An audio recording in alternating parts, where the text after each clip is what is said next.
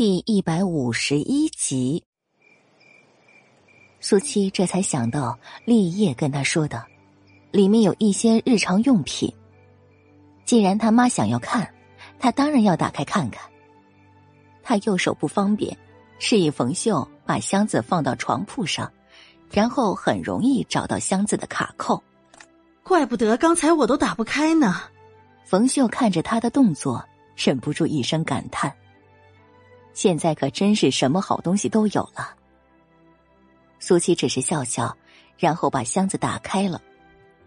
其实，在这之前，他也不知道里面有什么。等看到整整齐齐摆放的东西的时候，很明显的愣住了。这么多，冯秀诧异不已，已经开始翻看了。两套新的衣衫，而且完全是苏七的尺码。毛巾、牙刷、牙膏，还有他叫不出名字的瓶瓶罐罐，甚至在最里面还有崭新的袜子、内衣、内裤。苏琪目光剧烈的闪烁着。立业说是出门需要的东西，果然都是啊。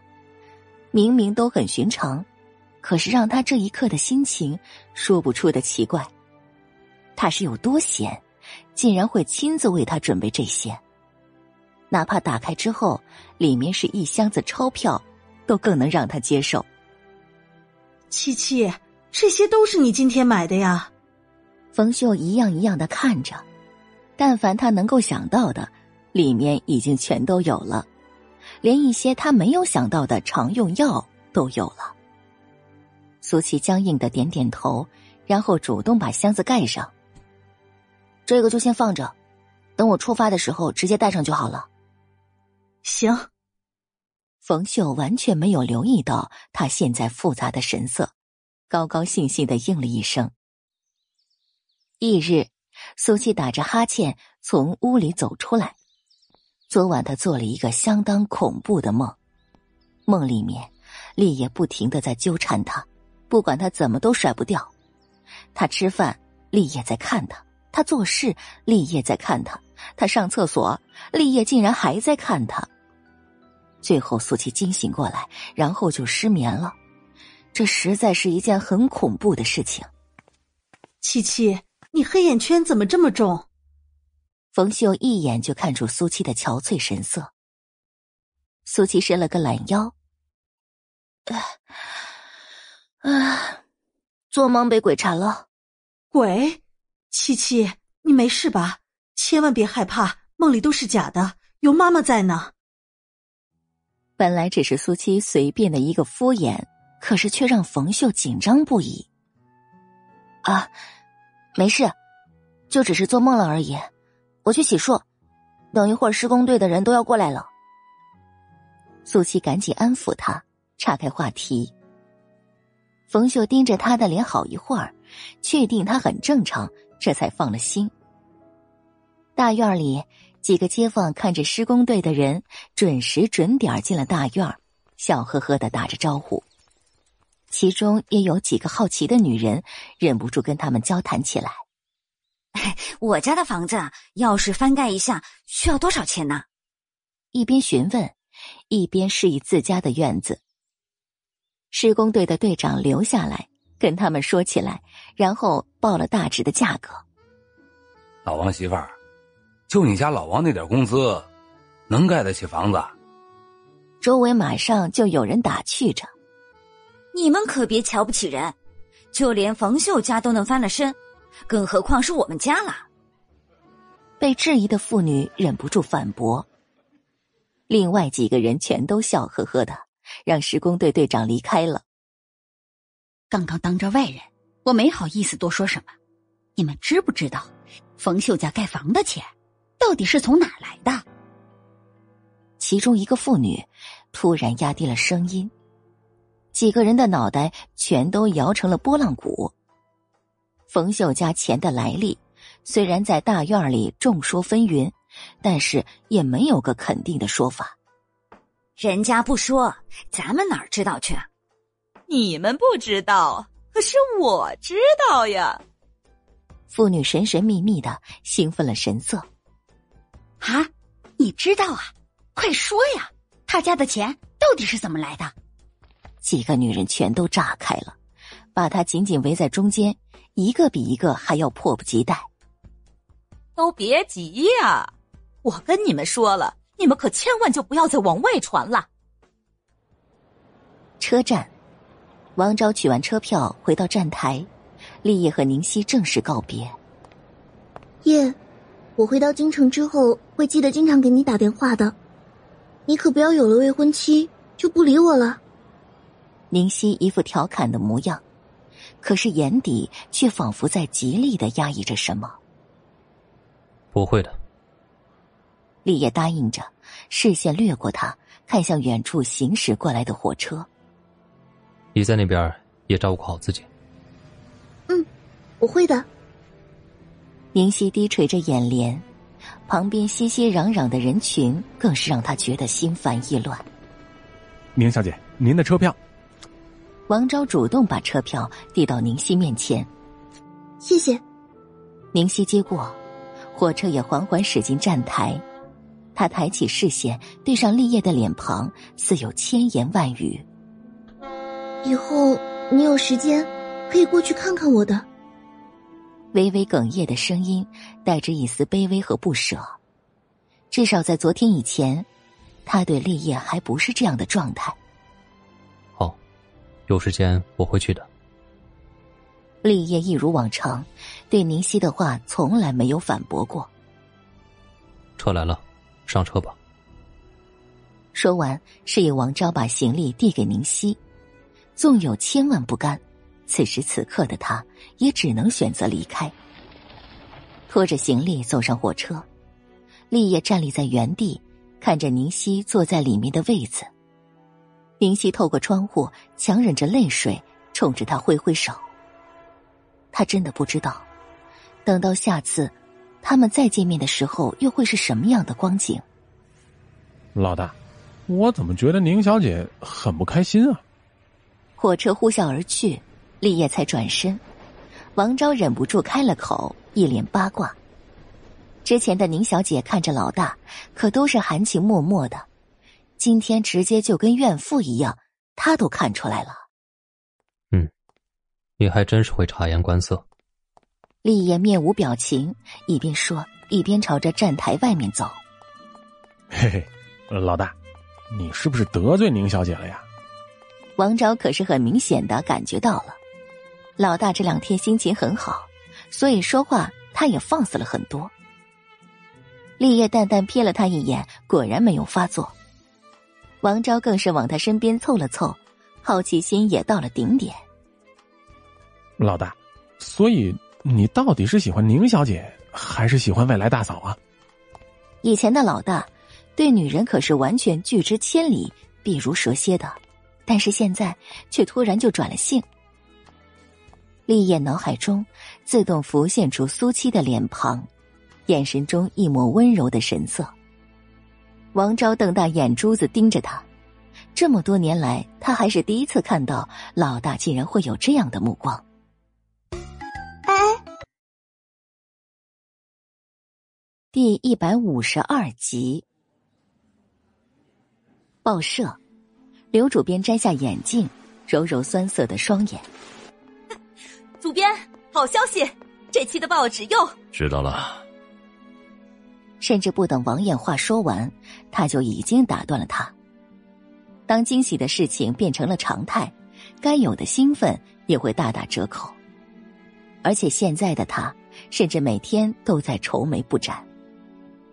王艳诧异一瞬，不过看到他面前桌上散落的稿件，马上就明白了。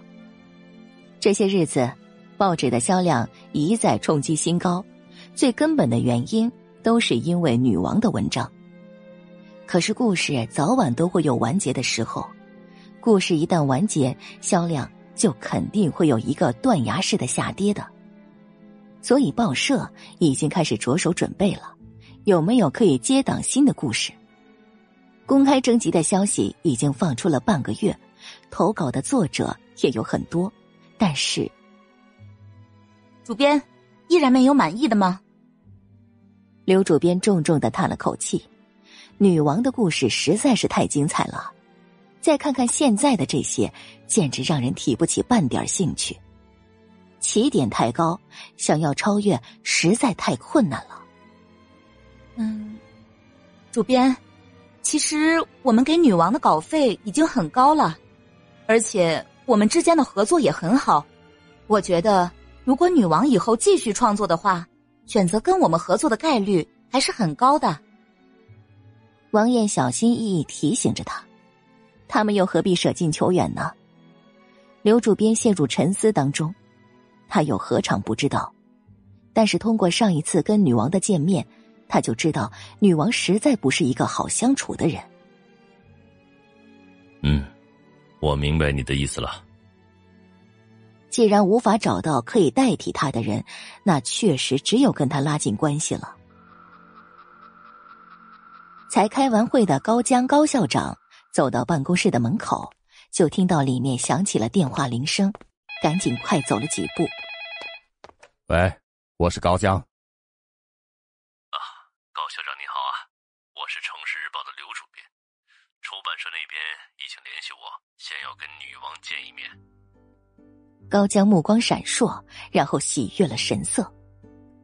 出版社要见苏七，肯定是想要帮他出书了。这简直就是天大的好消息了！行，什么时间啊？他马上就答应下来，毕竟这是名利双收的事情，苏七应该不会拒绝的。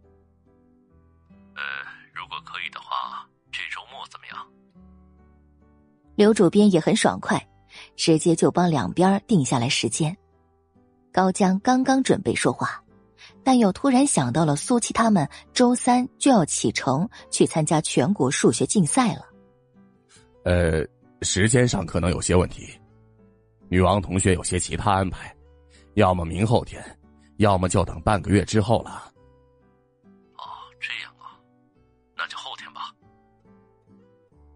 两边一拍即合，愉快的决定。教室。吴香香身边围着好几个女生，听她讲着跟张峰他们一起郊游的趣事，每个人的脸上都是一副兴奋羡慕的神色。张峰学长真的好温柔啊，又体贴。嗨，我听说他家里条件也非常好，因为他一直都很低调，所以大家才不知道的。是不是真的？其中一个女生忍不住跟吴香香询问着。提到张峰的名字，一脸的崇拜。吴香香笑着点了点头。可能学长是不想跟我们有距离感吧？也不知道学长喜欢什么样的女孩子。除了之前的刘佳，他对谁好像都是一样的。女生们叽叽喳喳，全都是对张峰的幻想。吴香香这个时候却下意识的朝着最后那一排看了过去。学长和刘家是不可能的，可惜我成绩不好。如果有机会可以跟学长考上一个大学，那想想就很幸福了。学长是要上京城圣都大学的，我们就别想了。但是香香肯定是可以的。被一群女生羡慕着，吴香香终于收回了视线。学长要去圣都大学，他之前怎么都没有听说过呢？香香，你还不知道吗？学长已经被保送到圣都大学了。吴香香惊愕不已，她确实不知道啊。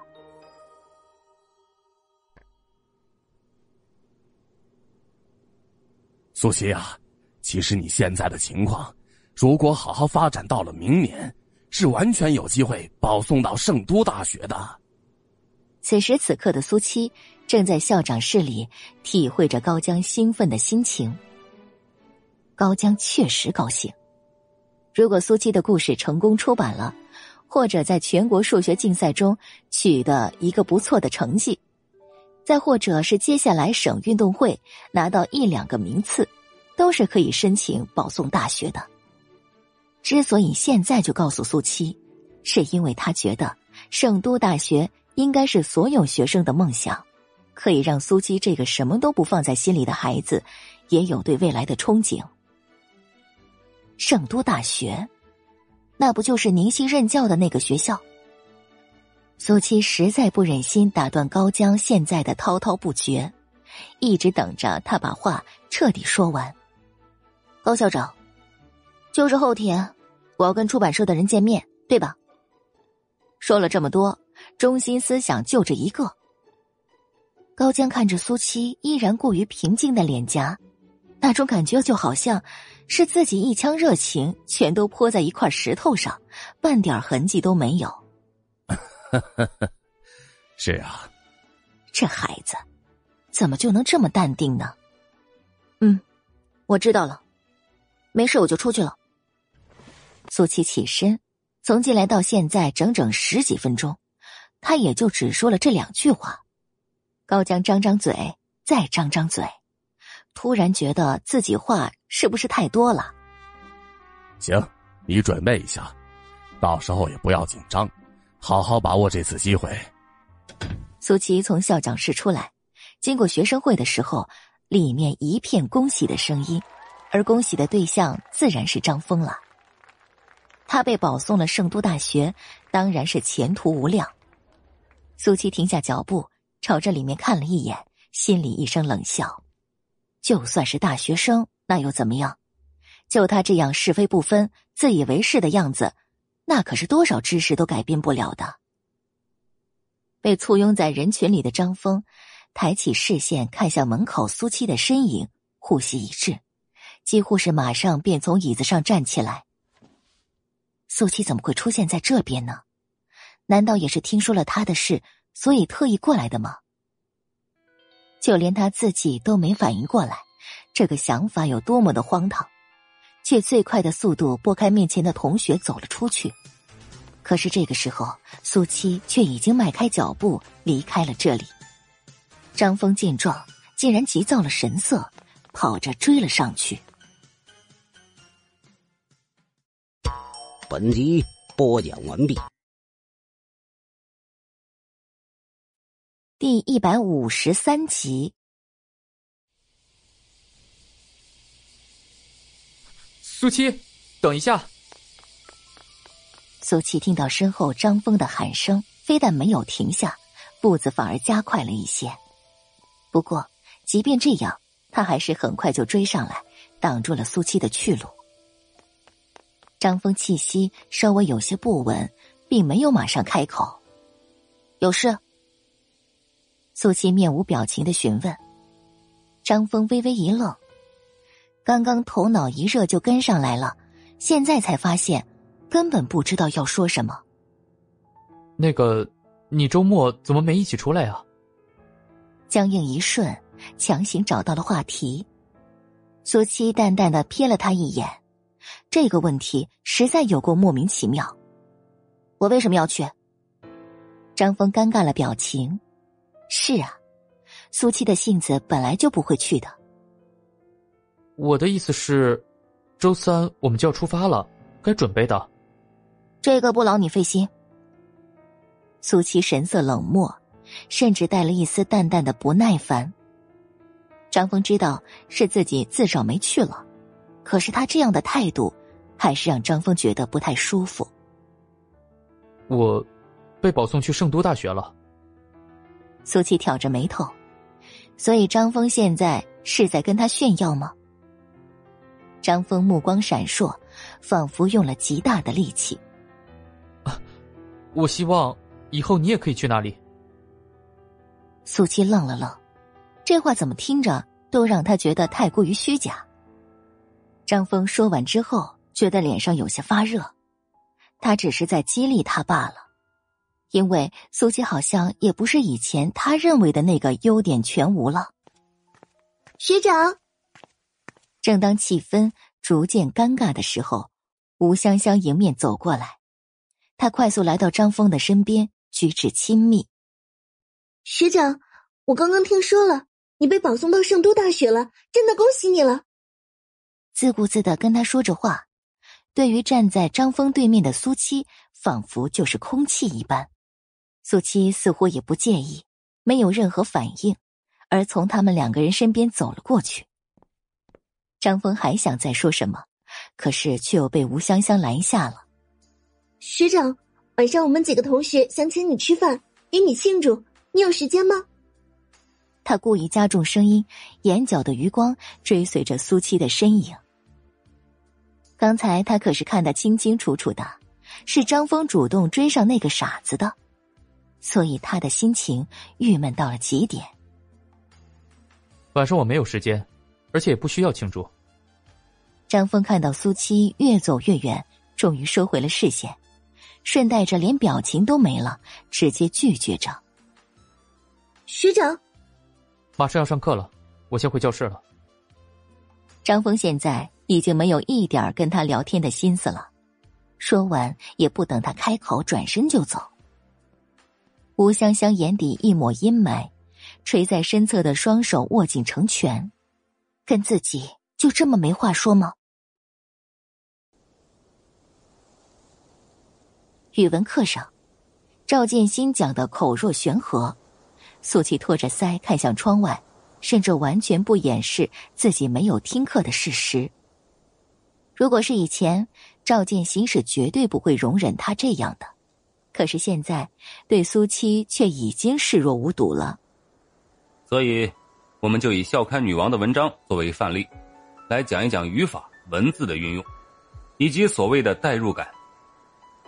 女王的故事已经大获成功，完全成为了语文课堂上值得探讨学习的范例。只不过，现在没有人知道女王到底是谁，他们这些语文老师也都在暗中期待，能不能是自己教导出来的学生。其他学生都听得津津有味儿，可是苏七脑子里想的却是去参加数学竞赛的时候家里要怎么安排了。大院儿，哎呀，冯秀啊，你家苏七去上学了呀？冯秀出来倒垃圾，便被几个街坊拦住了。是啊，他一边说，一边把手里的垃圾扔在了垃圾桶里。冯秀，你家苏七最近好像还挺忙的。他到底是在哪个书店上班呢？几个人全都竖直了耳朵，一个比一个的表情意味深长。冯秀也没多想，直接告诉他们就在学校外面不远的书店。几个女人彼此之间互相对看着，心照不宣。你家苏七以前不是脑子一直不好吗？怎么现在突然就正常了？你给他检查了没有？冯秀看着他们那副八卦的样子，有些僵硬了。没有检查，七七现在这样，我已经很满足了。嗯，要是我们也满足啊，不仅脑子好使了，而且还一下子就能给你挣钱啦。其中一个妇女实在忍不住了，开始把话题往钱上面引了。冯秀只能配合的笑笑，想要赶紧回家去，可是路。却被他们挡着。冯秀啊，你就没想过，苏七怎么突然就有那么多钱了？她一个女孩子，别是在外面做了什么不好的事情？妇女的语气也算是小心翼翼。说完之后，几个人都在盯着冯秀的反应。冯秀直接摇摇头：“不会的，七七不是那样的人。”他心里清楚。钱都是厉家给的，所以即便是他们这样说，他也根本没有多想什么。苏七是你闺女，你当然不希望她变坏了。是有些事儿啊，真的不是你想的那么简单。他年纪小，头脑之前也不行，你既然还放心让他出去挣钱，如果我们是你的话，是肯定要好好查个清楚的。另外一个妇女见他这么笃定，也沉不住气了，继续提醒他。冯秀看看这个，又看看那个，眉头紧紧拧成了一团。以前他们这些人可是从来不会关心这些的。你们是什么意思？啊，那个，我们也都是好意，就是觉得苏七还是个学生呢，工作哪里那么好找的？而且还能给你拿回来这么多的钱，你还是要多个心思才好。说了这么多，他要是明白人，也该知道后面怎么做了。他们也算是仁至义尽了。冯秀的一颗心彻底沉了下去。难道七七会欺骗他吗？不可能的。他都说了是在书店上班，而且盖房子的钱也是厉家人给的。他一遍又一遍的在心里重复着，等到回神之后，才发现已经到了自家的院门口。大家都加把劲儿啊！今天争取把这部分整完。小东家要求高，咱们也都要打起精神，做到最好。哎，队长，其实咱们还挺纳闷呢，这小东家到底是做什么的？这么有钱，什么都要最好的？忘了咱们的规矩了。东家的事儿少议论。站在门口的冯秀听着里面工人的对话，脸色渐渐变得难看起来。第一百五十四集，晚上，苏七按着每天下班的时间回到家里，看到冯秀正坐在屋的门槛上自己发愣。就连他进了院子都没有发现。您怎么了？直到苏七开口说话，冯秀才终于回了神。看到苏七之后，冯秀表情说不出的复杂，不过也仅仅片刻便恢复了正常。七七回来了，吃饭了没有？苏七皱了眉头，几乎马上就想到了前些日子在大门口说是他舅舅舅妈两个人。难道他们又过来了？我已经吃过了，您吃饭了没有？吃过了呀，我也吃过了。冯秀有些恍惚，在苏七的搀扶下站起来，母女二人走进屋里。苏七把书包放到一旁，大锅里还热着饭菜，并没有动过的样子。我看你脸色不太好，是哪里不舒服吗？冯秀摇摇头。没有啊，七七，你在书店上班还顺利吧？苏七目光闪烁，探究了眼神，他总不会无缘无故的突然问他工作。还好啊，每天都是忙忙碌碌的。你们那个书店叫什么名字呀？冯秀继续问下去，可是却有些心虚，不敢去看苏七的眼睛。其实。他也不愿意质疑苏七在书店打工这件事的，但就是心里放不下。苏七几乎没有任何犹豫，便说出了书店的名字。冯秀总算是稍微松了口气，应该不是假的吧？不然他怎么能说的这么干脆呢？七七，今天我听施工队的队长说，院子里也要铺地面。苏七点点头。图纸是这么定的，其实真的没有必要的。我觉得现在就已经挺好的了。以后我在院子里种一些蔬菜，吃起来也很方便的。再说了，已经花了很多钱了。跟以前他们的生活条件比起来，现在就是天堂一般了。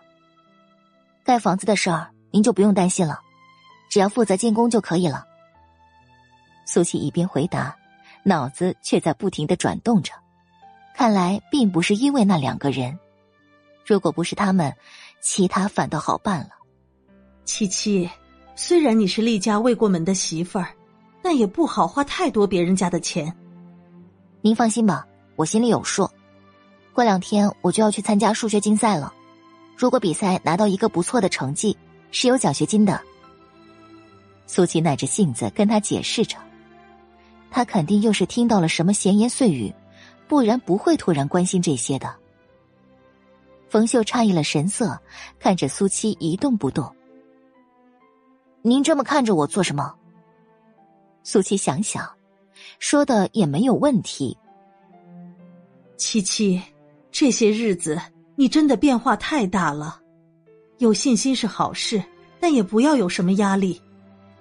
妈不求你能够怎么样。只要好好的出去，平平安安的回来就行了。虽然现在他还没出发，但是冯秀却已经开始担心了。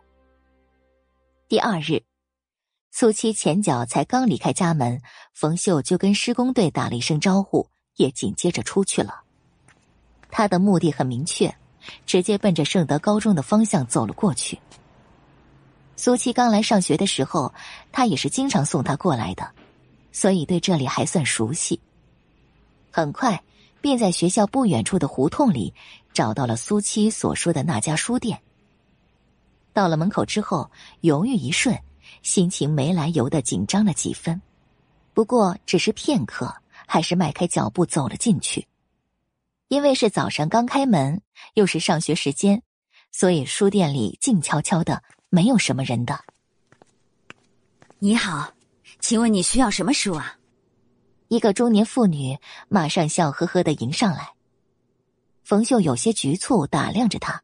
然后小心翼翼的开口问：“您是这里的老板娘吗？”“我是，怎么了吗？”“老板娘您好，我是苏七的母亲，苏七您知道吧？”中年妇女点点头。冯秀说完之后，已经紧张到手心里面全都是汗了。下一秒，老板娘马上就给出肯定的回答：“啊，原来你就是苏七的妈妈呀！”苏七在我这里兼职打工呢，经常提到你呢。他热情的答话，让冯秀紧绷的神经彻底放松下来，心中所有的质疑和不安全都消失的荡然无存了。七七在这里给您添麻烦了，这是我给您带来的一些水果，以后还要麻烦您多照顾我家孩子了。说着，赶忙把过来路上买的水果递到老板娘的面前。哎呀，这怎么好意思呢？苏七这孩子啊，懂事又勤劳，也给我帮了大忙呢。老板娘神色自然，看不出任何异样。听您这么说，我真的是放心了。水果您一定要收下。其实我今天就是顺路过来。下午您要是看到七七，能不能不要告诉他？冯秀不好意思的说着，显然并不想让苏七知道。老板娘二话不说，便点头答应了。冯秀一脸的感激，声音却是轻快无比的：“那就不打扰您做生意了。”“好，好，好，有空常来啊。”老板娘赶紧跟上，亲自站在门口目送他离开。想到之前苏七对他的那番叮嘱，没想到他妈妈还真的会过来确认。不过，看着苏七那姑娘。也实在不像是坏孩子，所以他才答应帮他这个忙的。但愿这是个善意的谎言吧。下午放学，苏七的身影也出现在了书店。老板娘告诉他早上他妈妈过来的事情，苏七并没有任何意外，反而还觉得是在情理之中。毕竟昨天晚上他问了那么多，显然是在担心他是不是真的在这里上班。现在确定之后，那他应该也能够彻底安心了。这个世界上，能让他这样牵肠挂肚、费尽心思的人，恐怕也只有他一个了。这张名片您收好了，是立业的私人联系方式。我不在家里这些日子，家里有事，您就直接打电话给他，千万不要嫌麻烦。他是咱家的未来女婿，照顾您也是应该的。晚上。苏琪还是决定把立业的名片给了冯秀。他来来回回，估计也要离开至少一周了。谁能保证这一周不会有事情发生呢？而苏七可以托付的，竟然只有这个狗男人了。冯秀虽然嘴上说着不会有事，可还是把名片接了过去，紧紧的捏在手里。这一刻，他的心情是复杂的。以前提到立业，这孩子的反应。要么是害怕，要么是抗拒，没想到现在竟然主动给了他名片。看来他们两个的关系已经在他不知道的时候有了很好的进展了。哎，第一百五十五集，圣德高中，真是奇怪了，怎么了？刚才我看到苏七竟然上了校长的车出去了。苏七校长，不可能吧？我真的看得清清楚楚啊！教室里顿时一片议论纷纷。在学校里，可是还没有几个人有这样的待遇呢。关键是校长为什么要带苏七出去？香香，你们明天不是就要启程了吗？吴香香点头，脸色说不上好，也说不上不好。不过，女生接下来的话还是让他皱了眉头。难道校长是要单独给苏七特训？什么特训？吴香香忍不住问起来，声音低沉：“哎呀，当然是比赛的特训呐！或许校长是想要帮帮苏七吧。”女生稍微压低声音，但是也足够让四周的人听清楚。他口中的特训，讽刺意味十足。吴香香严肃了表情：“你胡说什么呢？我们要去参加的可是全国高中数学竞赛。你以为校长能提前知道题目吗？那咱们圣德高中的学生不就可以回回都拿到好名次了吗？”他们这些人嫉妒的一个个脑子进水了一样，废话连篇。周围顿时安静了不少。说话的女生也尴尬的不得了。其实也不怪他们这么想，之前那个沸沸扬扬的传闻，不就是说苏七是校长的私生女吗？本来他们就已经觉得让苏七代表学校去参加全国比赛，名不正言不顺了，现在不是刚好可以印证？而且你们也不想想，如果真有什么事情。校长可以直接在办公室跟苏七说就可以了，又何必大费周章的出去？所以以后不要再有这些乱七八糟的想法了，让老师或是校长知道了，你们想过后果吗？吴香香加重声音，说到最后，已经一副完全为他们好，在提醒他们的态度了。香香，你说的对，是我们太口无遮拦了。嘿嘿。还是班长想的周到。马上又是一片感激恭维的话语。吴香香表面上很淡定，可是脑子里却已经控制不住，比他们还要嫉妒了。苏琪，别紧张啊，到了之后你就认真听他们说就行了。见面的地点约在了报社，在过去的路上，高江特意安抚着他的情绪。苏七看了一眼眉眼兴奋的他，他才应该控制情绪才对吧？那点心思可是明明白白都写在脸上了。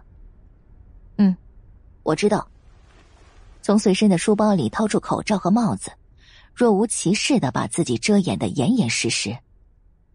高江看着只剩下一双眼睛在外面的苏七，哭笑不得。我说苏七啊。其实，就算大家知道女王是你，也没什么吧。苏七目光闪烁，现在确实没有什么了。以前是因为立业的关系，所以才需要掩饰身份，但也已经确定立业跟他没有任何前世仇恨了。之前都没有公开，现在突然公开的话也很奇怪。高江想了想，觉得似乎也有道理，便不再多说什么。很快，车子停下，两人一前一后走下来。此时此刻的报社里已经是一片激动的等待了。女王来了！不知道是谁在门口冲着里面大喊一声，一群人哗啦啦的全都从自己的工位上站起来。高江才走进来，便被里面这样的架势吓了一跳，不过很快就明白了，这些人的目标不是他。哎哎，女王，我是你的忠实读者，你能帮我签个名字吗？女王，还有我，我太喜欢你的故事了。苏七被紧紧围在正中央，第一个反应就是尽量避开自己受伤的手臂。这种场面，其实他也是第一次遇到。看着一张张狂热的面孔，突然觉得自己没有暴露身份是一件多么明智的事情。这还只是报社而已。如果外面的读者都知道了女王是他，恐怕他也就没有安宁日子了。你们这是做什么？啊，主编，我们只是太激动了，想要女王的签名而已。刘主编严肃的声音从不远处传来，终于让所有人都冷静下来。有人赶忙解释着，毕竟女王也是他们报社一手捧起来的作者。刘主编目光闪烁，心头一抹无奈。没想到，就连他们都对女王喜欢成这样，那外面的读者自然更甚。你们都回去工作，等我们谈完正事，再说其他的。显然也并没有打击大家这种热情。听他这么说，报社里的这些人自然也是都开心不已的，纷纷散开。可是，一双双眼睛却还是紧盯着苏七不放。早就听过王爷说过，女王特别神秘，跟主编见面都是戴着口罩。没想到果然如此，所以他们才能马上就知道是他。啊，高校长，女王同学，咱们进去吧。刘主编来到两人身边，示意着。办公室里已经有一个很年轻的男人在等待了，看到他们之后，忍不住打量起来。视线从高江身上一扫而过，然后看向苏七。来，我为你们介绍一下，这位就是出版社的许晨总编。高江听到刘主编说，面前这个年轻人竟然就是出版社的总编，着实惊讶一瞬。他看起来也不过只有二十五六岁的年纪，果然是年轻有为。许总编，这位是高校长，他旁边的这位。就是女王同学了。刘主编在介绍到苏七的时候，稍微停顿一瞬，因为即便是这样的情况，苏七依然没有摘下口罩。高校长，女王同学，你们好。许晨主动开口，跟高江握了手，然后礼貌性的冲着苏七的方向同样伸出了手。苏七没有任何动作，只是还算友好的开口：“你好。”气氛瞬间尴尬一瞬。许晨看着自己顿在半空中的手，下一秒不慌不忙的收回去。刘主编干咳一声，对于苏七这样冷酷到不顾场合的性子，竟然已经有些习惯了。大家都坐吧。主动招呼着，打破僵局。落座之后，许晨马上开口：“那我就直接说了。”我们出版社已经留意很久女王同学在报纸上连载的故事了，觉得故事很好，所以想要把它印刷成实体。第一百五十六集，高江满脸喜悦，虽然早就已经想到了，但是对方这么爽快，让他有些意外。女王的故事能够出版，也是他和学校的荣誉。许晨微微一笑，当然是这样的。这是合同，你们看一下，没有问题就可以签下了。说着，从公文包里拿出两份一模一样的合同，分别递给高江和苏七。在他看来，这件事的决定权应该是在高江这里的。虽然故事是女王的，但他毕竟还只是一个在校的学生而已。房间里很安静，刘主编时不时的看向苏七，他比许晨更了解他。几分钟后，高江先抬起了视线，合同很正规，没有任何问题，只是在一些利益分配上要看苏七自己的意见了。不过他已经做过苏七的思想工作了，出版实体书意义非凡，即便一分钱都没有，也是要答应的。而且他的故事都在报纸上连载了大半所以这并没有什么好顾虑的。又过了两三分钟，苏西终于也看完了，手里的合同放下。许晨很有风度，直到这一刻才开口问：“高校长，你们还有其他的想法吗？”现在只等他们点点头了。高江却是扭头看向苏七。苏七抬起眼帘，视线落在许晨的脸上。嗯，其他都很好，只有一条。许晨嘴角始终挂着一抹上扬的弧度。哦，哪一条？高江和刘主编也竖直了耳朵等着听。为什么是合作？苏七的声音不重，但是气氛却瞬间随着他的话语僵硬了几分。许晨的微笑缓缓收敛，眼底一抹诧异之后，神色变得严肃。连高江都没有在意的事情，他竟然留意了。刘主编挑了眉头，神色古怪，主动拿起合同，认真的翻找起来。果然，很快他便在其中的一条里看到，署名是何柱的，表情复杂几分，抬头看向许晨。他们同为编辑，虽然涉及的领域有差别，但还是明白这代表的意义。苏七的目光依然平静，等待着许晨的解释。哦，是这样的，你毕竟是一名新人，故事虽然不错，但是知名度却不高。为了能够更好的推广你的作品，我们已经取得了碧山老师的同意，作为另外一名署名著作人，这样的话，作品知名度可以大幅度的提高，完全可以达到双赢的局面。许晨又恢复之前的淡然，不慌不忙的说着，却又说不出的高傲。碧山，高江和刘主编两个人几乎异口同声，脸色几乎都变了。碧山可是鼎鼎有名的大作家，光是出版书籍就已经有五本之多，而且每一本的销量都能达到万册左右。许晨双手交叉放在腿上，对于他们的反应完全意料之中。碧山老师可是这些普通作者永远仰视。无法企及的存在。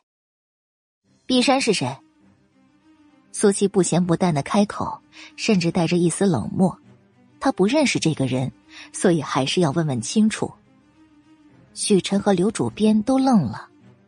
苏七是在跟他们开玩笑吗？即便不是这个圈子里的人，也绝对会听说过碧山这个名字的呀。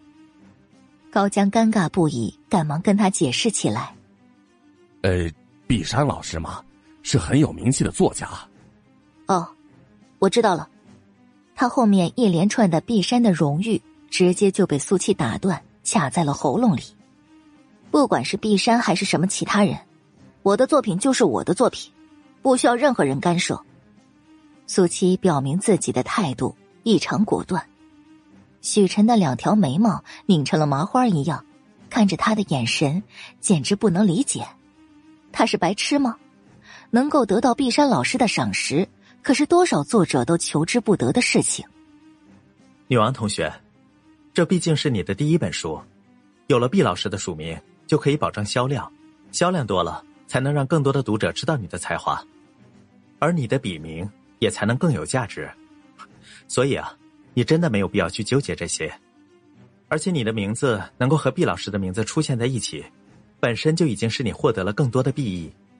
许晨说到最后，语气控制不住，多了几分提醒的意味。是他苏七占了便宜的。高江下意识的跟着点了点头，显然也同意他这番说法。能得到碧山的提携，苏七的起点简直高了不止一倍。女王，别冲动，眼光要放长远。压低嗓音，急躁的跟他说着。许晨紧绷的脸颊稍微放松些许，这位高校长倒是明白人。至于这个女王，始终是没有踏入过社会、目光短浅的人罢了。苏七眼底一抹敷衍的笑意。谢谢徐总编的一番好意。许晨看不到他的表情，他的话是想通了的意思，可是语气却让他觉得有些不太舒服。嗯，你明白了就好。那就签。不过我刚才也说的很清楚了，我的作品只能是我的，所以看来我们的合作是不太可能了。那也就没必要耽误彼此的时间了。高校长，咱们走吧。苏七再次强势打断许晨的话语，说完之后直接站起来，房间里的空气仿佛都瞬间凝固。即便是许晨这样的人物，脸色也维持不住了，阴沉的厉害。他还是第一次遇到这种不知好歹的作者。高江没想到苏七会这么不留情面，老脸一红，也只得跟着起身了。故事是这丫头写的，他说不行，自己也没办法。刘主编反而比许晨多了几分淡定，一来这件事。跟他和报社没有多大的关系，他只是为他们双方牵线搭桥罢了。二来，苏七拒绝了出版社，那这个故事就会变成他们报社的独家，显然还更加有益处。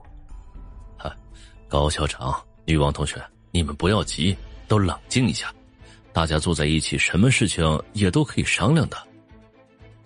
说着，他又看向神色严肃的许晨，似乎只能他们出版社做出让步了。本来也是女王自己的故事，他们非要加上其他作者。虽然刚刚他的一番解释冠冕堂皇的，但是俗话说得好，“无力的鸟不起早”的。碧山这样的大作者，如果不是也觉得女王的故事有前途，怎么可能会答应呢？所以这种事情，大家都是心照不宣了。订阅评论。第一百五十七集，许晨目光闪烁，似乎是在犹豫。可是这个时候，苏七却已经迈开了脚步。刘主编也赶忙跟上去送他们离开。高校长，没想到会这样，可能徐总编需要时间考虑。没关系的，女王的态度已经很明确了。如果他那边同意的话，可以随时联系我。高江也是觉得可惜的，所以也没有直接把话说死了。刘主编不停的点头。此时此刻，外面的人已经跃跃欲试，想要找苏七签名了。因为刚才他们进去的时候说的是出来可以的。大家都想要你的签名啊！高江自然也看出周围的气氛，压低声音询问着苏七的意思。甚至已经做好了苏七会拒绝的准备，这丫头不管做出什么事，他都不会觉得奇怪了。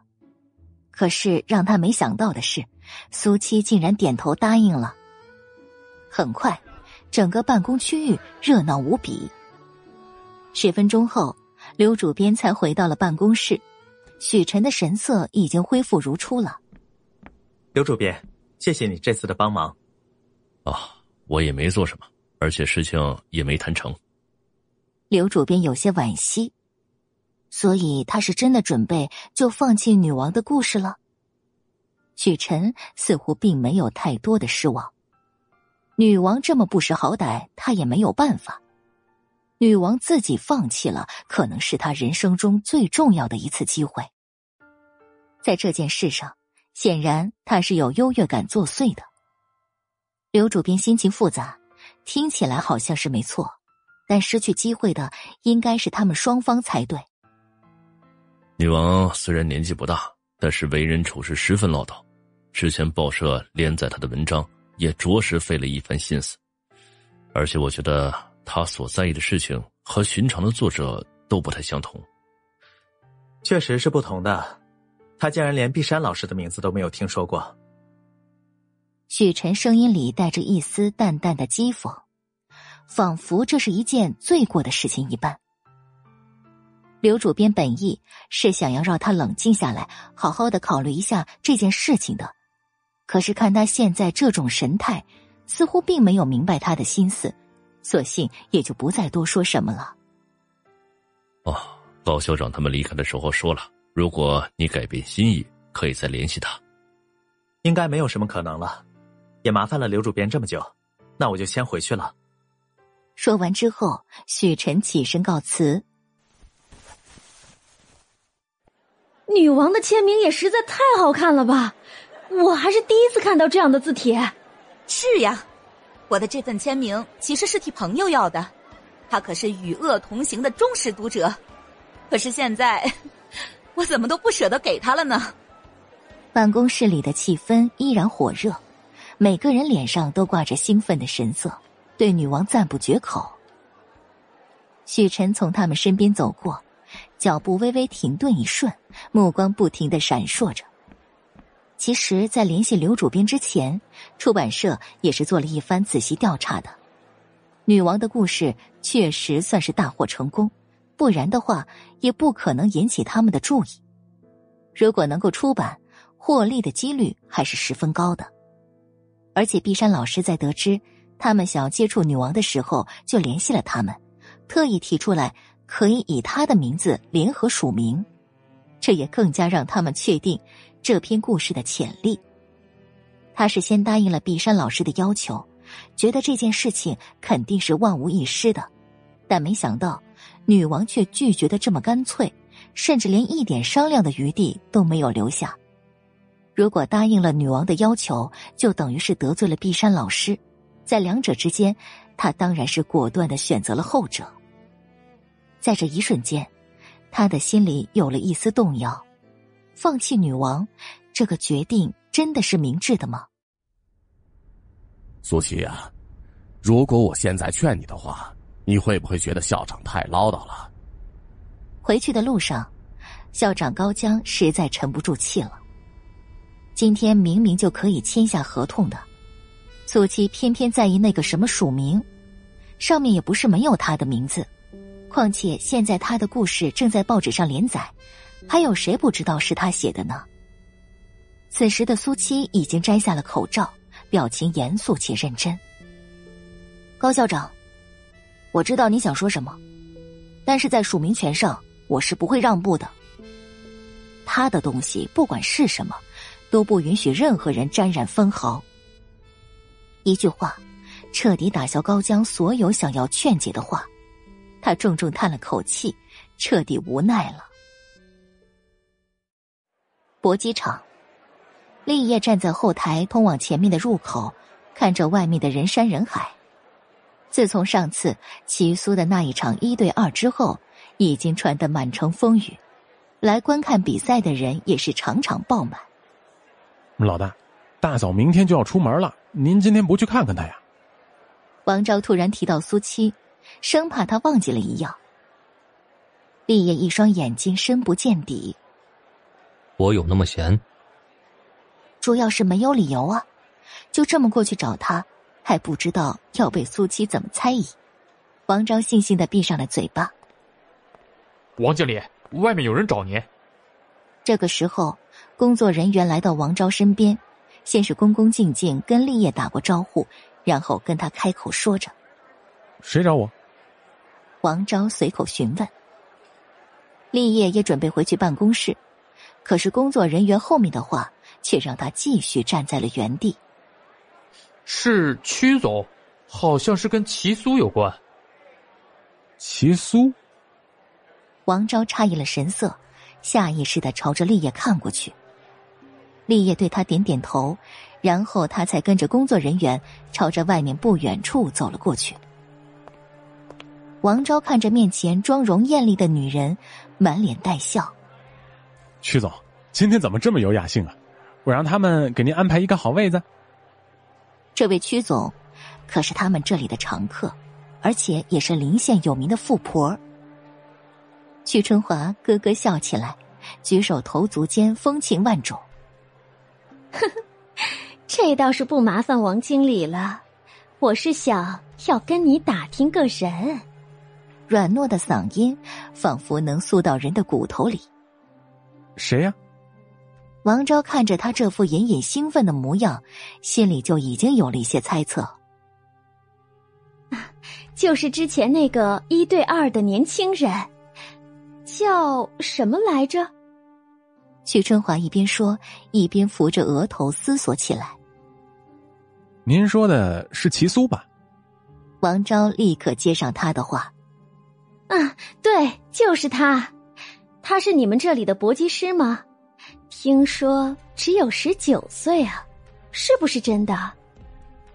我今天过来呢，是想让你安排我们见个面。”屈春华说到最后，并不是请求。而是完全命令的口吻。订阅评论，别忘记，精彩故事再继续，我们下集见。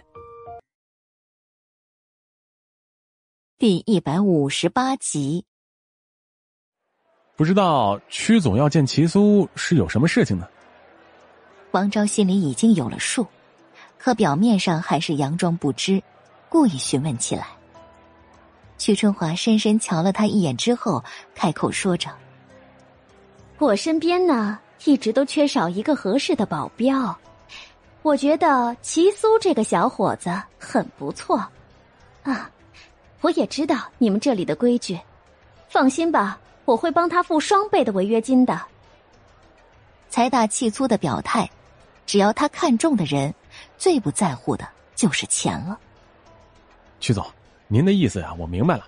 可是这几天齐苏都没有来这边，因为上一场比赛他也受了伤的，所以最近的一个月让他好好在家里调养身体呢。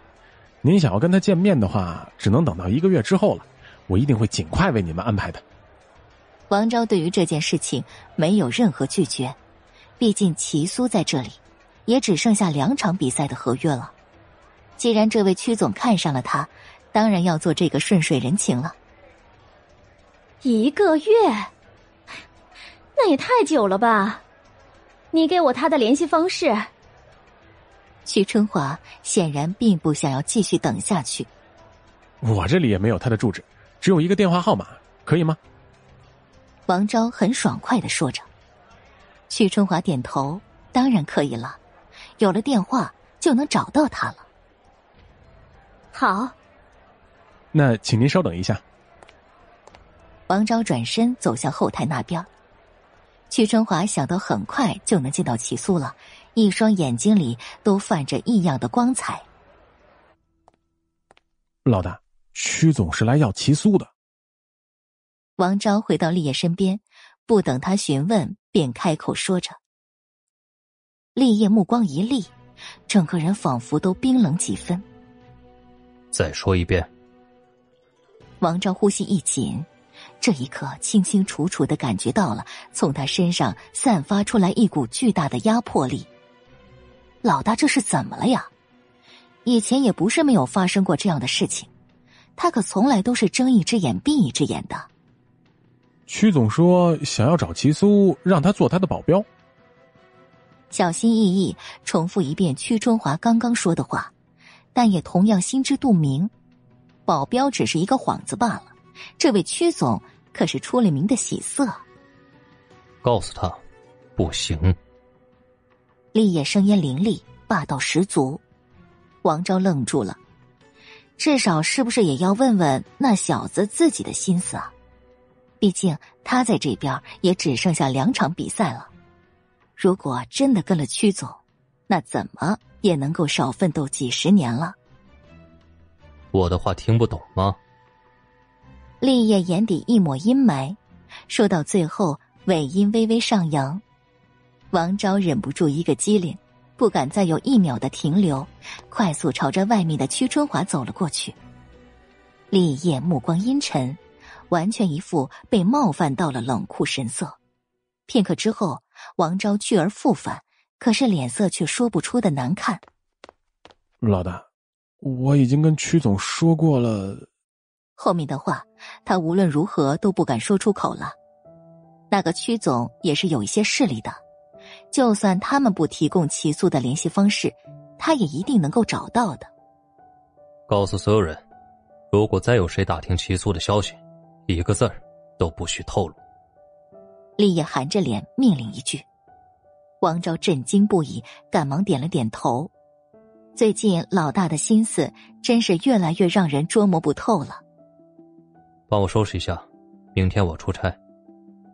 立业离开之前又丢出一句。王昭快速收敛心思，跟上他的脚步。可是最近都没有出差的行程安排呀。老大是要去哪里出差啊？需不需要马上订车票？京城。哦，好，知道了，我马上就去安排。王昭答应一声，然后看了一眼时间，现在已经是下午两点多钟了。这个时候才突然决定明天去京城，也不知道车票还能不能买得到。难道老大是要去看望宁小姐？毕竟他走的时候可是娇滴滴的哀求着，让老大有时间就过去看他的。但其实也才没离开几天而已。等等，他突然想到了什么，很明显的愣了一瞬。怎么就把那么重要的事情给忘记了？苏小姐明天启程参加全国高中生数学竞赛，就是在京城啊。七七，出门在外一定要小心谨慎，少说话，多做事。冯秀几乎一个晚上都没有睡好，满脑子都是今天苏七要出门的事，一颗心更是七上八下的，说不出的难受。您放心吧，我能照顾好自己的。反倒是你，遇到事，千万不要只知道一味的忍让，该强势的时候就要强势，解决不了了就联系立业。苏七也同样的不放心他，不过他也和施工队的人打了招呼，拜托他们。在自己不在的这些日子里，多多照顾冯秀。我大门不出二门不迈的，能有什么事情啊？照顾好你自己，让我放心就行了。冯秀又反过来安慰着苏七。苏七点点头，然后看了一眼时间，他要先去学校集合的，现在时间也差不多了。那我走了。这些煮鸡蛋，你带上路上吃。有十几个，也可以分给其他同学。冯秀把热乎乎的袋子递到他手里，赶忙侧过脸，不想让他看到自己红了眼眶。苏琪直接接过，然后离开家门。冯秀送他到大门口，看着他越来越远的身影，眼泪终于忍不住流下来。圣德高中门口聚集了很多来送行的学生和老师。热闹的不得了，张峰和吴香香他们几个人完完全全的被簇拥在中间，享受着所有人祝福和期待的话语。行了行了，要上课了，大家都回去吧。校长高江开口，学生们自然都不敢停留，三三两两结伴走进校门。这次是副校长孙海领队，他免不得也叮嘱几句。吴香香始终站立在张峰的身边，他似乎有些心不在焉，不停的朝一个方向张望。大家全都到齐了，怎么这苏七还没来呀？吴香香故意皱着眉头，扬高声音开口提醒。高江和孙涵也对视一眼，确实就只差苏七一个人了。别急，还有一些时间。张峰忍不住说了一句。其实他盯着的方向也是苏七来的方向。吴香香暗暗撇了撇嘴，他可是巴不得傻子不来呢。高校长，苏七应该不会有问题吧？在距离出发时间只剩下五分钟的时候，孙海也有些沉不住气了。爆点击，快订阅！第一百五十九集，苏七来了。苏七几乎是掐着时间出现在所有人的视线当中，即便高江和孙海都重重松了口气，来了就好。等到苏七走到众人面前，吴香香满脸笑容，主动跟他说话：“苏七，你终于来了，不然大家都要出发了。”语气轻松，可是却话里有话。苏七面无表情，我迟到了吗？吴香香神色顿时尴尬，一时间竟然被他怼得哑口无言。大家都等你呢。僵硬的回了一句，为自己找回些许颜面。好了，人都到齐了，出发吧。孙海没有任何废话，一声令下。所有人都拎起行李，朝着停在不远处的大巴车走过去。苏七，你的行李箱好漂亮啊！之前我在人民商场看到过，要七八十块呢。女生天生对这种东西很在意，紧盯着苏七旁边的箱子瞧。是吗？苏七不咸不淡应了一声。立业送的东西，自然不会太便宜的。几个女生全都被吸引了注意力。以前苏七可是学校里最穷酸的一个，现在竟然用得起这么贵重的行李箱了。吴香香紧绷着脸颊，神色阴沉了几分，下意识的看向身旁的张峰。张峰似乎也不太开心，脸上比往常要多了一丝冷漠。苏七左手拿着箱子，跟在几个女生的身后，不知道是有意还是无意，一直在他后面的吴香香突然加快脚步，在经过苏七身边的时候，脚步却一个踉跄，朝着苏七撞了过去。如果是平时，苏七肯定会直接让他撞上来，但是现在，他右臂上有伤，马上选择避开他。啊，小心！他才稍微侧了身子，却被旁边的人抱住了，速度之快，就连他一时间都没反应过来。张峰搂住苏七肩膀的那一瞬，大脑一片空白，他也没有想到会这样。只是看到苏七在往旁边歪，大脑都还没有发出指令，双手就已经做出了反应，然后还急躁的喊了这一声。吴香香更是没有想到，难以置信，睁大眼睛。他只是想要假装不经意撞这个傻子，发泄一下心中的怨气，可是怎么却给了他机会，让他接近了张峰学长呢？前面的人也几乎全都朝他们三个看过去。然后一个个表情精彩，这可真是太意外了。苏七黑了脸，其实也仅仅只是一两个呼吸之间，便立刻回神，站直了身子。你，你小心一点。还没等他说话，张峰别扭着声音侧过脸去，然后以最快的速度从苏七身边离开，甚至没有让他看到这一刻他的表情。苏七觉得莫名其妙，他可不需要张峰帮忙的。大家上车吧。已经站在车门口的张峰招呼一声，所有人都回了神，有条不紊的上了巴车。苏七也重新拎起自己的行李箱，完全忽略吴香香那双恨不得将她生吞活剥的眼睛。学长，我可以坐这里吗？吴香香来到张峰的座位旁边，礼貌的询问。即便整个车厢空荡荡的，还有不少位置。张峰皱了一下眉头，然后主动起身：“你喜欢坐这里啊？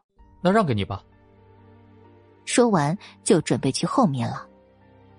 学长，这里有两个位置，而且我主要是有几个问题想向您请教。吴香香当然不会让他离开。很快就找到了理由。张峰目光闪烁，看着吴香香期待的神色，就算心里不愿意，也不好再拒绝。好吧。吴香香灿烂的笑容，把行李放到一旁。片刻之后，苏七上了车，直接就走到最后一排。算上孙海，他们一共才十个人，位子自然是随便坐的。车子很快启动，一行人有说有笑。当然，除了坐在最后已经闭上眼睛，完全不想被任何人理会，也完全不想会理会任何人的苏七之外。老大，你确定不需要我随行吗？王昭在站台上泪眼汪汪的看着手里的另外一张高级卧铺车票，还有自己的行李。说好的出差呢？结果到了这里，老大却说要去京城的只有他自己。立业淡淡的瞥了他一眼，神色认真。别拼了，我交代给你的事儿，不能有任何差错。王昭赶忙收起吊儿郎当，拍着胸脯保证：“嘿嘿，老大您放心吧。”看着立业上了火车，他才收回视线，想着老大的吩咐。老大和大嫂去京城的这些日子，一定要照看好大嫂家里，不管是什么事情，都要无条件的处理好。看来老大对大嫂是真的动真格了呀。两个小时后，大巴车进了山路，开始变得崎岖起来，摇摇晃晃的，车里的说话声也渐渐小下来。吴香香看着车窗外不停倒退的风景。强忍着一股股不停上涌的酸液。本来她是不晕车的，可是这段路弯又多又难走，硬生生的让她有了不舒服的感觉。似乎是察觉到他的异样，张峰的询问声响起：“你没事吧？”吴香香马上给了他一个笑脸：“没事儿可能是太少坐这种车了。因为他家里有专门的小轿车，张峰似乎想到了什么，马上起身帮他把车窗打开。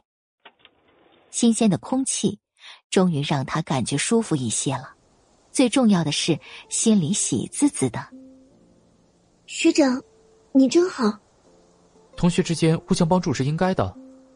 吴香香听张峰这么说，还是抑制不住上扬的嘴角。学长。我们为什么不坐火车呢？开始主动跟他找着话题。从他们这里到京城，坐火车显然要舒服多了，而且火车上还有卧铺，做什么都方便。张峰笑了笑，然后看了一眼最前面孙海的后脑勺，这才稍微压低了声音回答：“这样比较方便，而且比火车便宜很多。卧铺票的价格不菲的。”他们又这么多人，如果坐硬座时间又太长，对比之下，当然是大巴车是最好的选择了。吴香香扑哧一声笑了，当然也是明白了，还是学校考虑的周到呢。而且坐汽车也很好，至少有这样可以让他们拉近距离的机会。坐坐坐，嘿。第一百六十集，汽车行驶了四个小时之后，车里已经没有任何说话声了。有人直接捧着书，有人闭目养神，就连吴香香都开始昏昏欲睡了。张峰扭头看向最后那一排，苏七好像连姿势都没变过，他真的有这么困吗？突然，一阵刺耳的刹车声。车子剧烈的摇晃，然后快速的停下。吴香香根本没有任何准备，整个人都朝着前座撞上去。不仅仅是他，四周的几个学长学姐也同样都是如此。怎么回事？所有人都打起精神询问起来。前面的司机握着方向盘的双手，手心里已经全都是汗了。孙海看着外面近在咫尺的两个人，也被吓得一个机灵，甚至都没有看清楚他们怎么就突然出现的。前面有人！吴香香喊了一句：“你们都在车里。”孙海马上起身，下车之前吩咐着，所有人全都从座位上站起来，伸长了脖子朝着前面张望着。苏七自然也醒了，懒洋洋打了个哈欠。孙海快速走下来，然后看清楚面前是两个男人，全都是三四十岁的年纪，衣着也是破破烂烂，到处缝着补丁。你们怎么回事啊？要不是司机反应迅速的话，刚刚就撞到了。严肃的声音里带着一丝淡淡的怒气，这可不是闹着玩的事啊！大哥，真的对不起呀。我和我弟弟是要去边城探亲的，走到这里，他身体突然不舒服，所以实在是没办法才拦你们的车的。求你行行好，能不能捎我们一程？其中一个男人哽咽着声音哀求着。孙海皱紧眉头，朝着他背上背着的男人看过去，果然，他的脸色似乎有些苍白。紧紧闭着眼睛，不停的痛苦呢喃着：“我们不是公交车，所以求你行行好吧！这里荒山野岭的，我们根本就走不出去的。”孙海想要拒绝，可是话都还没说完，就被男人打断了。他一边说，竟然扑通一声就跪倒在他的面前。孙海没想到他会这样，赶忙伸手把他拽起来。只是到了城里就可以吗？这里距离下一个县城也还有一段距离的。他本来也在和司机商量着，在下一个县城休息做调整的。男人点头如捣蒜。对，只要进了县城，我就可以给我弟弟找到医生了。好吧，跟我上车吧。这样的情况，孙海自然不会再拒绝了。在他的帮忙下，三个人一起上了车。车里的人都向这两个男人打量着。他们要进城，捎带一段路。孙海主动解释，然后示意司机可以开车了。很快，车子便重新发动起来。两个男人坐在比较靠后的位置上，那个身子不舒服的人始终都没有睁开眼睛。吴香香主动站起身，拿着一瓶水走到他们面前。他的脸色看起来不大好，这瓶水就给你们吧。男人一脸感激，接过之前还特意把自己的双手往身上蹭了蹭。谢谢你啊！啊，我这里还有一些吃的。另外一个女生也同样表现了爱心，把自己带来的食物递过去。谢谢，谢谢。男人不停的道谢，对他们的好意来者不拒。坐在前面的孙海看到这一幕，满脸欣慰的神色。咱们还有多久能到城里啊？扭头看向司机询问，毕竟那个男人的状态看起来很不好，需要尽快去看医生。现在这个速度的话，怎么也得需要一个半到两个小时左右。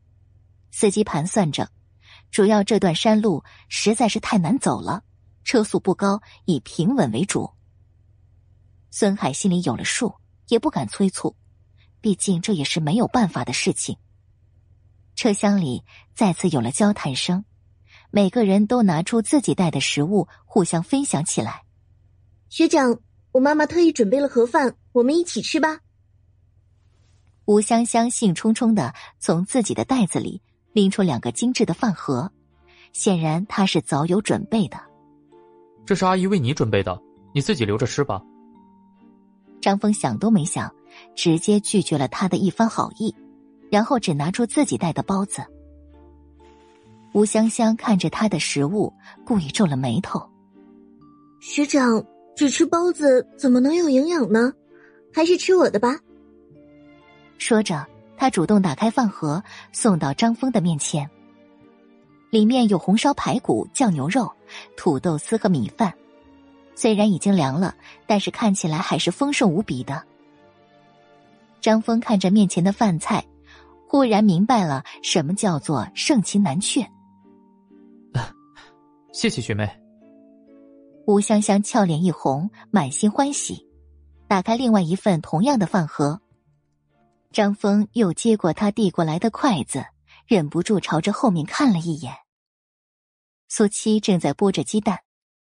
本来他坐车的时候很少吃东西的，可是来之前，他妈妈给他十几个煮鸡蛋，自然不能浪费了老太太一番心意。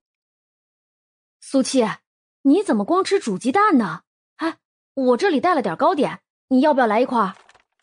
坐在他前面的张雪梅热情的拿出一块糕点给他递过去，不需要。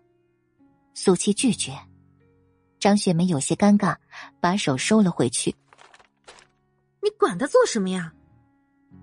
他旁边的另外一个女生替他不满的牢骚一句：“这个傻子本来就不识好歹的，这次也不知道是用了什么手段，竟然能够骗得数学老师一定要把名额给他，带他一起过去，肯定就是要拖他们的后腿的。现在他们这些人跟苏七坐在一辆车里。”都觉得嫌弃的不得了呢。张雪梅虽然也觉得有点没面子，但还是忍不住说：“你小声点儿，她毕竟是学妹，照顾一下也没什么。”是啊，你把人家当学妹，可是人家压根儿就没把你当学姐呢。女生完全一副有恃无恐的样子，甚至还特意加重了声音，生怕后座的苏琪听不到一样。张雪梅叹了口气，赶忙岔开话题：“哎哎，不说这些了，让我看看你带了什么好吃的。”苏七好像根本没有听到他们的对话。很快，三个鸡蛋进了肚子。这个时候，那个身体不舒服的男人终于睁开了眼睛，先是跟身边的男人对看了一眼，然后慢慢坐直了身子。本集播讲完毕。第一百六十一集，苏青慢条斯理的把鸡蛋皮放到袋子里，然后把袋子重新系好。因为他是坐在最后一排，所以前面所有人的一举一动，他都能看得清清楚楚，包括那两个完全陌生的男人。虽然他们坐在他侧面的前一排，当他们同时从座位上站起来的时候，就连最前面的孙海都扭头看了过来。怎么，是你弟弟又不舒服了吗？忍一忍，再有一个小时就可以进城了。直到这一刻，他都还在关心他们。还真是让人感动。其中一个男人竟然有了笑脸，说话的语气却让所有人都觉得不太对劲儿。不过，根本没有给他们任何多余的反应时间。另外，那个生病的男人生龙活虎的一声大喊：“大大姐！”所有人都愣了。死一般的寂静之后，每个人都难以置信的惊恐了神色，因为两个男人竟然都带着刀。此时此刻，两把刀直接对准了他们。吴香香猛地一个寒战。饭盒更是吧嗒一声掉在了地上，孙海的脸色一片铁青，恨不得直接抽自己两巴掌。所以，他这是引狼入室，怎么会遇上这样的事情？虽然心里恐惧，可是却不得不站出来。你们，你们这么做是在触犯法律，而且你们没看到吗？我们这是学生车，哪里有值钱的东西？他颤抖着声音，先是质问。然后再辩解。那泛寒光的刀刃让他整个人都绷得紧紧的。谁说学生就没钱了？别他妈废话啊！赶赶紧把值钱东西都给我交出来，不然就别怪我们哥俩刀子不认人。两个劫匪犹如凶神恶煞一般，一前一后，不允许任何人有小动作。孙海呼吸都是急促的。脑子里早就一片空白。你别伤害我的学生，我我都给你们。慌乱的掏出身上所有的钱，甚至连手腕上的表都摘下来递了过去。就这么点儿，打发要饭的呢？还有你们！一声威胁，四周全都是惊恐的声音。吴香香已经被吓得不知所措，紧紧拽着张峰的胳膊。张峰的脸色说不出的难看，眼神剧烈的晃动着，虽然不甘，但是也不敢轻举妄动，配合着拿出自己的钱。吴香香见他这样，赶紧也去掏口袋。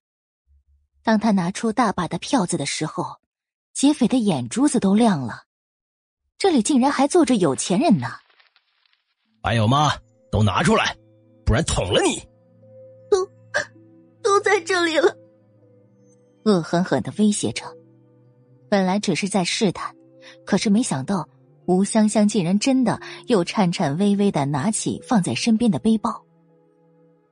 他被吓得快要哭了。季飞喜出望外，这一趟可是收获颇丰啊！你们也都快点儿！后面的劫匪忍不住催促着。片刻之后，除了苏七在内的所有人，都已经交出了自己所有的财物。还有你，钱呢？劫匪看他迟迟未动，径直来到他的身边，而那把刀距离他也只有不到一米。所有人都朝着他们的方向看了过来。张峰的神色尤为紧张，这种时候。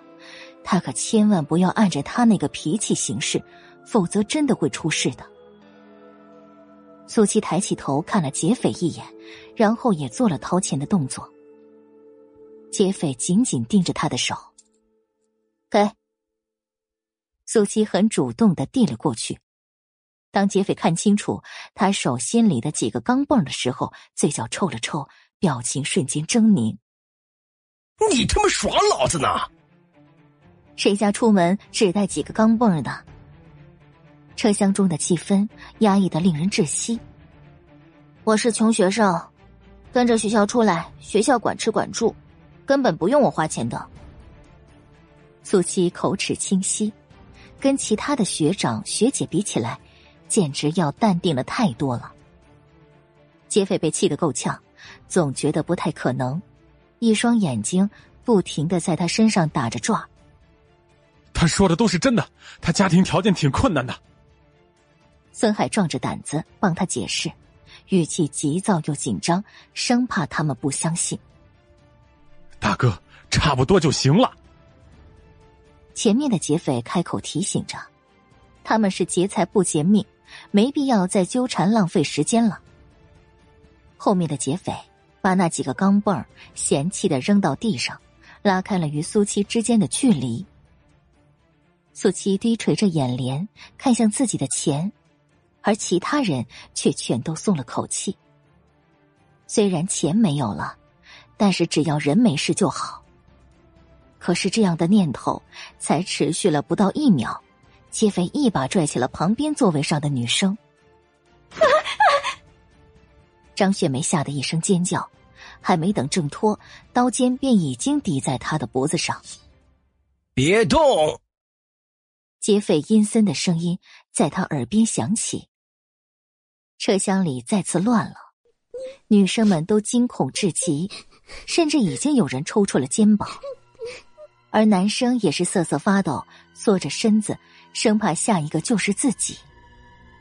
钱都已经给你们了，你们快放开他！孙海急了，下意识的想要冲过去，可是前面的劫匪手里的刀阻止了他所有动作。放心，只要我们到了安全的地方，自然会放了他。停车！两个劫匪一边说，一边朝着车门的方向走去。校长，校长，校长，救救我！张雪梅脸上一片惨白，全是泪痕，被勒住脖子，觉得自己快要窒息了。从来都没有这样的恐惧和绝望过。劫匪简直是硬拖着他往前走。张峰双手紧握成拳头，手背上的青筋都突突的跳动起来，刚想动弹，却被吴香香死死拽住了。吴香香哀求的眼神看着他。不要！劫匪是不要命的，他们根本就打不过他们的。张峰紧抿着嘴角，咬紧牙关，眼睁睁的看着他们从自己身边走过去。等一下！突然，一道阻拦从最后面响起，犹如一道惊雷。在一张张惊愕的面孔注视下，苏七从座位上站起来。没有任何犹豫，迈开脚步朝着两个劫匪走了过去。他疯了吗？想要做什么？他这样发生，是想要害死张雪梅吗？吴香香和其他人的心里几乎都有了这样的想法，怨恨无比。张峰的脸色越发的难看，他第一个反应竟然是想要拉住他，可他还是晚了一步。你们放了他。我做人质。苏七的声音再次响起。订阅评论别。第一百六十二集，苏七在距离他们只有一米左右的时候停下脚步，一双平静的眼眸落在张雪梅身后的劫匪脸上。苏七，你疯了！你快坐回去！孙海一声大喊，急得满头大汗。苏七好像根本没有听到他的话一般，只是看着那个劫匪。你们不是需要人质吗？放开他，让我来。两个劫匪全都是诧异一瞬，显然没有想到这种时候竟然会有人主动提出这样的要求。难不成这丫头是有什么算计？我比他更好控制。苏七仿佛猜到两人心中所想，继续开口说：“张雪梅泪眼婆娑的看着苏七，在这种危急时刻，挺身而出的竟然会是苏七。苏七，你快回来！”张峰更是心急如焚。苏七的性子根本就不可能做这种事情的，现在到底为什么？你们看他，都已经被吓得腿软了，带着这样的一个女生做人质就是拖累。苏七依然对张峰的话置若罔闻，继续跟劫匪说下去。劫持张雪梅的男人，两条眉毛拧成了麻花一样，他当然也清楚。再看看苏七那单薄的身子，终于不再有任何犹豫。好，你过来，别耍花样啊，不然你同伴会死。凶狠着神色威胁一句。苏七直接迈开一步，来到他的跟前，完全配合着他所有的动作。下一秒，他手中的刀抵在了他的脖子上，而张雪梅被他用力推向一旁。张峰眼疾手快，一把接住了他。此时此刻的张雪梅，甚至已经连站立的力气都没有了，整个人在不停的抖动着。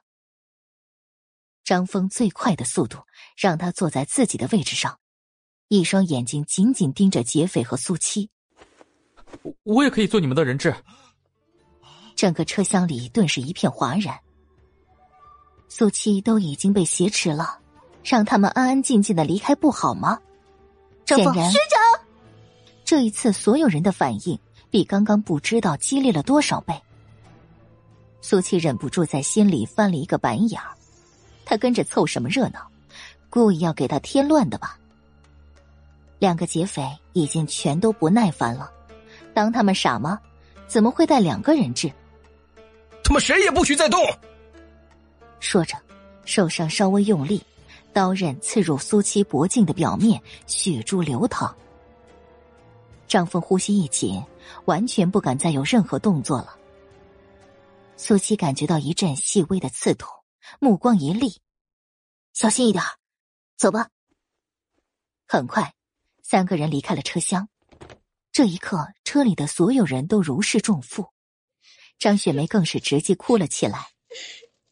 孙海脸如死灰，紧紧盯着外面被两个男人劫持的苏七。孙孙校长，咱们现在该怎么办呢？司机僵硬着声音，眼底还残留着没有褪去的恐惧。他也是第一次遇上这样的事情，恐怕他们根本就不能下车。先不说能不能救下那个女同学。只要他们下去，肯定就会激怒那两个劫匪了。孙副校长，我们不能丢下苏西一个人。张峰低沉的声音里，仿佛在极力的压抑着什么。学长，不行，咱们还是赶紧走吧。至少进了城，咱们可以报警的。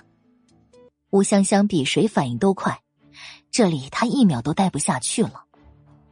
进城还有一个多小时，那苏七怎么办？张凤彻底失控，一声怒吼，脖颈间的青筋都隐隐约约。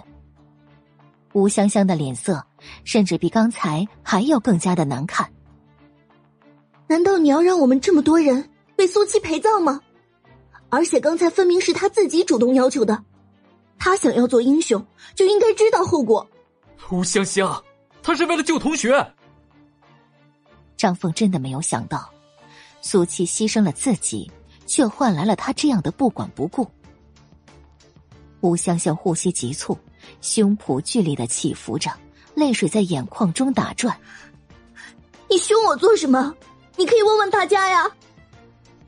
其他的几个人脸色也都很不好看，但是却没有人表态。张雪梅哭泣着，她想救苏七，可光是看到那两个人都已经被吓得不行了。好了，都别吵了，司机开车。孙海当机立断，虽然他的心里也很难受，可是现在需要做的是顾全大局，不能为了苏七一个人而让车里的这么多学生再次陷入到危险当中。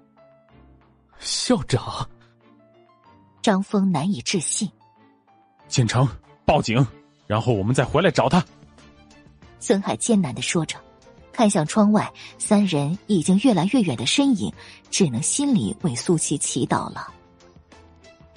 张峰目光剧烈的晃动着，一瞬间便打定了主意：“你们走，我去救苏七。”张峰，现在不是意气用事的时候。我不能丢下自己的同学，而且他们拿了钱，到了安全的地方，会放了他的。张峰说完，也不听孙海在说什么，径直跑下了车。车厢里的气氛压抑的让人窒息。吴香香他们看着张峰追赶的身影，心情都复杂到了极点。虽然他们口口声声说要理智，但是却无法评论他现在的做法到底是对还是错。孙海用力的跺跺脚，无奈到了极点。开车。等把这几个学生送进城里，他一定会最快的速度赶回来。老实点。两个劫匪一左一右拽着苏七，他们对这里的地形似乎非常熟悉。几分钟之后，就带着苏七脱离了大路，进了蜿蜒小道。苏七走着走着，突然就停下来。赶紧走，不然的话，别怪我们哥俩不客气。其中一个劫匪恶狠狠的威胁着，但让两人没有想到的是，苏七竟然扑哧一声笑了。两人面面相觑，这个女的怕不是个傻子吧？都这样了，竟然还能笑得出来，应该哭才对啊！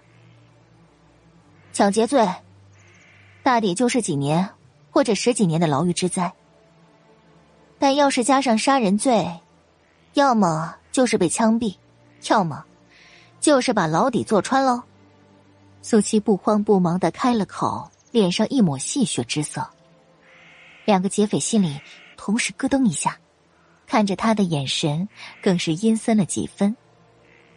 闭嘴！你觉得我们会怕？再多说一个字，现在就送你去见阎王！两人手里的刀子齐齐对准了他，不知道为什么，这个丫头片子竟然给了他们一种说不出的压迫力。大哥，别跟他废话了，打晕了扔到这里得了。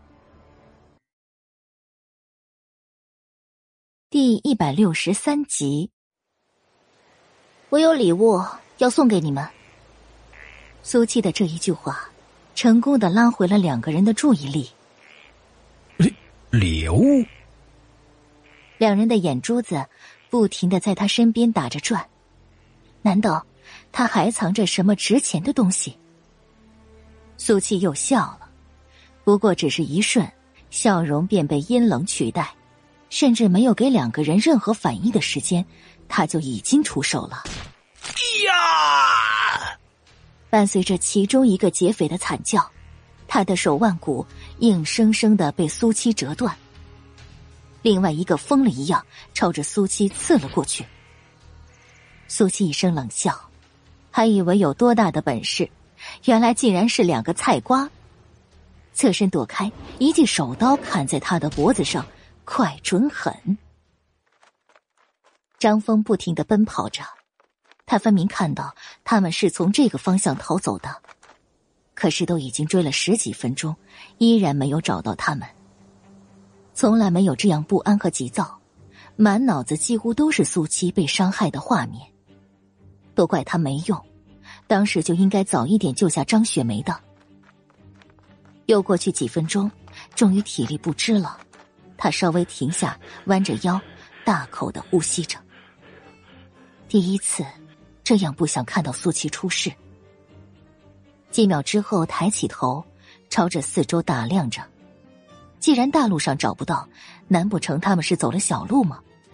想到这里，他没有任何犹豫，又跑进了崎岖不平的小路。苏七用脚踢了踢倒在地不省人事的两个男人，他可是还没真正的出手呢，就这么点本事，竟然还抢劫呢！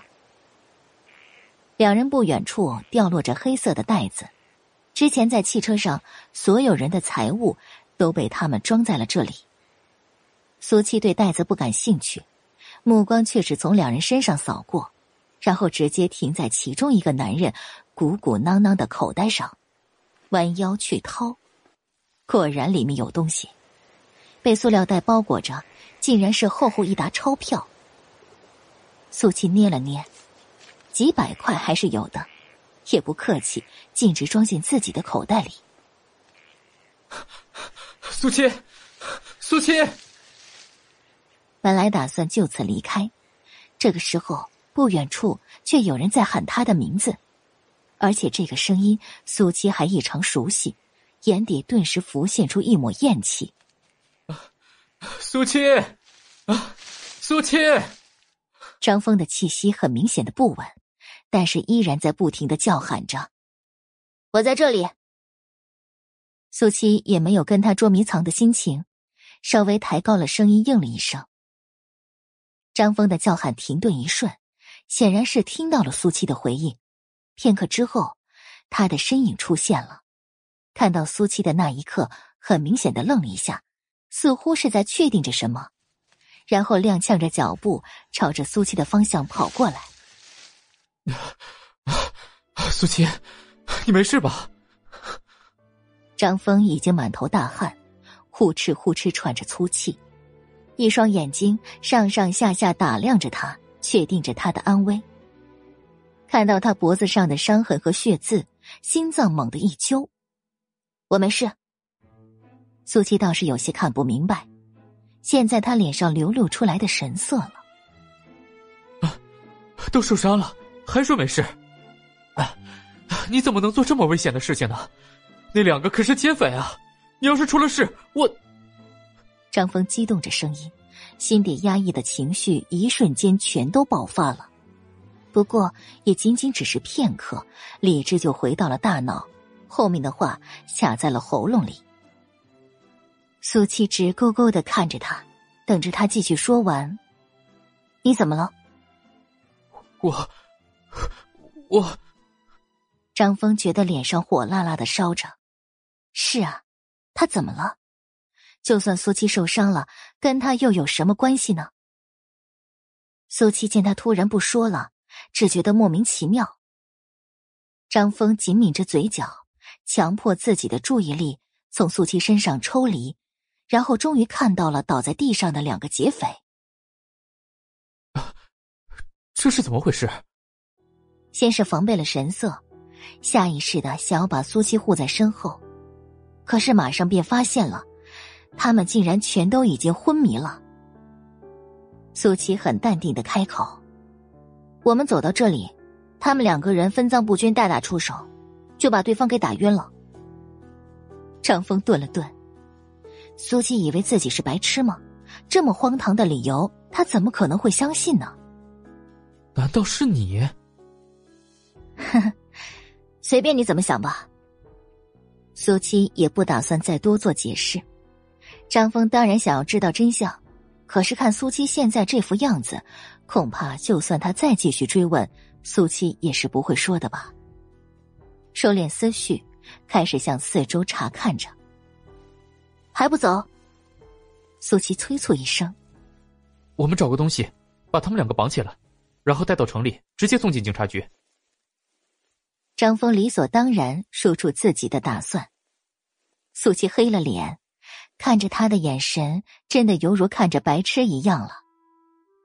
这位同学，你的脑子进水了吗？先不说这里离城里坐车还都要一个小时，现在他们两个人还昏迷着，我们要怎么把他带着过去啊？难道一人扛着一个吗？张峰也愣住了，他竟然没想到这么多。或者我们可以先把他们两个人绑起来，然后等他们醒了再带他们一起进城。你确定要这么做？万一路上出现什么意外的话，你能对付他们两个？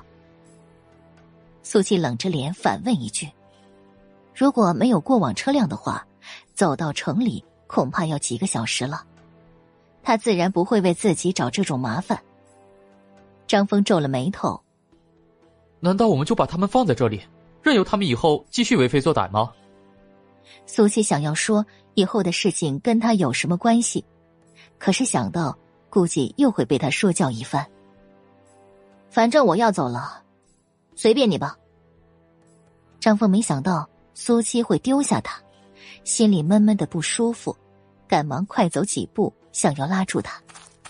孙副校长走的时候说了，等他们进城之后，马上就去报警，然后再过来接咱们。所以我们还是等一等吧。苏七彻底不耐烦了。所以你为什么要留下呢？跟他们一起走算了，在他面前指手画脚。张峰被苏七这句话刺激到了。你怎么这么没有良心？我当然是因为担心你。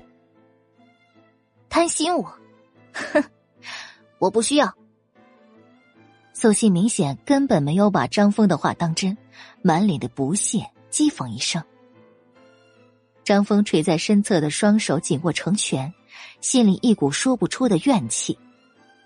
嗯，你是不需要。厉家堂堂未过门的媳妇儿，烈的未婚妻，自然是牛气的很。第一次，他被气得口不择言。伴随着话音一起落下的是苏琪恐怖的目光。哎，别走！第一百六十四集，苏琪整个人仿佛被一股阴影笼罩，浑身上下都散发着冷酷的气息。她是立业未婚妻这件事，整个圣德高中除了校长高江之外，根本没有其他人知道。张峰紧绷着脸颊，也意识到自己说了不该说的。你怎么知道？现在的苏七对张峰简直充满了敌意。张峰低垂着眼帘，竟有一瞬间的懊恼，不过还是很快便抬起头，对上他强势的目光。难道我说的不是事实吗？你之所以能来圣德高中读书，不都是因为厉家的关系吗？所以他才打从一开始就看不上他。苏七眼底一抹阴霾。张峰已经做好了他会发作的准备，他也觉得还不如跟他吵一架。可是片刻之后，张峰的想法却落空了。苏七突然收敛所有情绪，甚至连讨厌都没有了。面无表情的再次迈开脚步。他说的是事实，苏七又有什么可生气的呢？他不在意了，张峰反而有些无措了，竟然担心他会误会什么。我家和厉家关系很好，是厉家奶奶说的。苏七脚步微微停顿，倒没想过会是这样。而且你放心，这件事我没有跟任何人。张峰保证的话语才说到一半，脸色大变。啊，苏七，小心！苏七的动作也异常迅速，几乎瞬间扭头看向后面。原本昏迷的一个劫匪，竟然不知道什么时候醒了过来，握着刀朝着苏七扑了过来。就在苏七身边的张峰，动作比他快了几秒，毫不犹豫挡在了苏七的前面。劫匪手起刀落的瞬间，苏七却一把拉住张峰的手臂，再次调转了两个人的方向。张峰的瞳孔剧烈收缩着，难以置信。刀尖刺入苏七的肩膀，几乎同时，苏七一脚狠狠踹在他身上，砰的一下，劫匪倒退四五米，根本稳不住身子，重重倒下。苏七两个箭步冲上去，弯腰捡起他刚刚脱手的刀子。劫匪已经懵了，看着苏七的动作，被一股深深的恐惧笼罩。你你你别过来！苏七。张峰终于回神，快速来到苏七的身边，看到的却是苏七不停淌血的肩膀。苏七面色冷酷，甚至都没有看他一眼。苏七。你受伤，你要做什么？张峰说到一半，终于发现了他的意图。苏七手里的刀对准的是那个劫匪，他的话音才落下，苏七已经手起刀落。男人一声撕心裂肺的惨叫，张峰却是受到了惊吓一般，脸色苍白，怔怔的看着刺入男人大腿的那把刀。苏七弯着腰。张峰看不到他现在是怎样的表情，即便这样，他还是感受到一股深深的恐惧。他怎么能这么残忍？真的能下得去手？这一刻，他的三观彻底被颠覆了。苏七在笑，冰冷渗人。劫匪根本扛不住这样剧烈的疼痛，两眼一翻，再次昏迷。找死！苏七一声呢喃。有外人在，就留他一条狗命。重新站直，看向自己的伤口。虽然血流了不少，但是刺入的并不是太深。他他他死了吗？张峰喉结上下滚动着，用尽全身的力气，才终于稍微冷静一些。死不了。苏七说完，捂着伤口，找到一块大石头坐下来。张峰僵硬的转身。继续看着他，思绪也回来了大半。你，你怎么样？也死不了。苏琪一边说，一边解开上衣的纽扣。张峰呼吸一滞，整个人都绷得紧紧的，侧开脸，慌乱的开口：“你，你要做什么？”苏七淡淡的瞥了他一眼：“当然是包扎伤口。”虽然苏七伤的不深，但是任由血这样流下去，胳膊搞不好都会废掉的。要怎么做？我来帮你。张峰赶忙示意他停下动作。我要把外套脱下来，然后包扎受伤的地方。这种荒郊野岭什么都没有，也只能先做最简单的处理，然后尽快去到城里。啊，我来。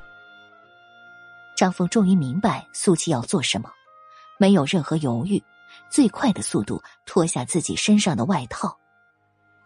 她可是一个女生，怎么能衣衫不整呢？苏七又瞧了他一眼，他现在这副样子分明是想歪了。就算他脱了外衣，里面依然穿着短袖衫。我帮你包扎，你忍着点儿。张峰也顾不上苏七的神色，用力撕扯开自己的外套，更方便使用。然后动作僵硬而小心翼翼。苏七犹豫一瞬，还是任由他做了。毕竟他一只手也确实不方便，之前踩伤了右臂，现在又是左肩，最近他受伤的频率也实在太高了一些。说到底，还是因为他太大意了。以前生活在那样刀光血影的日子里，他真的极少让自己受伤。现在安逸过了头，防备也少了太多了。苏七自我检讨的功夫，张峰已经帮他包扎好了，虽然笨拙，但是处理正确。怎么样？做完这些，他已经满头大汗了。苏七这才留意到他，想到刚刚。他想要替自己挡的那一幕，皱了眉头。那种情况下，应该是张峰最真实的反应，所以他是真的想要帮苏七。很疼吗？我们马上离开这里。张峰看苏七皱眉，直接就急了，快速在苏七跟前背过身，弯下腰。走，我背你。苏七突然觉得头皮有些发麻。这样的态度，应该不是他想的那样吧？怎么可能呢？我伤的又不是腿。说完之后，从石头上站起来。张峰没想到苏七会拒绝，依然想要坚持。你流了这么多血，先不说体力能不能撑住，动起来牵动伤口只会更严重的。他怎么这么不爱惜自己的身体呢？放心。没你想的那么严重，现在不想带上他们了。苏七故意岔开话题，说不疼那是假的，但他也实在受不了他突如其来的关心。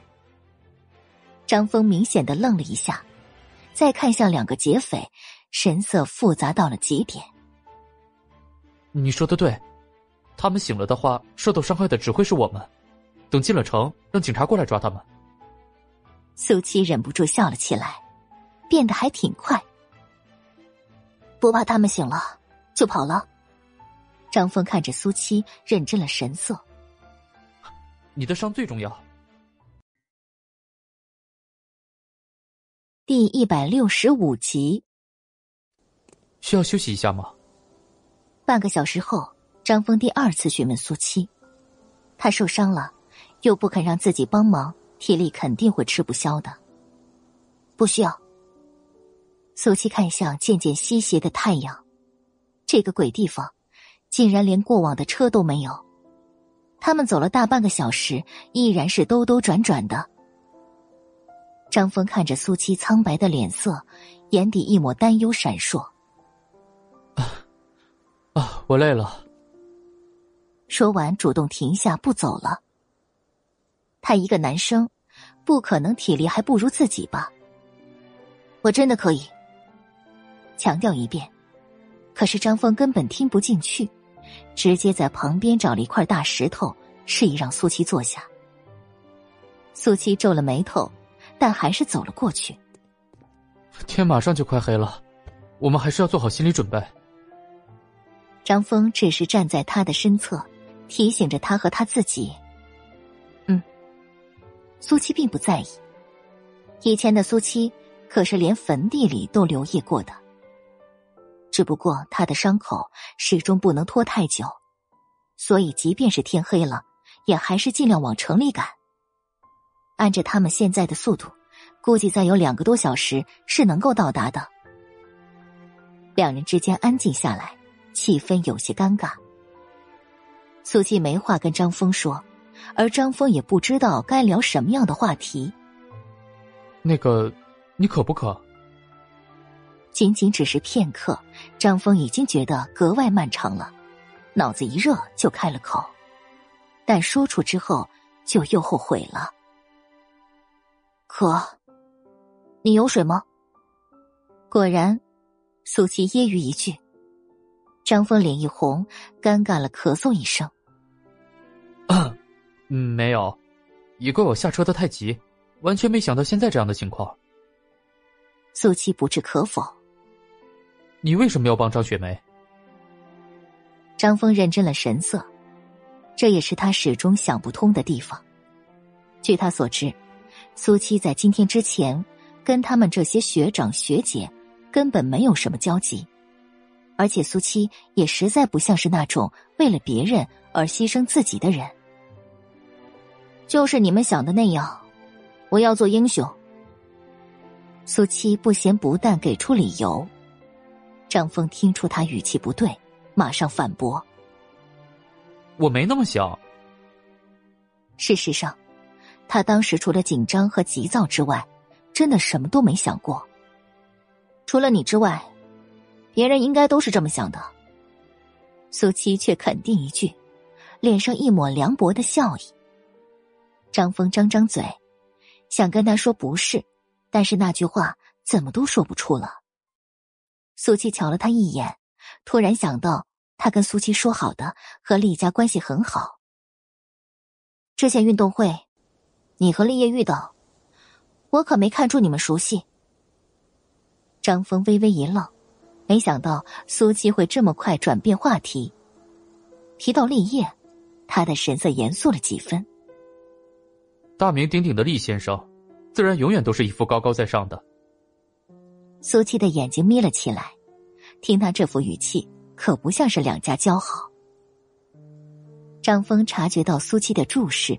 沉了口气，又继续说下去：“我们两家关系好，是限于我父亲、母亲和厉奶奶，跟厉先生其实没有太多的接触，而我也只是认识他，甚至没有交谈过。他不记得我也是情理之中。”哈，因为立业不记得你，所以你在学校就故意针对我。”苏七淡淡说着，虽然是询问的话语。但是却完全肯定的语气，而且话里有话。啊，当然不是，我那个时候只是单纯的讨厌走关系入学的人。张峰的语速不知道快了多少，似乎很怕苏七误会。苏七一双眼睛深不见底，自然是明白的，所以他和立业的关系也绝对不是他现在说的那么简单。试想，两家交好。就算他跟立业不熟悉，也不会是这种冷漠甚至带着愤恨的态度。不过我现在已经对你改观了，你能代表盛德出来参加这次比赛，就说明你是有实力的。张峰丝毫没有意识到，他此时此刻的想法只是自顾自的表达着。苏七回神，不管他们两家是怎么回事，都和自己没关系。哼，你的改观早了些呀。敷衍一句，然后从石头上站起来。张峰赶忙跟上他的脚步，眼神微微闪烁。你和厉先生真的打算结婚吗？或许这个问题他不该问，但可就是忍不住想要知道。不打算。苏七也没多想，实话实说。张峰竟然心头一喜，嘴角都上扬了起来。其实之前他也是听他父亲说过的，立业不喜欢这个婚约。是女方用了手段，死缠烂打，所以他对苏七刚开始的印象才会恶劣至极。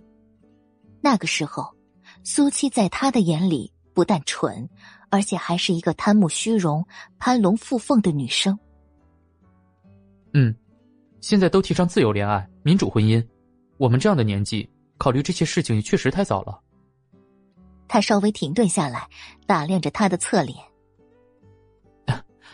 既然误会也都解开了，我们以后是不是又可以和平相处了？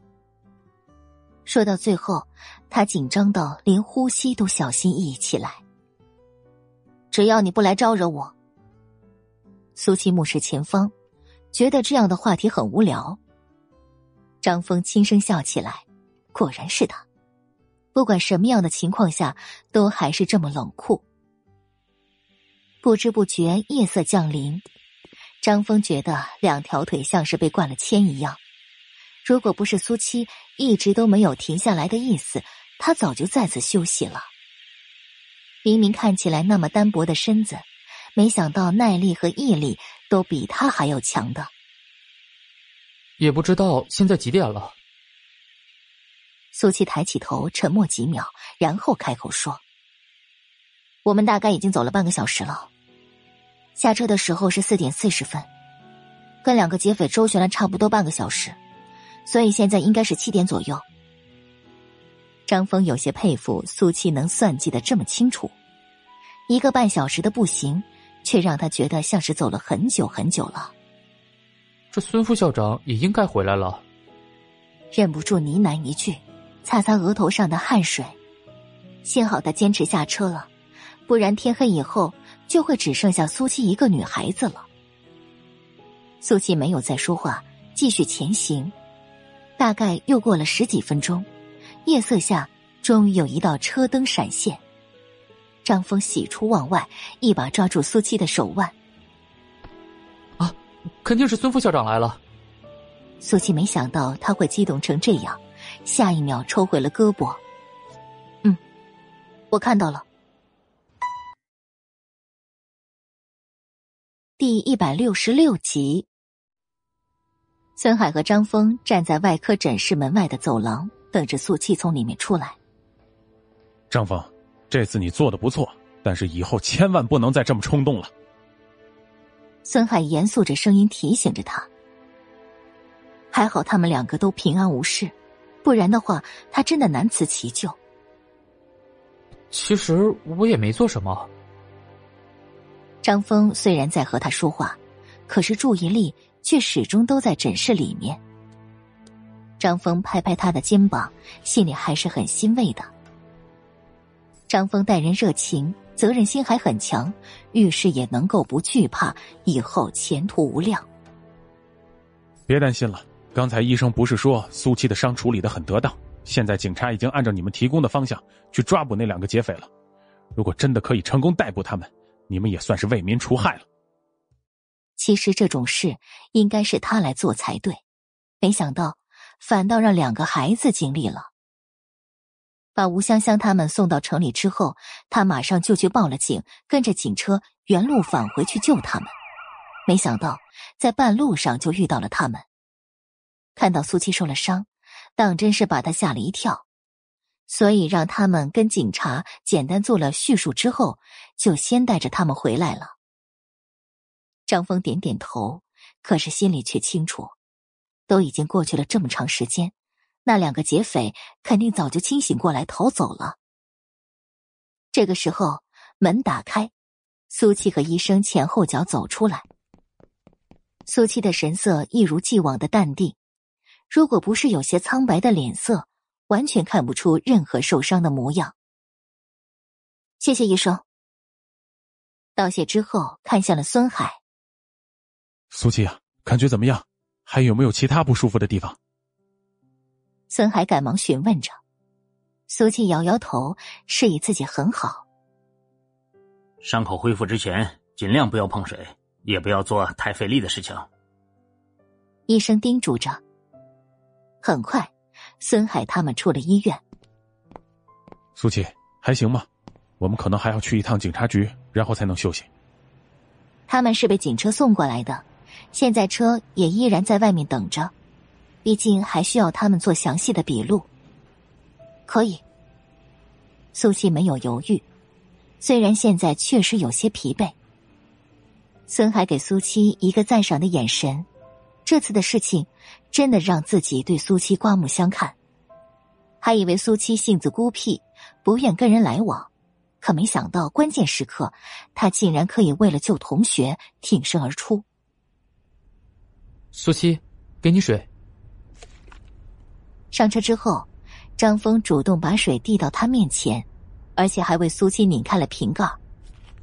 苏七接过，一口气喝了大半瓶，然后又很自然的递还给他。张峰的眼底竟然浮现出一抹淡淡的笑意。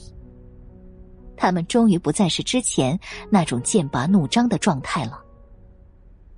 警察局，所以其中一个劫匪受了伤。警察听完苏七的叙述，再次跟他确定着，而张峰全程默不作声在一旁，神色古怪。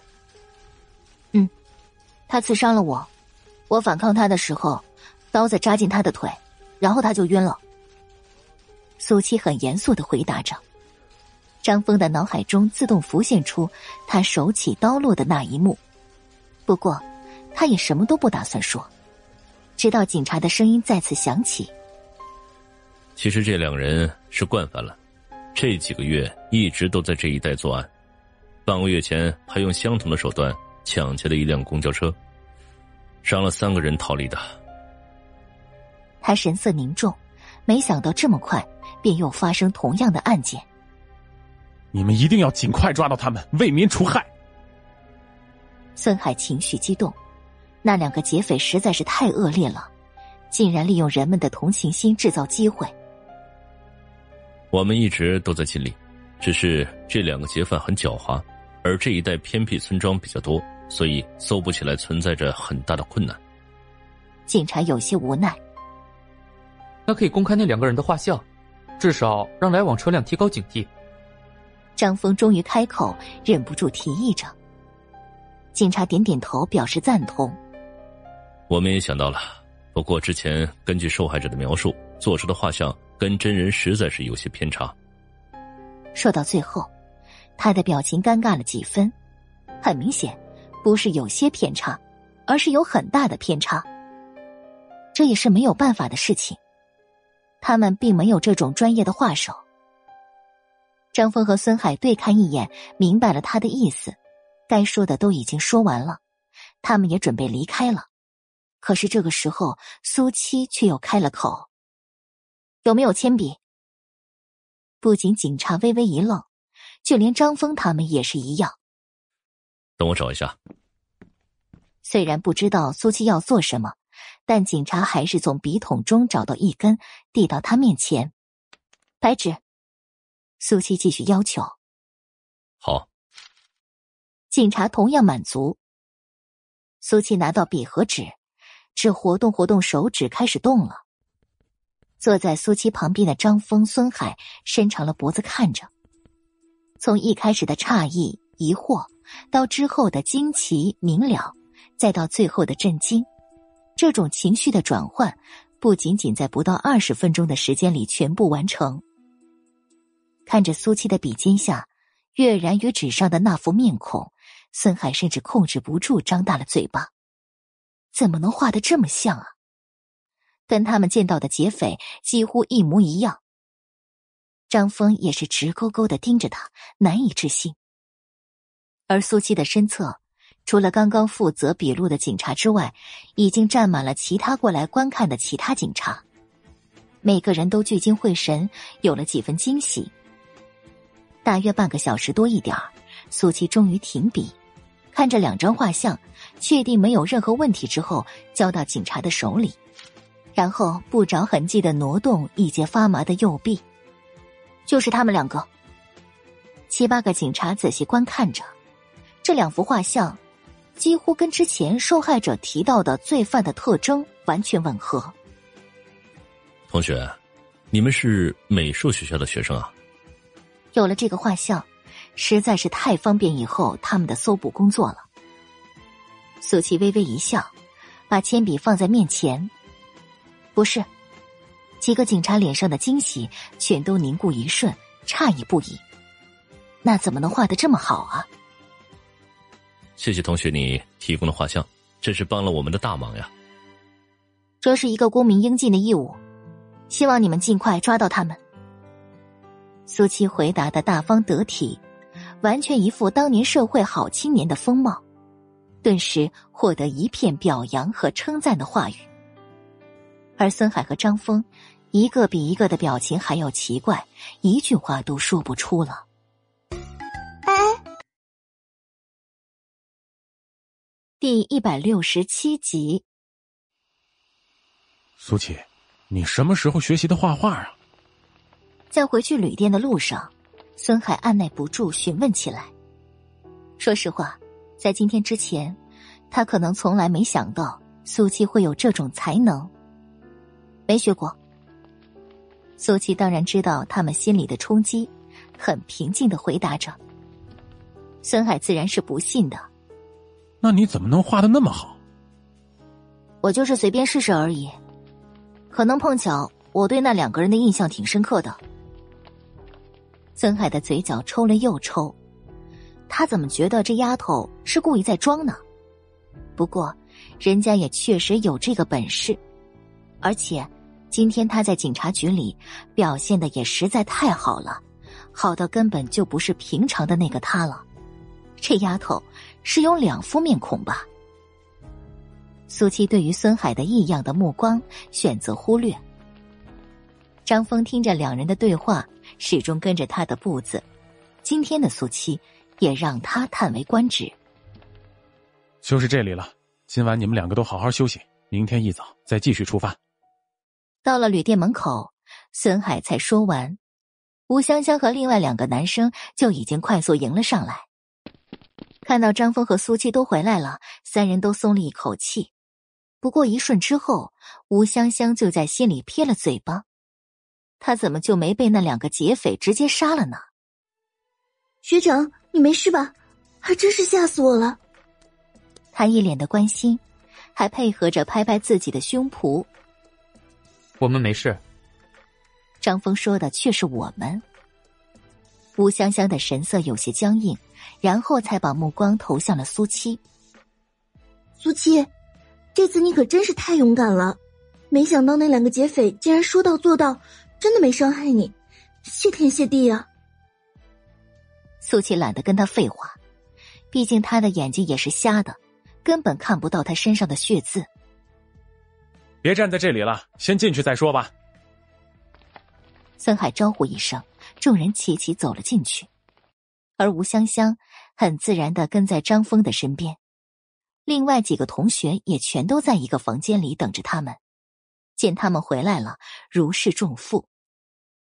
张雪梅更是立刻看向了苏七，脸色瞬间就变了。苏七，你受伤了。他的一句话，让所有人全都朝着苏七看了过去。已经处理过了，没什么事情。苏七说完，张雪梅却已经红了眼眶。如果没有苏七的话，那现在受伤的肯定就是他自己了。可是，在今天之前，他跟苏七分明连话都没有说过。苏七，谢谢你，苏七，好样的！房间里顿时响起一片称赞声。不管苏七这个人平常怎么样，但是这一次表现的实在很不错。吴香香眼底一抹怨毒，转瞬即逝。大家也都别太担心了，苏七不是说没什么事吗？所有声音伴随着他的话语戛然而止，每个人脸上的表情都复杂了几分。张峰直接朝着他看了一眼，无比冷漠。你们这是怎么了？我没有其他意思，只是觉得人都已经平安回来了，大家就不要有太大心理负担了。吴香香也意识到刚刚表现的太明显了，强行辩解着。森海干咳一声，主动开口，打破尴尬的气氛。这次多亏了他们两个，大家被劫走的财物也都找回来了。说着，打开手里拎着的袋子，所有人都兴奋了神色，朝着他围拢过去。这次出门，每个人身上都是带了不少钱财的。本来以为要身无分文的在京城过这几天了，可是没想到竟然还能失而复得。我先回房间了。苏七自然没有心情等他们，跟孙海打过招呼之后，径直朝着门口走了过去。哎，我送你。张峰没有迟疑，快步跟上。吴香香刚刚也准备动作，可是却被旁边的女生拽住了。香香。快来看看哪些是你的，只好收回眼神。因为有五个女生，所以苏七自己住到了一个房间。不过，这显然很符合他的心意。我的房间就在你隔壁的隔壁，你要是有需要，可以随时去叫我。张峰离开之前不放心的叮嘱着，虽然他也清楚苏七是不会找他的。苏七应了一声，就准备关门了。哦，还有，你左肩有伤，尽量用右手做事。其实苏七右臂的伤比左肩还要严重一些。张峰还想继续说，看到苏七眉眼间的不耐烦，什么都不敢再说了。苏七回到房间，行李箱已经放到床边了。打开箱子，本来是要拿换洗衣服的，却看到夹层里的袋子，里面满满的都是各种药。感冒药、退热药、消炎药、健胃消食药，这些还都不算什么，里面数量最多的竟然是金创药，而且还是那种完全自制的。别问他是怎么知道的，因为有人很贴心的在里面留了纸条，罗列了这里面的各种成分，确实都是好东西。出门在外，磕磕绊绊难免，还是希望你用不到这些。纸条上的最后一句话，直接让苏七冒出一层鸡皮疙瘩。如果现在有人告诉他这是狗男人的作风，苏七真的是打死都不信的。不过回神之后，他还是把药袋收好。很不幸，他出门就受伤，这些药刚好派上用场。学姐，你觉得今天苏七是不是故意的？夜深人静，吴香香盘腿坐在床上，睡意全无。另外一个女生却已经哈欠连天了。什么故意的？强撑着精神接上一句。坐了一天的车，还受到了那么大的惊吓，难道不是应该好好休息吗？他怎么还有精力谈苏七呢？他主动要求代替雪梅学姐。就是为了在孙副校长还有张峰学长面前表现自己。吴香香跟女生关系不错，所以直接发泄着心底的不满。女生眼睛瞪大了几分，有些诧异，他会说出这样的话。你怎么会这么想呢？那可是两个劫匪，谁会用这种事情表现？而且他也受伤了，这受伤就是意外，那两个劫匪根本就没打算做什么。不然他怎么能平安回来？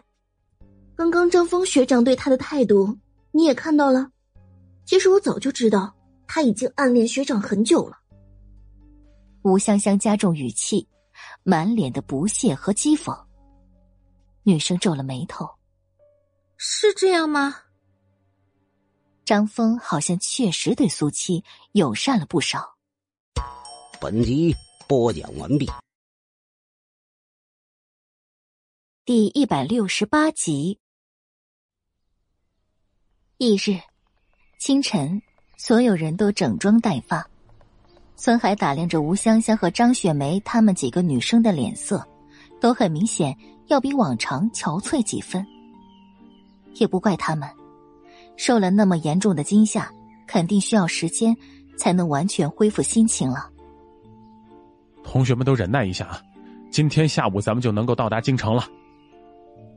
所有人齐齐应了一声，然后准备出发。苏七准备拎起行李箱，张峰马上抢先一步。啊，我来吧，医生昨天特意叮嘱过的。不等苏七拒绝，张峰主动解释。孙海也看到了他们这边的情况。苏七，张峰说的对，你什么都不要做，只管好好休息吧。苏七想了一下，然后点点头。确实，他两条手臂上全都有伤。吴香香看看张峰拎起苏七的行李，心里已经极度的要疯了。接下来的路程格外顺利，下午三点左右，车子抵达了京城。看着外面宽敞、干净又整洁的街道，还有过往的车水马龙，每个人都兴奋了神色。对于他们这个年纪的少年们来说，很少有机会来到京城这种大城市。车厢里的气氛再次热闹起来，叽叽喳喳说个不停。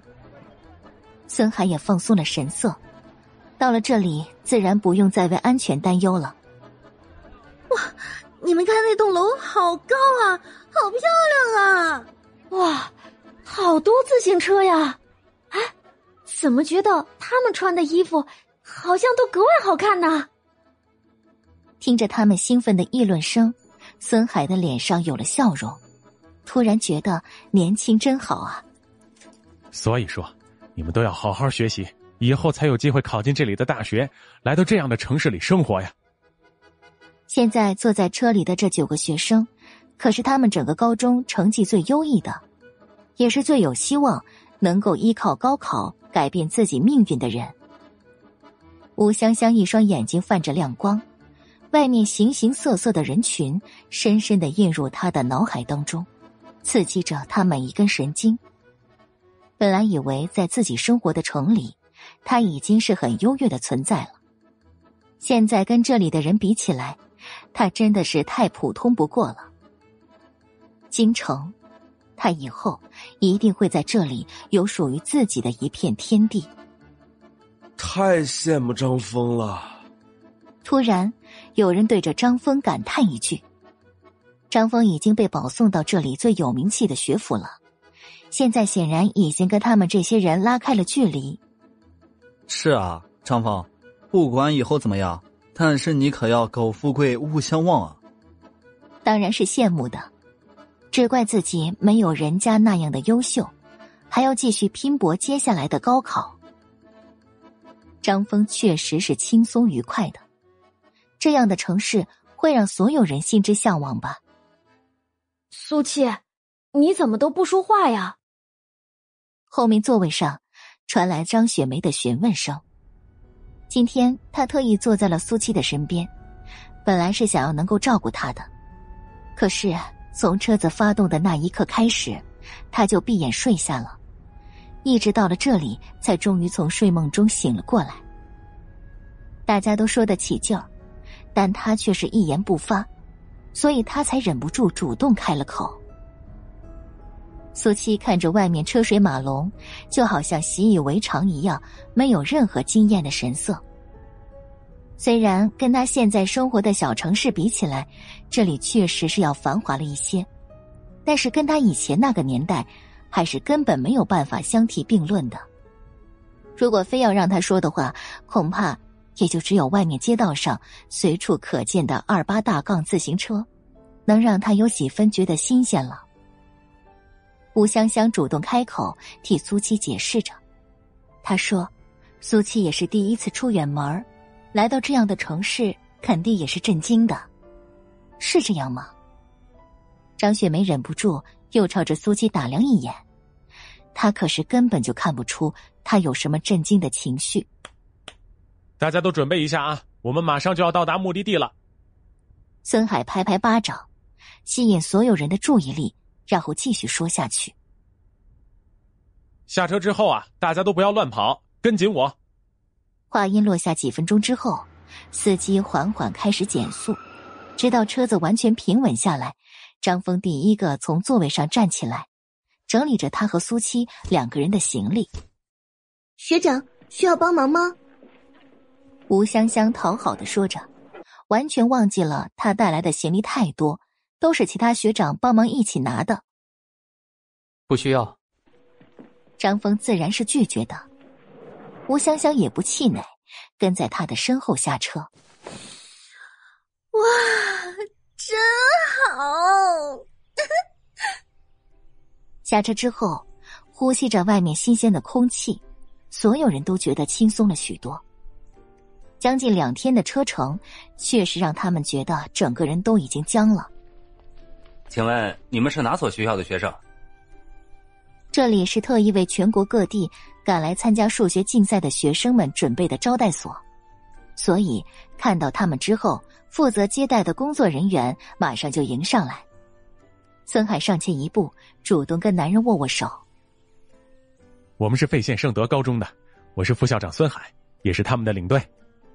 啊，好的，那跟我进来吧。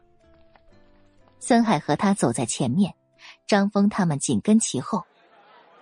等进到里面，孙海去办理登记手续，让他们原地等待。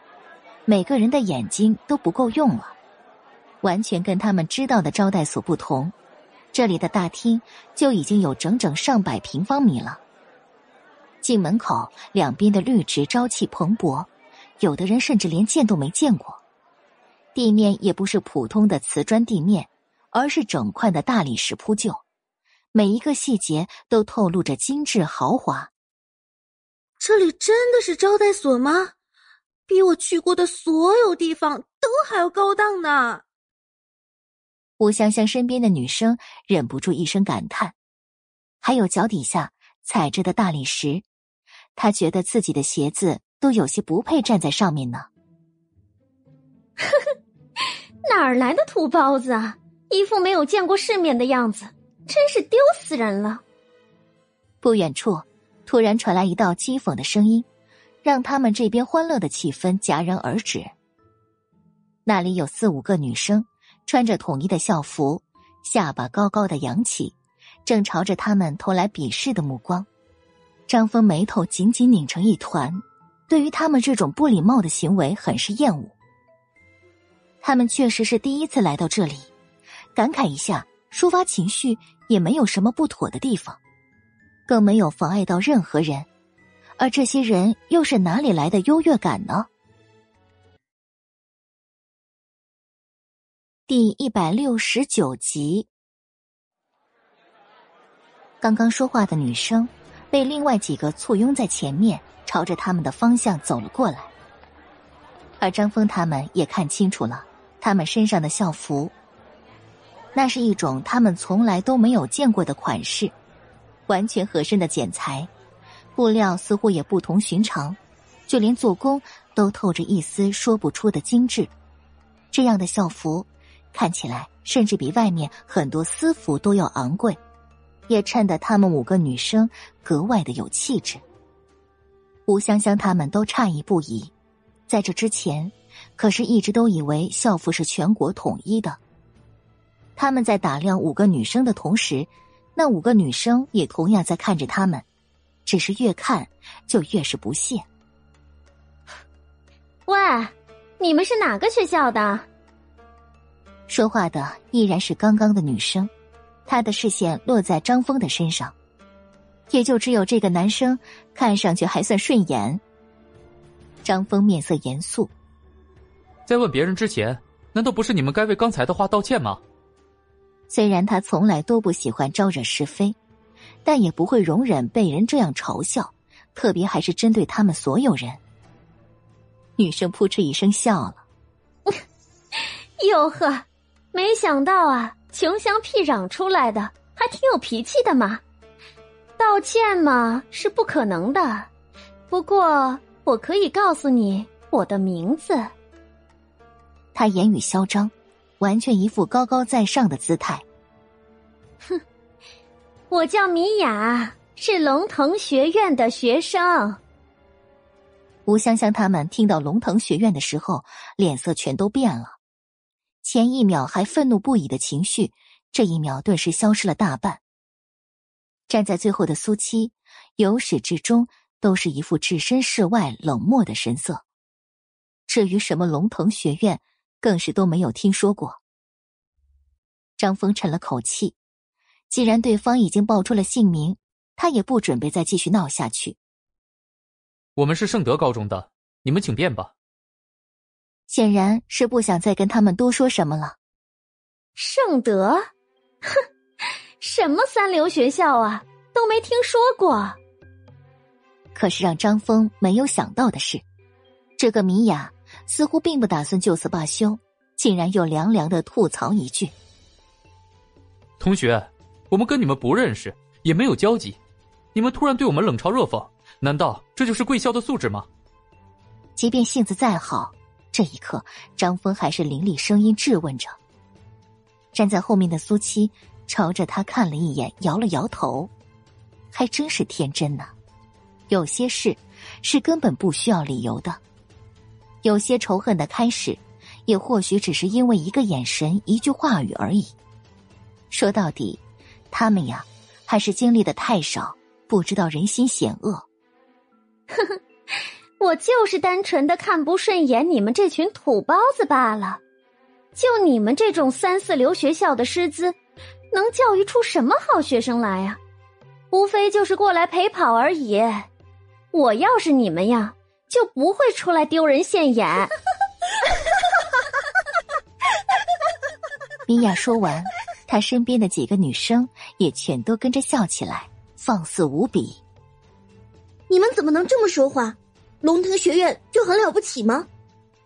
哼，龙腾学院就是了不起，是你们这群土包子一辈子都别想跨入的门槛儿。吴香香才开口反驳，便被米娅霸道打断。她的一张脸涨得通红，明明不想在气势上输下来，可是不知道为什么，只是被米娅看了一眼，便有一种说不出的自卑感。龙腾学院确实很有名气，是国内首屈一指的私立学校。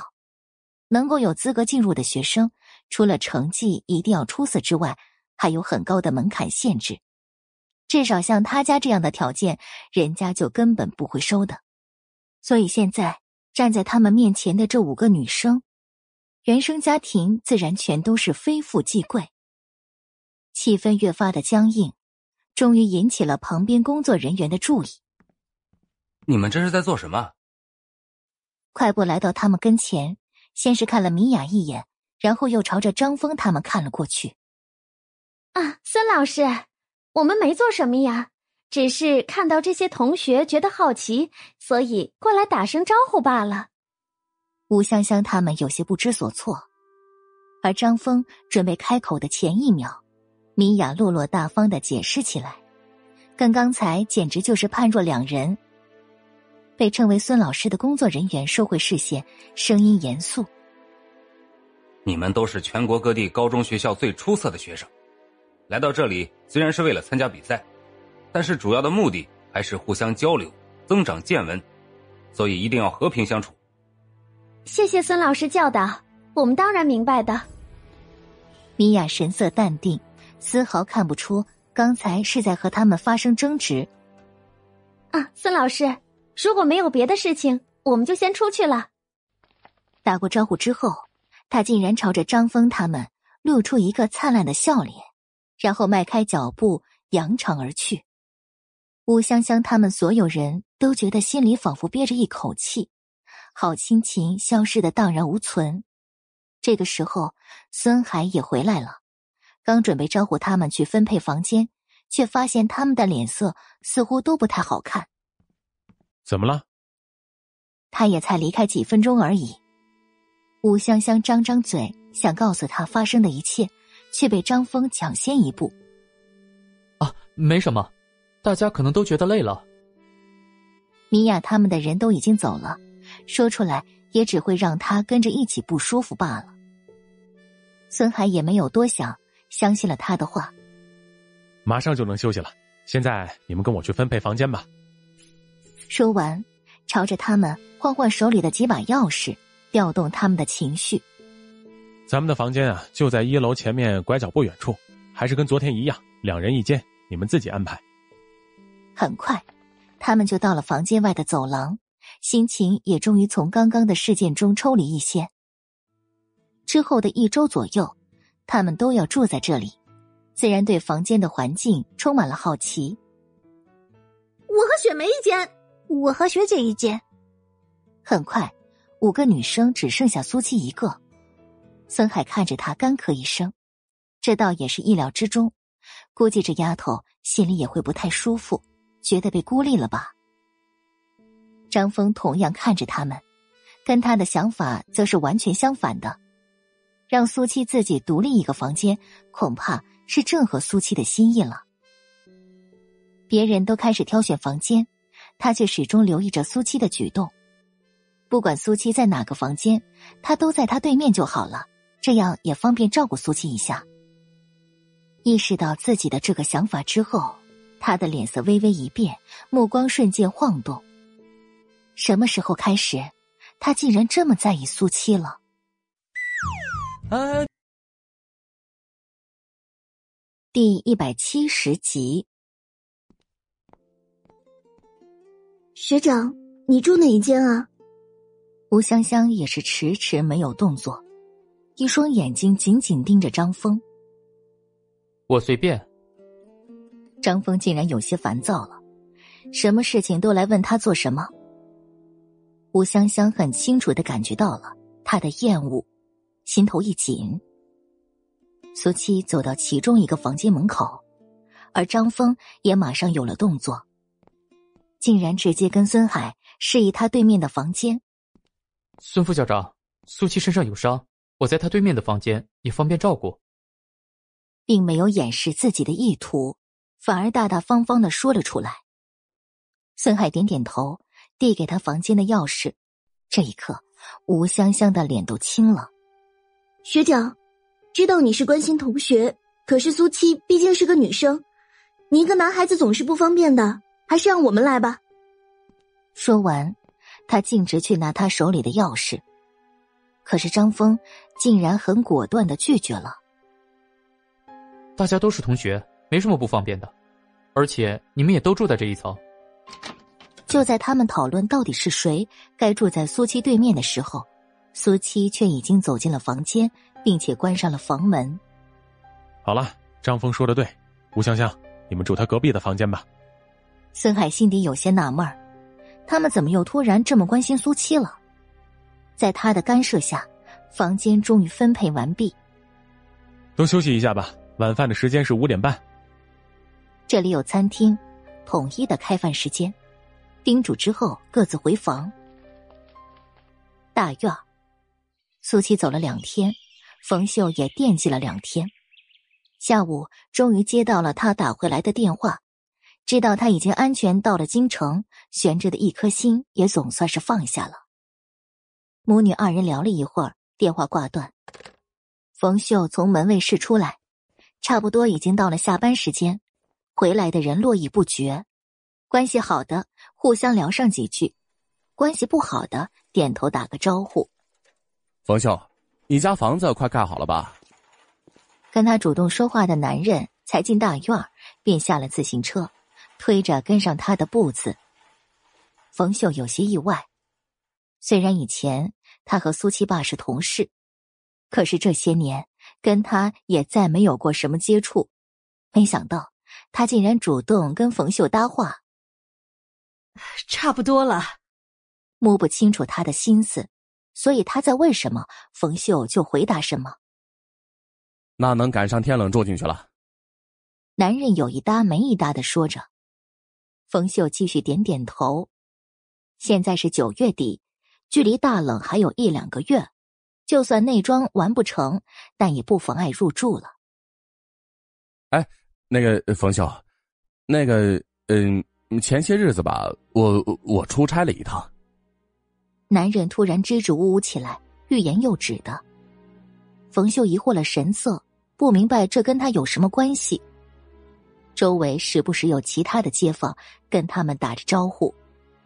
冯秀更是小心谨慎的跟他拉开适当的距离，以免让人误会。嗯，那个，那个就是我无意中遇到了一个人，你说怎么这么巧，竟然跟我以前的一个同事长得挺像的。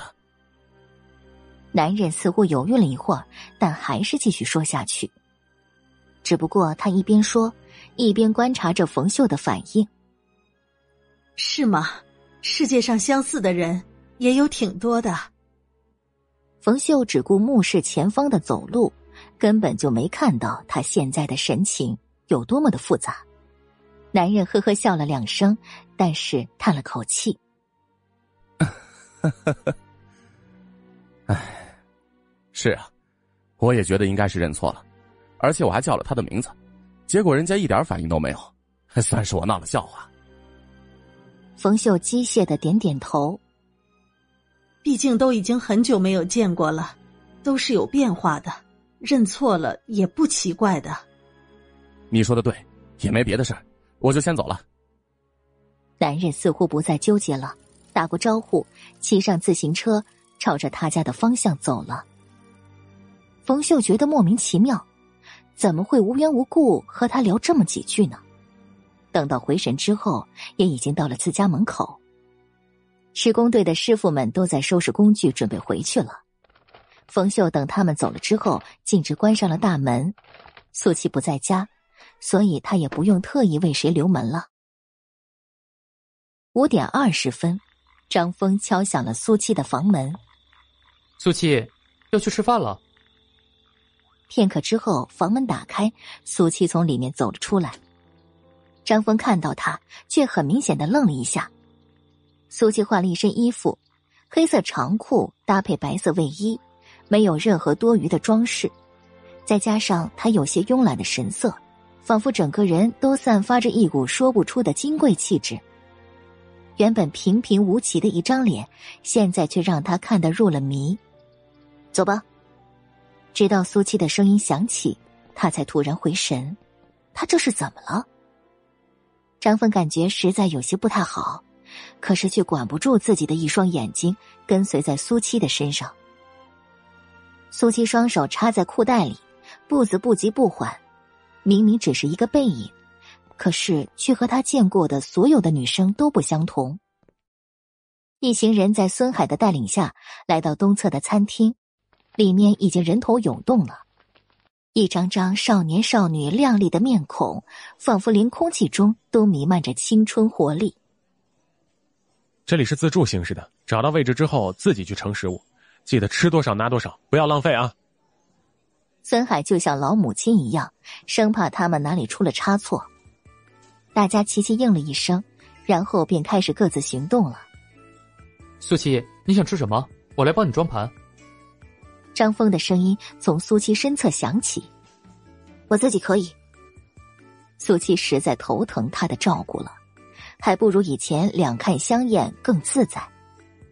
你左臂不能有大动作，还是我来吧。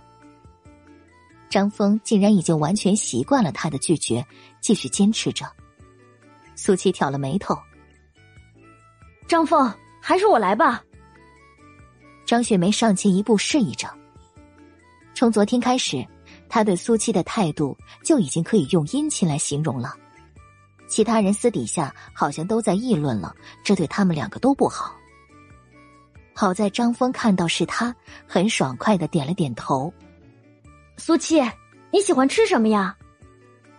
张雪梅也是开心的，至少能帮他做些事情了。鱼、肉、高蛋白的食物，或者猪肝之类的都可以。苏七大大方方的说着：“昨天失血过多，他需要好好补补。”嗯，好。哎，那边有空位，你先去坐吧。叮嘱完，张雪梅兴冲冲的去取餐，而张峰和另外两个男生一起走了过去。张峰，你这两天怎么回事？对苏七这么好，不会是小……第一百七十一集。张峰脚下一个踉跄，差点摔倒。还好身边的男生眼疾手快扶住了他。不过，同时也疑惑了神色，他们就随便问问，他怎么就有这么大的反应呢？张峰用力咳嗽两声，掩饰脸上的异样。你们想象力也太丰富了，不管对苏七还是其他人，我都是一样的。是吗？两个男生几乎异口同声。张峰睁大眼睛，很认真的朝着他们两个看着。不是吗？嗯，呃，就算是吧。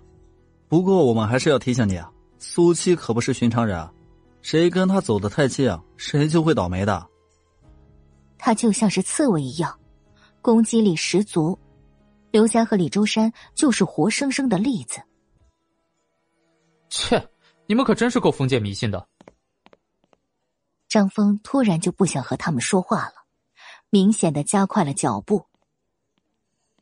苏七，我可以坐这里吗？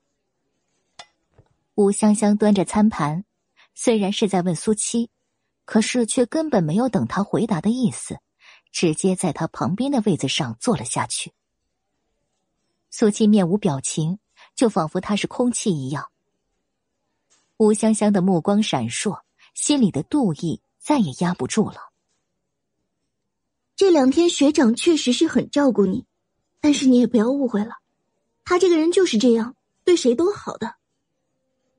苏七淡淡的瞥了他一眼，意味深长：“你这么看我做什么？”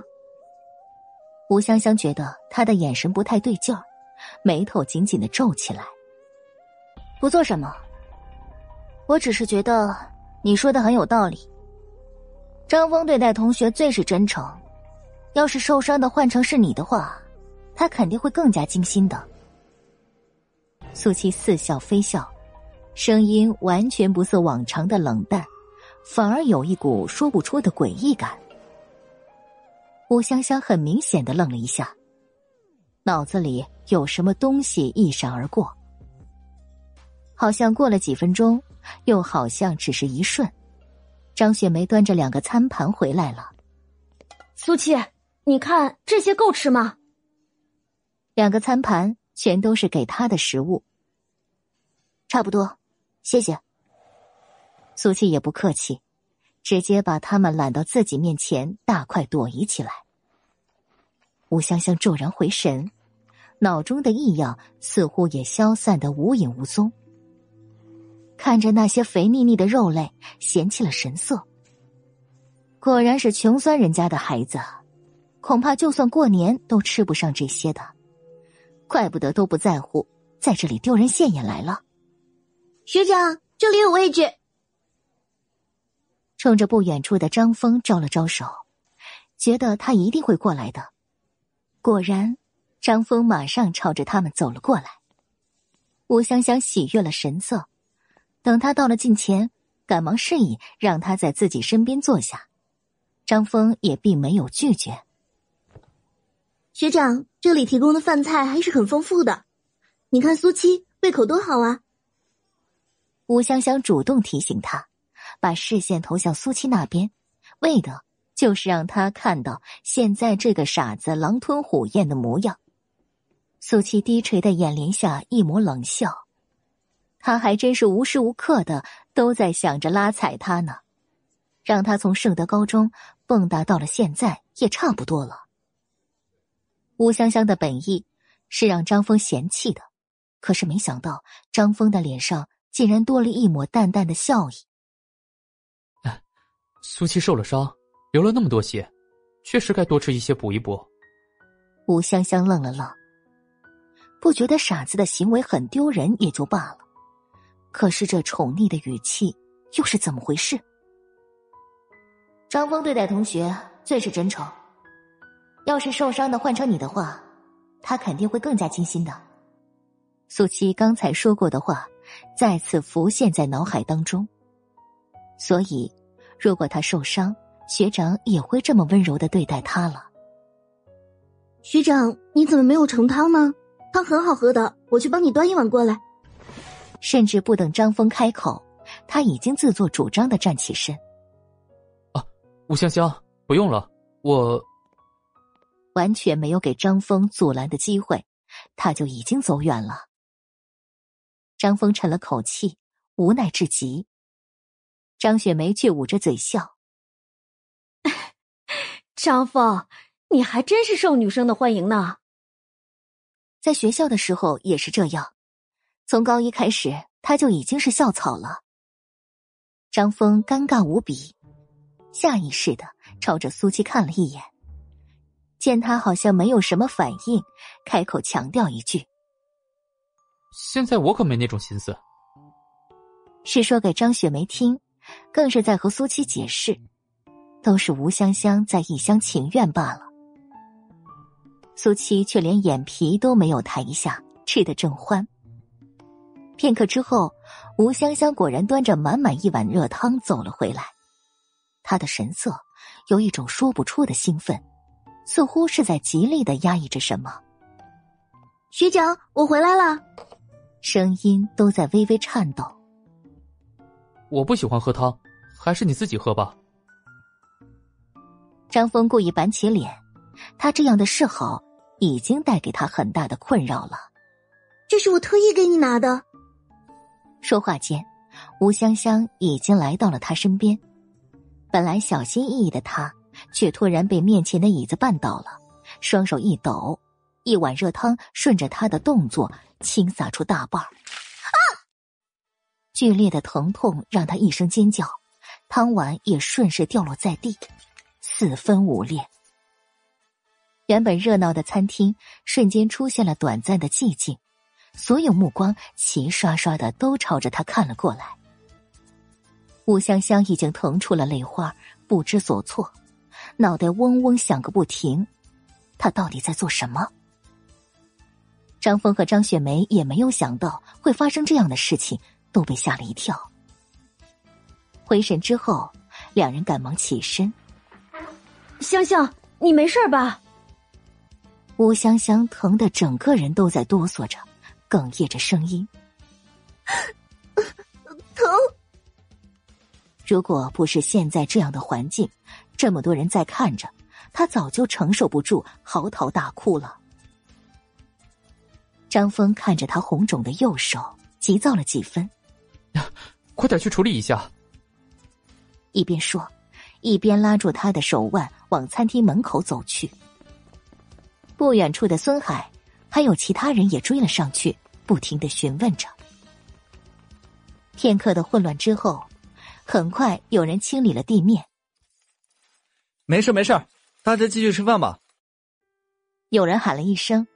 只是一个小意外罢了。几秒钟之后，餐厅里就恢复了秩序，却多了不少议论的声音。苏七却漫不经心的放下手里的筷子，拿起纸巾擦拭嘴角。他可是吃的相当安稳，现在也吃饱了。而现在圣德高中的一行人，也就只有苏七自己还在餐厅里了。订阅评论第一百七十二集。好疼，好疼！整个房间里几乎都是吴香香叫喊的哭声。孙海已经满头是汗了。本来他就不善于处理这种情况，上药的时候已经是格外小心翼翼。可是偏偏他还一点都不懂得忍耐和配合。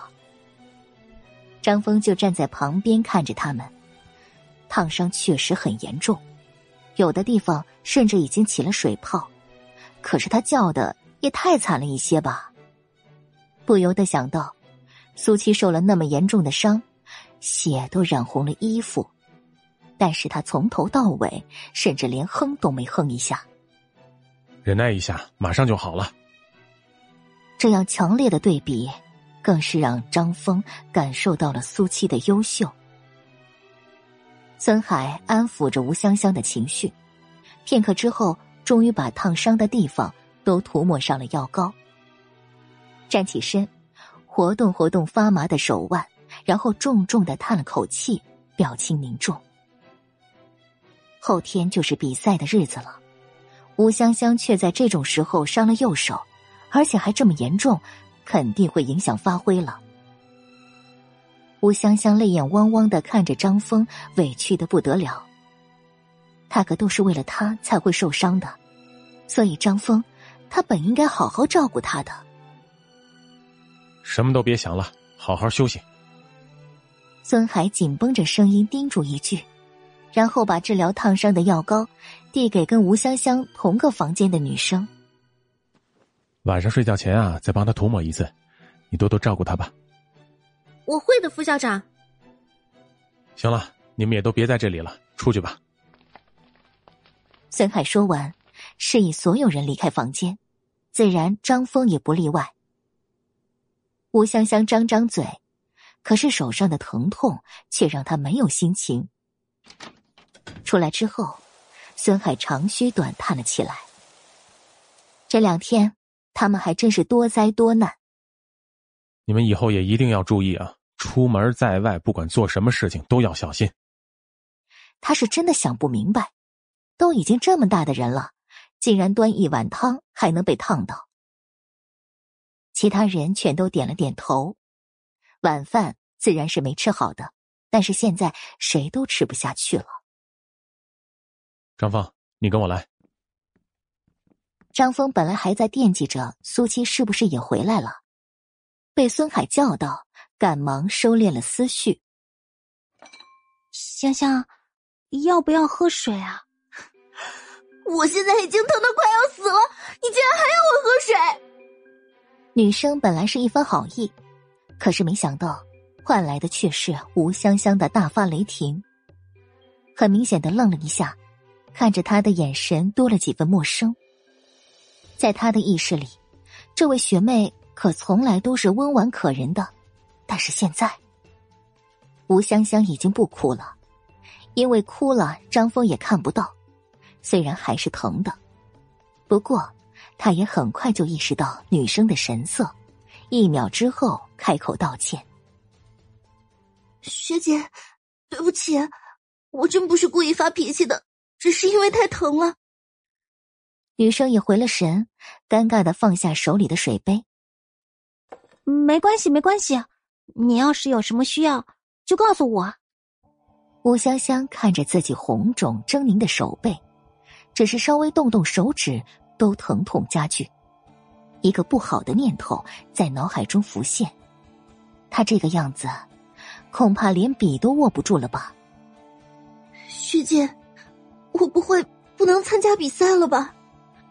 这一刻，他整个人都慌乱起来，意识到了事情的严重性。女生欲言又止，也不好说什么再打击他。或许明天就能好一些。吴香香现在已经后悔的要命了，都怪我自己不好，为什么非要去端这碗汤呢？当时他就好像是魔怔了一样，脑子里空荡荡的，就只有那一个念头。本来也只是想要微微制造一些受伤的迹象。引起张峰的关心的，可是没想到事与愿违，弄巧成拙。女生却很明白是为什么。这一路上，吴香香对张峰的心思，他们可都是看得清清楚楚的。香香，你别想那么多了，睡一觉就好了。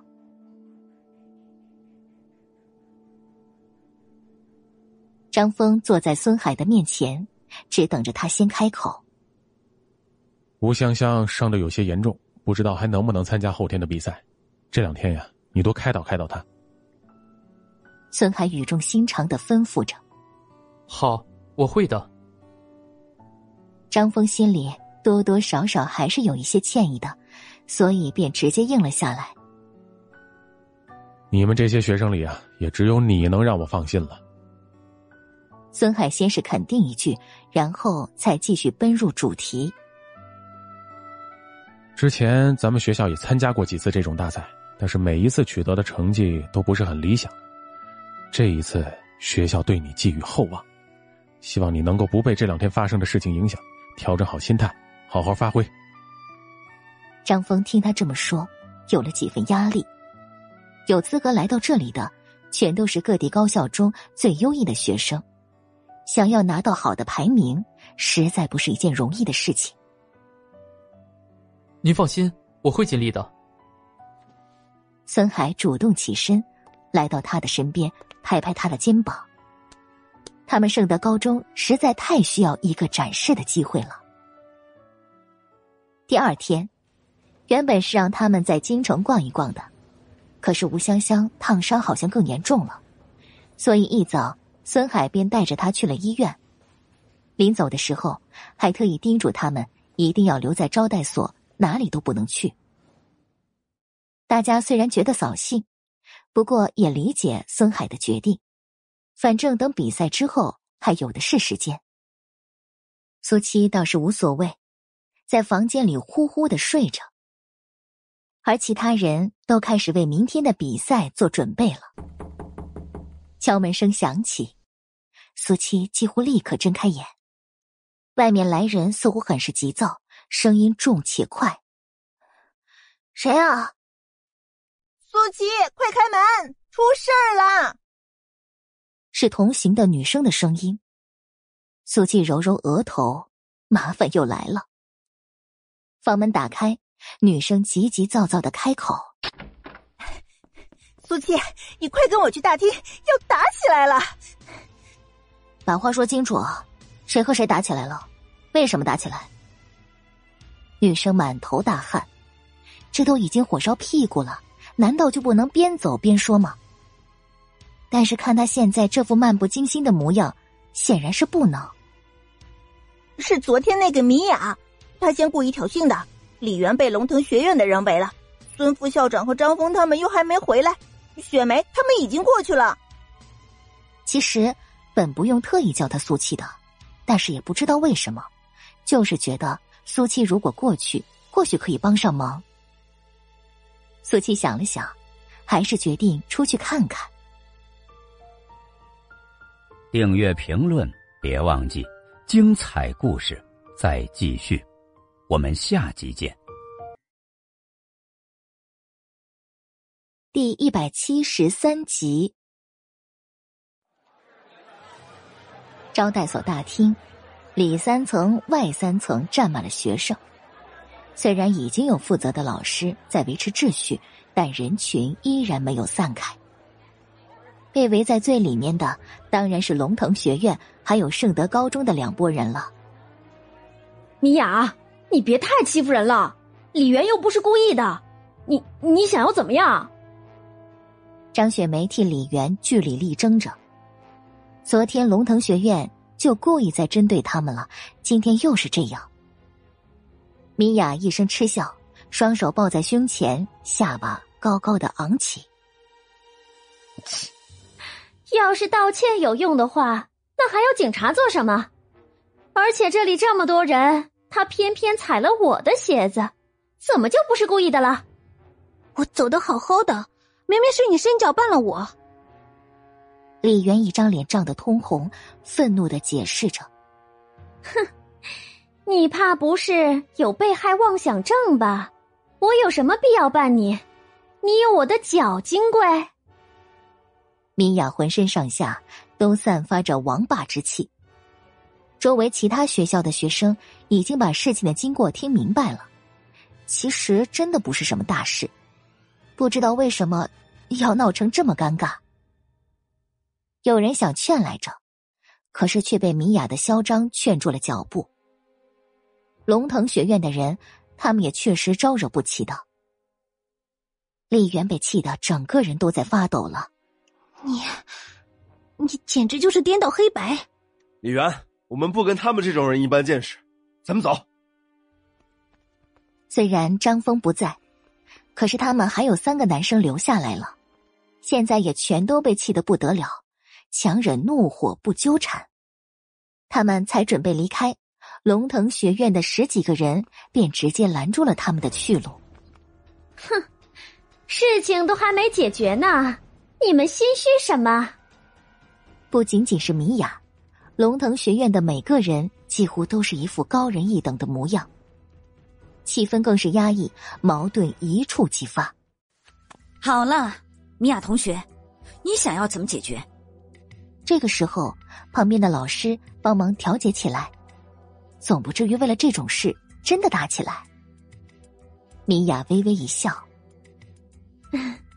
既然老师您都开口了，那我也不说其他的了。只要他把我的鞋擦干净，然后给我道个歉就可以了。”所有人都面面相觑，显然没有想到他的要求竟然如此简单。还没等李元这个当事人说话，老师已经替他答应了。这没问题，李元同学，你踩了米娅同学也是事实，道歉也是应该的。李元紧抿着嘴角，脸色说不出的难看，心里是不想的。但是现在，这里围了这么多人。孙副校长也没在，就连一个可以为他们做主的人都没有。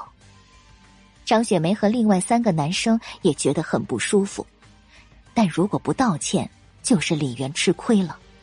好，我道歉，对不起。李媛用尽力气从嗓子眼里硬挤出来最后三个字，可是没想到，米娅竟然故意用手扶着耳朵。做了一个很夸张的倾听的姿势。啊？什么？我没听到。不少人都忍不住在心里唏嘘一声。虽然刚刚李元的声音不算大，但还是可以听清楚的。老师也无奈的叹了口气，只得又给他使了个眼色，意思很明白，让他再重新说一遍。李元目光剧烈的闪烁着，垂在身侧的双手紧握成拳。对不起。这一次音量不知道比刚刚大了多少，简直就是震耳欲聋。米娅重新站直了身子，灿烂了笑容。你的道歉呢，我就勉勉强强的收下了。现在只要负责把我脏了的鞋子擦干净。你就可以离开了。李媛僵硬的点了点头，然后就等着他把鞋子脱下来。不仅仅是他，其他人也全都是同样的想法。几秒钟的寂静之后，米娅非但没有任何动作，反而脸上浮现了一抹不耐烦。哎，你还愣着做什么呀？快过来呀！我可没时间在这里跟你磨磨唧唧的。李元和所有人都愣了愣，所以他的意思是，米娅见他似乎不懂，主动把脚伸了出去，周围顿时一片哗然。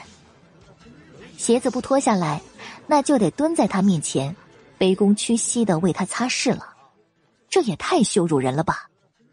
米娅同学，这不太好吧？就连老师都看不下去了。这不是刚刚老师同意了的吗？我已经是看在您的面子上了，不然他可是别想轻易的离开。米娅虽然在笑，可是那抹笑意却讥讽无比。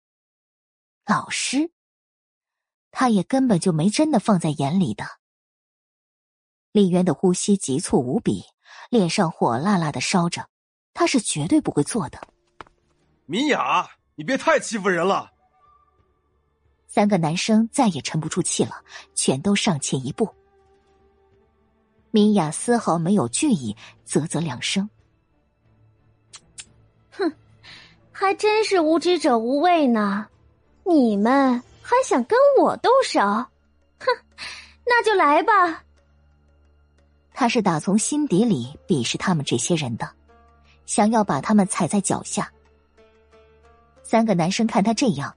反而有了迟疑，虽然不知道他的身份，但能让龙腾的其他学生这样簇拥，已经说明很多问题了。而且他们竟然都不动手，他们又能怎么在大庭广众之下真的去群殴一个女生？都冷静！你们以为这里是可以随便肆意妄为的地方吗？谁敢动手，直接取消参赛资格！老师凌厉的声音呵斥着，不让事态继续恶化。三个男生呼吸一致，彼此对看一眼，彻底打消了动手的念头。只要忍一忍就好了。他们是可以退缩的，但是李元这个当事人却不行。此时此刻的他，脸上红的好像要滴出血了。四周那一道道或同情、或八卦、或幸灾乐祸的目光，让他第一次如此深刻的体会到了什么叫做眼神可以杀人。快点啊！大家都很忙的，不就是擦鞋而已吗？龙腾学院的人都兴奋的起哄，好像这样的场景已经见过无数次了。李元承受不住这样的屈辱感，泪水在眼眶中打转，甚至要靠张雪梅支撑着才能站稳身子。我不，不，哼，机会我已经给你了，是你自己不要的。米娅阴鸷了眼眸。已经开始活动自己的手腕了。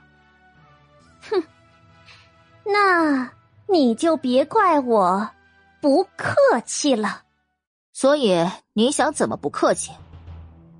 他的话音刚落，还不等行动，人群外另一道声音便接上，不急不缓，却掷地有声。爆点击，快订阅。第一百七十四集，人群呼啦啦自动让开一条道路，所有人的视线齐刷刷的寻找着是谁在说话，就连米娅也不例外。张雪梅他们显然更快的意识到了什么，惊愕了神色。苏七迈着脚步，不急不缓的向正中央走去。四周却已经一片窃窃私语。他也是圣德高中的人吧？竟然还想要为自己同学出头吗？明雅挑了挑眉头，对苏七印象全无。其实也不怪他。昨天他和张峰对话的时候，苏七远远在后面，确实是让人可以忽视的存在。苏七，你怎么来了？张雪梅第一个回了神，脸上更是急躁了几分。她身上可是还有伤呢，而且现在这样的情况，恐怕就算是孙副校长他们在，都没办法很好的解决了。李元强忍着泪水，同样也很意外，实在没想到苏七会过来替他说话。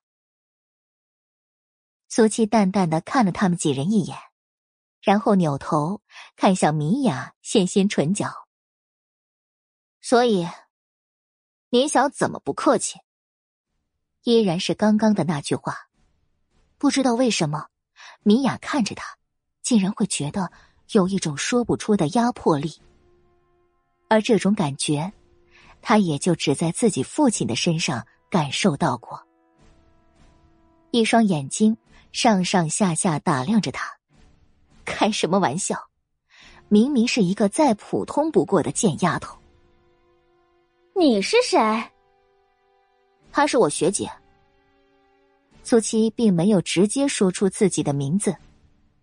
米娅嗤笑一声，她笑了。龙腾其他学生也跟着笑起来。好啊，既然你问我，那我就回答你。我让他为我擦干净鞋子，他不肯，那我当然要用自己的方法解决这件事情了。其实也没打算怎么样他，充其量也就是一巴掌罢了。米娅笑够了，冷酷了表情，看着苏七的眼神挑衅意味十足。苏七刚才在后面已经听得清清楚楚了，低下视线。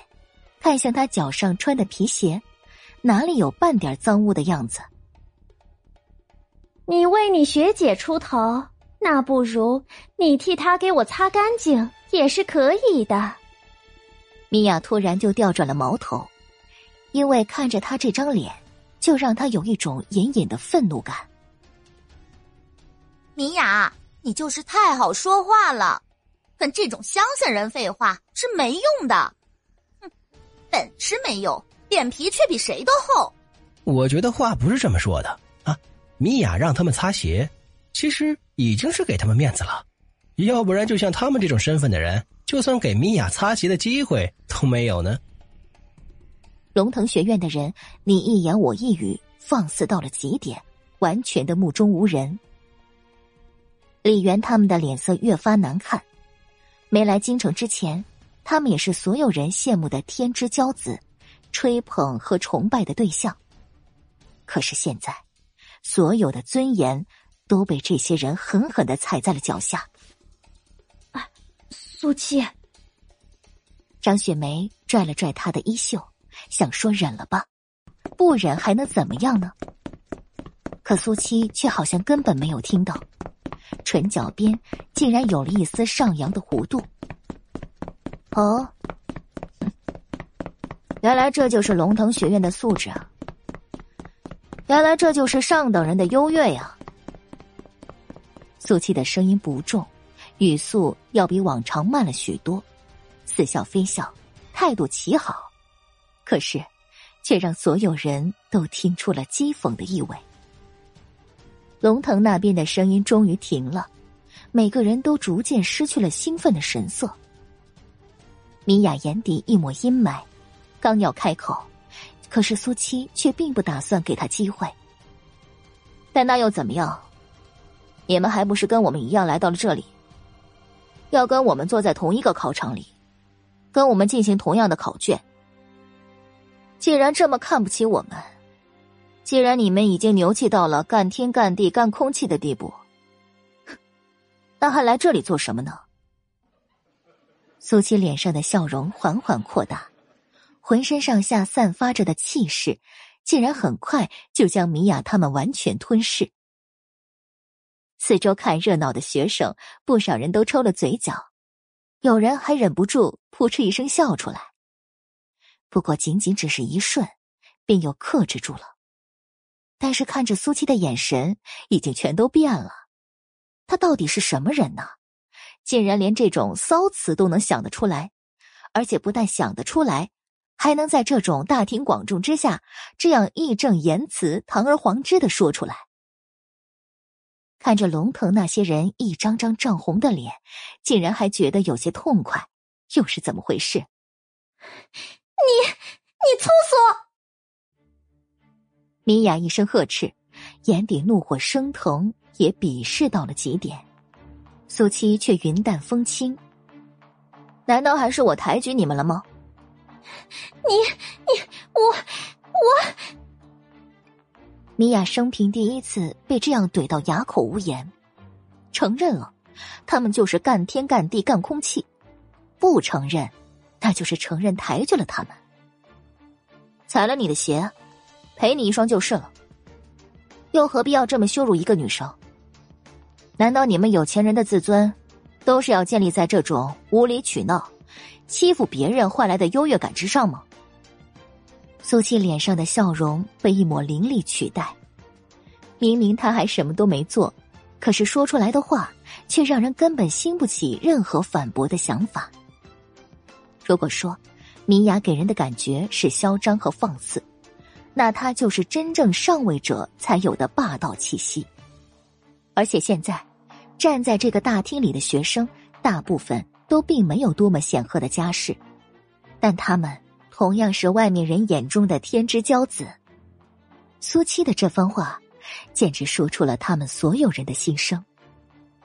有钱有势确实了不起，如果龙腾这些人才能够从出生开始就赢在起跑线上，但那也不意味着他们会差的。莫欺少年穷。李元、张雪梅他们的目光晃得厉害，胸腔里仿佛有一团火焰在燃烧着。之前的怯懦，顷刻间消失的荡然无存。每个人都挺直了脊梁，坚定的目光站在苏七身侧。局面就这样被苏七强势的逆转了。米娅从来都没有想过，有一天会被同龄人这样训斥，紧抿着嘴角。脸上一阵红，一阵白，一阵绿。可是他踩了我。踩了你的鞋子，给你道了歉还过不去，替你擦一擦也应当。但是不是请你稍微抬一抬你那只自以为很高贵的脚，把鞋子脱下来？说白了，你不过只是想要享受一下他在你面前低头俯身的卑微罢了，还要打人耳光？人家父母都不舍得打，你又算是什么东西？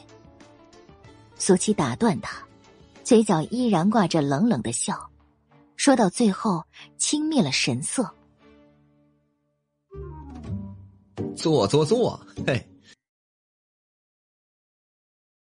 第一百七十五集，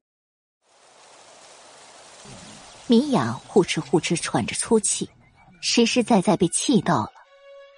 特别是四周的这些学生，都对他一副颇有微词不满的模样，更是让他怒火中烧。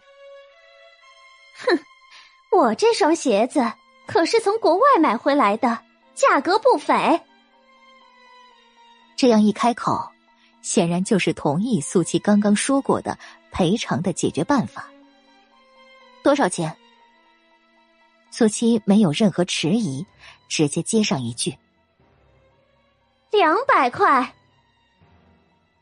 米娅说出鞋子的价格之后，高傲了神色，视线在四周扫过一圈不少人都已经惊愕的睁大了眼睛。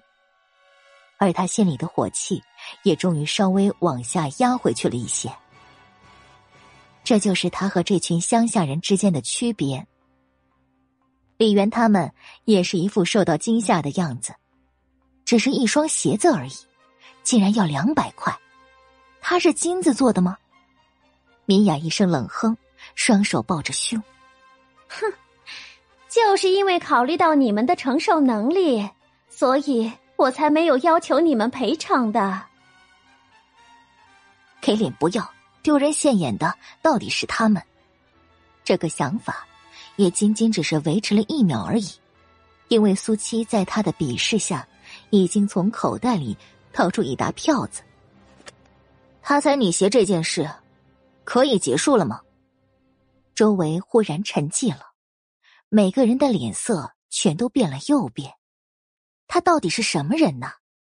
竟然能够随随便便就掏出这么大的一笔钱，替自己的同学摆平麻烦。就连米娅都很明显的愣了一下，难以置信。难道是他看错了吗？其实这个让他觉得讨厌的女生也有来历。事到如今，就算他想要反悔，也是断然不可能了。我，就给老师。和所有人一个面子。虽然心有不甘，但还是向身边的女生示意着接过钱。我们走，反正他们还要在这里住上几天，以后未必就没有机会。米娅已经在心里打定了主意。苏七的声音却再次响起来：“等等，我让你们走了吗？”所有人都愣了。不是已经解决完了吗？他还要做什么？米娅的两条眉毛直接拧成了麻花一样，对苏七敌意十足。苏七的神色很是轻松，一双眼睛从上到下，最后落在了他脚上那双鞋上。钱我已经如数给你了，难道你不应该把鞋子给我吗？啊？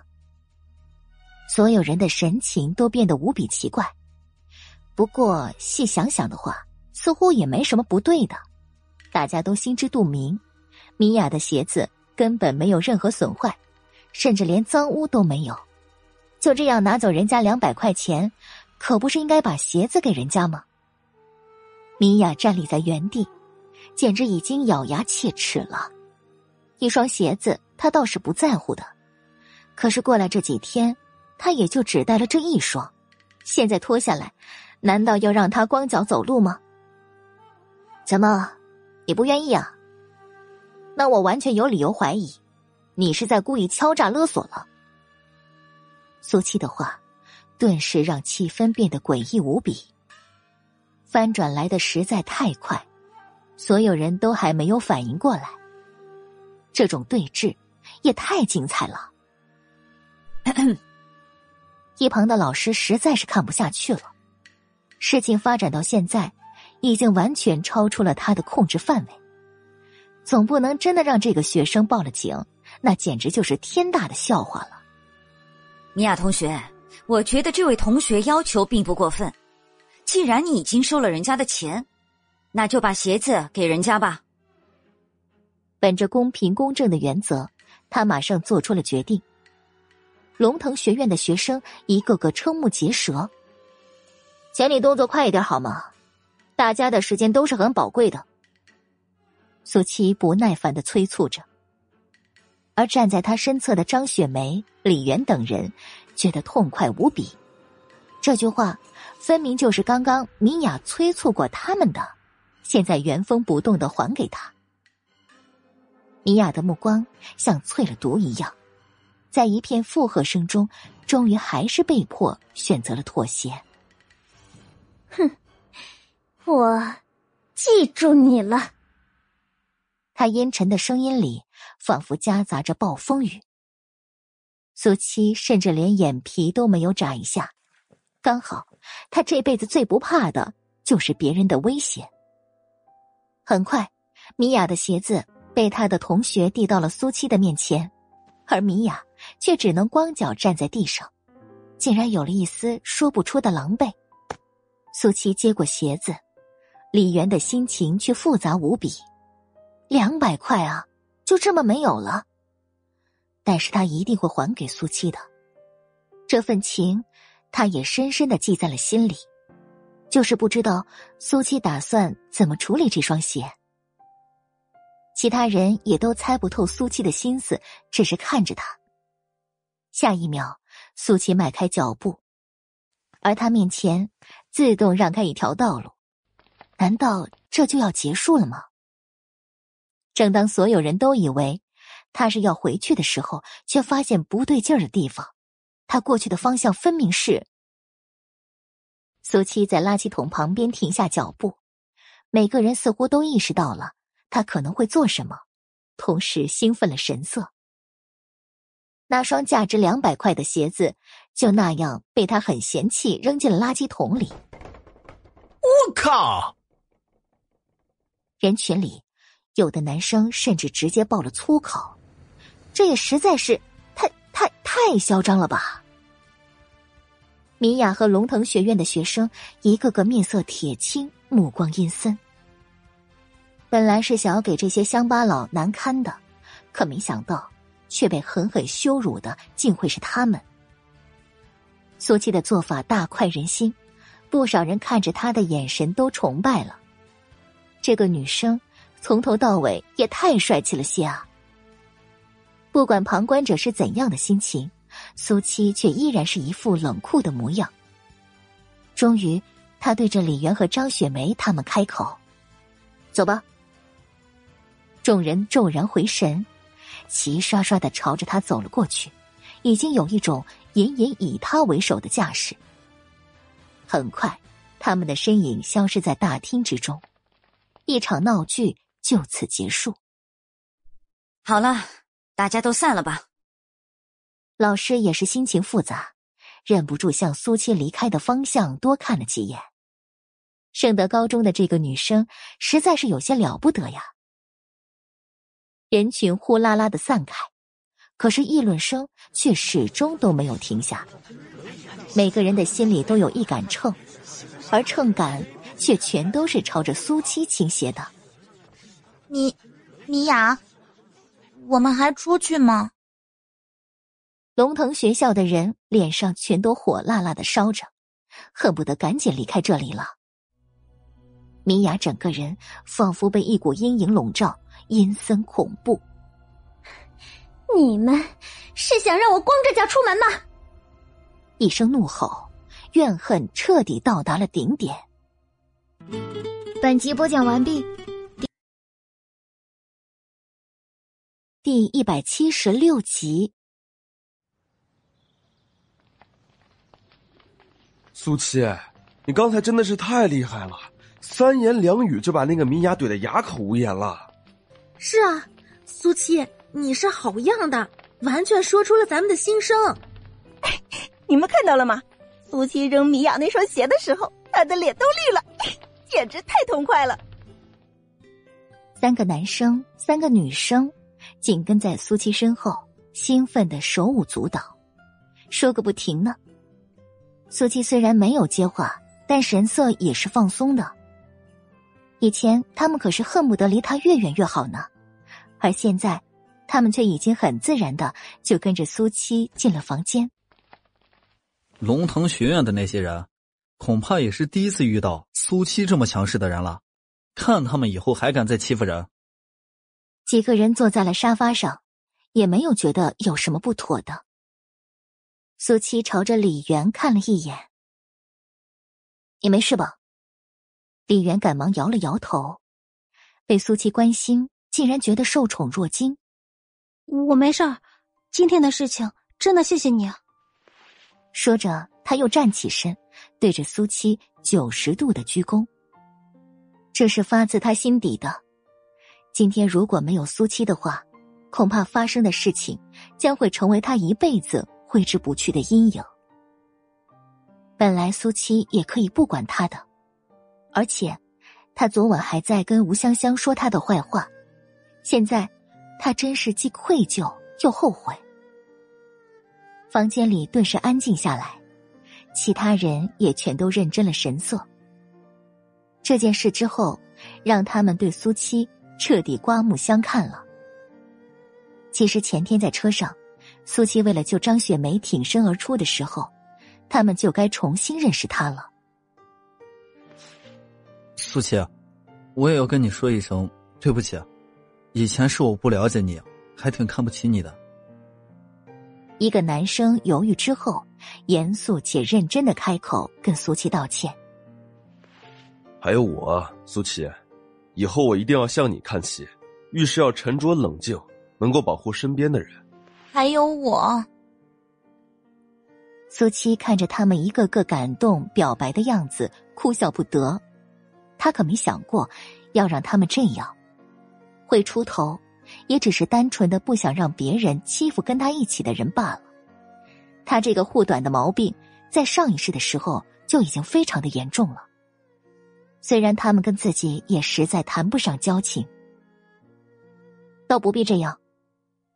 以后不要互相干扰就好。他最不喜欢应付太多的人情世故。可是这一次，苏七得罪了米娅他们那些人。以后会不会有麻烦呢？他们看起来可不像是会轻易善罢甘休的。冷静下来之后，张雪梅反而多了几分担心。李元他们也都愣住了。苏七笑起来：“哼，我一不贪赃，二不枉法，怕他做什么？再说比赛完了，我们回去，跟他们各奔东西，他们还能手眼通天不成？”苏七轻松的语气是实实在在没有把米娅放在心里。几个人面面相觑，竟然觉得很有道理。突然觉得，好像不管什么事情，在苏七这里就都不算事了。这个时候，敲门声响起来，打断所有人的思绪。片刻之后，房门打开，是孙海他们回来了。孙副校长，张峰。你们可回来了！开门的男生看到他们喜出望外。孙海、张峰和吴香香看到他们竟然全都在这里，才是意外。怪不得其他房间里一个人都没有。你们怎么都在苏七房间？先开口的不是孙海，而是张峰。说完，他马上就走了进去，瞬间担心苏七是不是又出了什么事情。孙海和吴香香紧随其后。吴香香脸色很不好看，因为医生为她处理伤口的时候，已经很明确的告诉她，明天右手是肯定不能正常握笔的。在回来的路上，孙海的意思也是让他不要勉强比赛，但是他却拒绝了，坚持一定要参加，毕竟这是他过来的目的。房间里的人都站起身来。孙副校长是这样的，刚才李元在大厅跟龙腾学院的那些人起了冲突，多亏了苏七及时出面帮忙解决的。张雪梅开口解释起来：“发生这么大的事情，肯定瞒不住的。”孙海、张峰脸色齐齐变。龙腾学院啊，苏七，你没事吧？两人几乎同时开口，可是关注点却完全不同。啊，孙副校长，你们别急，事情的经过是这样的。张雪梅从头到尾讲起来，几分钟之后，终于把整个经过全都叙述清楚了。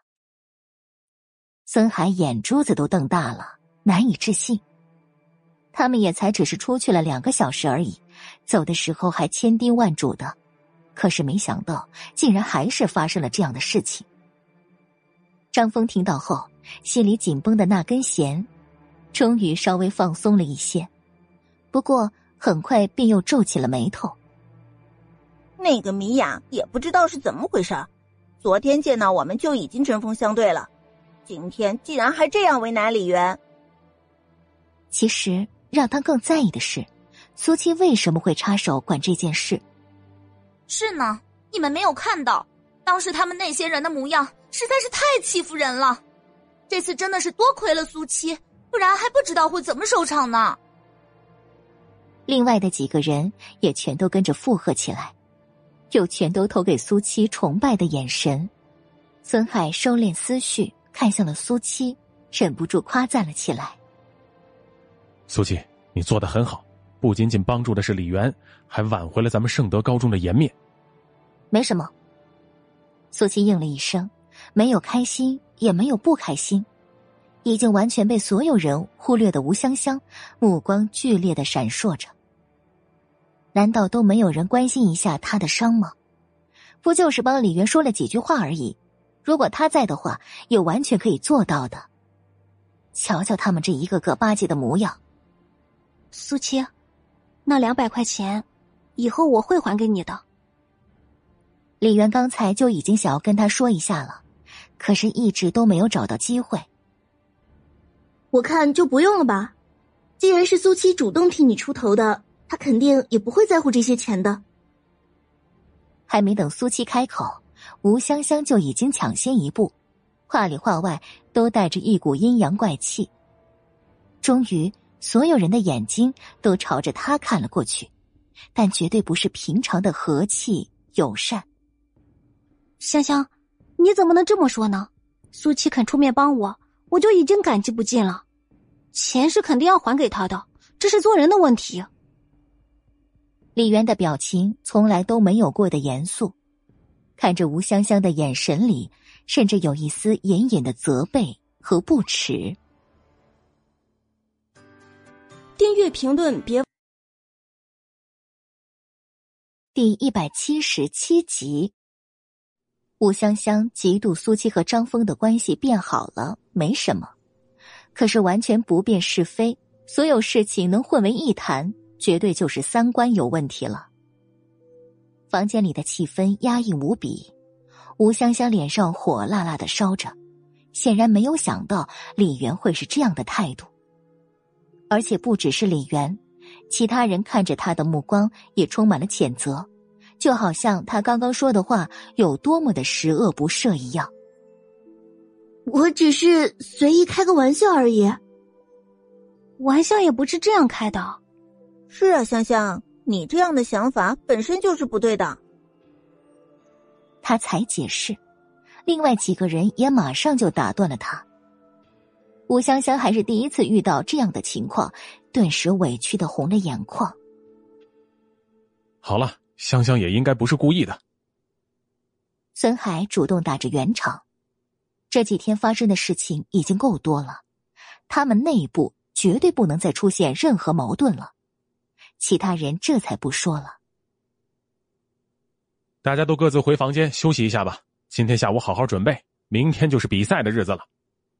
孙海说到这里，重新看向了苏七，特意叮嘱了一句：“下午你自己千万不要出房间了。毕竟得罪了龙腾学院的那些学生，能避开尽量还是要避开的好。”苏七点点头，不置可否。很快，大家离开了苏七的房间，除了张峰之外。你怎么还不走？苏七现在看到他，都觉得有些头疼。你的伤真的没事吧？张峰言语之间全是关心，虽然已经知道他们并没有发生肢体冲突，但却还是不放心，再次跟苏七确定着。你看我像有事的样子吗？苏七一声反问，张峰笑了起来，彻底放松了。啊，那就好。就在苏七觉得他总该离开的时候，他却又开口了。吴香香的伤有些严重，是肯定会影响发挥的，所以你绝对不能再出问题了。苏七目光闪烁，脸上似乎多了一抹愉悦的神情，不过也仅仅只是一瞬，快到让张峰觉得是自己看错了。他明天还要参加。苏七主动关心着，张峰点点头。他很坚持。我知道了。你可以走了。苏七完全一副命令的口吻，本来应该让人反感的语气，可是从他的嘴里说出来，却让人觉得那么理所当然。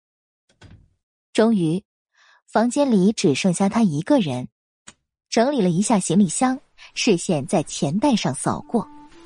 这次出行，他确实带了一笔钱的，但是给米娅的二百块可不是他自己的。而是之前从那个劫匪身上得来的，所以也不算是多大的损失。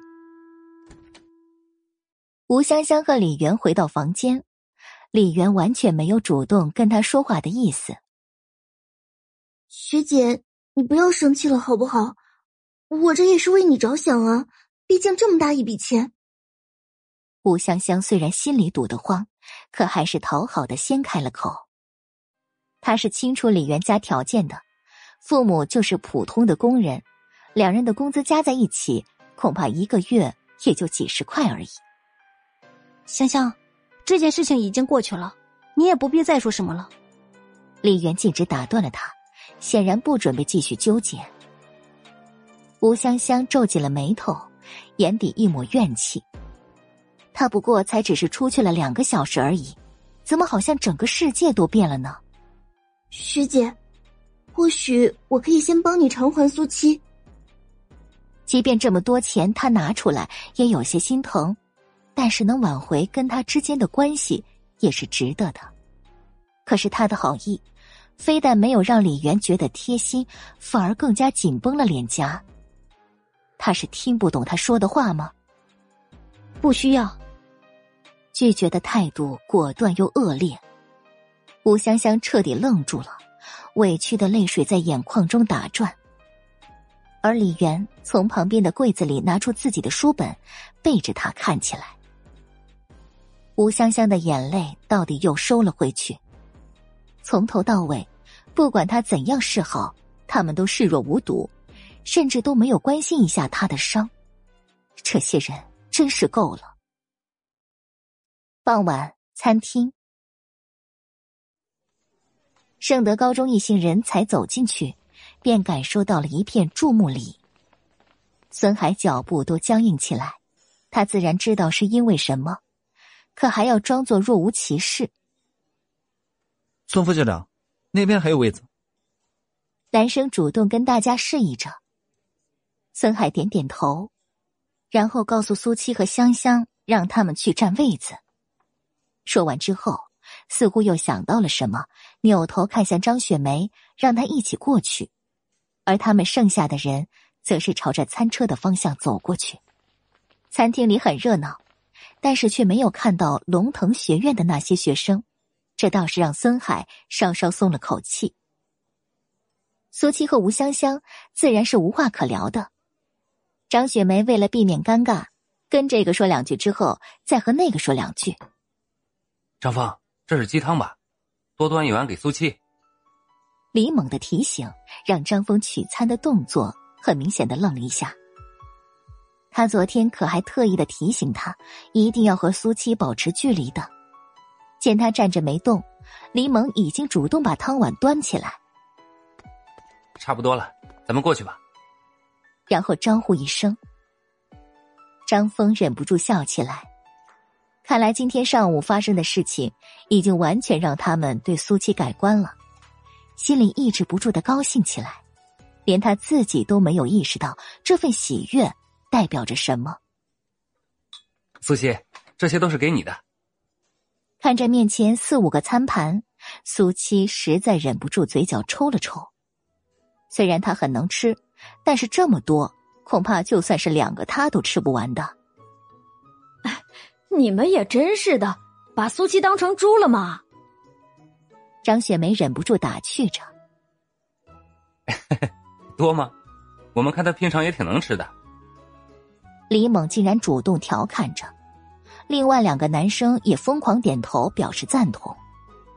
不过苏七确实太瘦了，多吃点没什么坏处，吃不完的给我就好了。李元随口附和着。饭桌上的气氛轻松又欢乐，苏七看着他们，眼底一抹笑意，转瞬即逝。还是挺有意思的。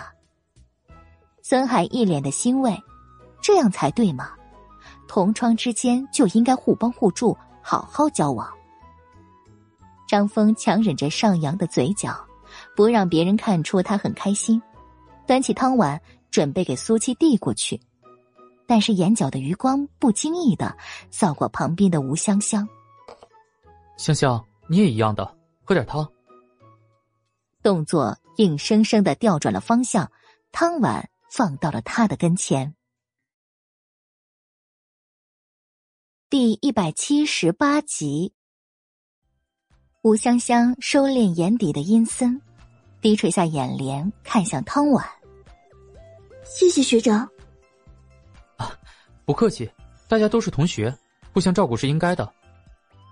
不知道是有心还是无意，张峰说的时候声音似乎比往常要重一些。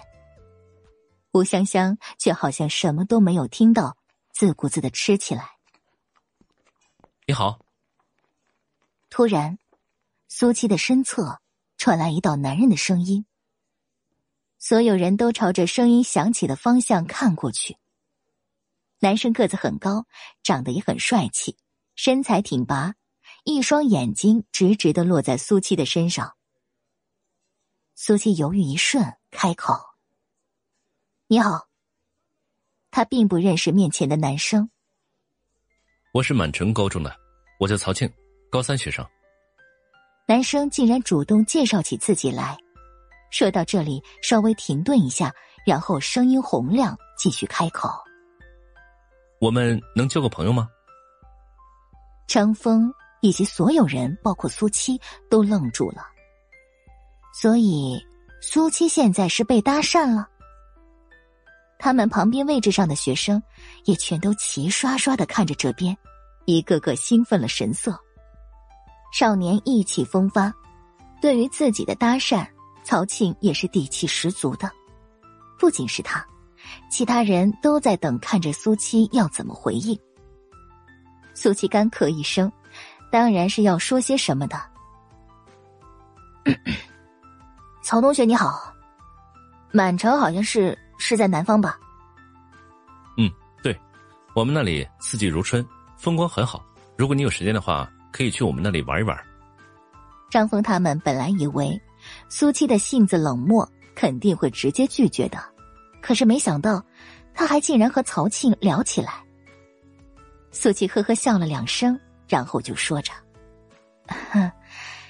交朋友可以啊，以后如果有机会，去你们那边会找你的。”张雪梅他们都有些傻了，他这算是答应了吗？曹庆灿烂了笑容：“ 那可以留联系方式吗？”苏七为难了神色，这个恐怕不行，因为我没有联系方式。不过，你以后可以过来盛德找我。曹庆虽然有些失望，但还是礼貌的点了点头，毕竟这是一个好的开始。哦，我就住在三楼的三零五房间，这几天你有什么需要的话，都可以来找我，我很乐意为你帮忙。谢谢。苏七落落大方的道谢。又简单聊过几句之后，曹庆主动离开了。他转头准备继续吃饭，可是却发现一桌子人全都用一种很奇怪的眼神看着他。怎么了？你还是苏七吧？李猛问出一个让他啼笑皆非的问题。不然呢？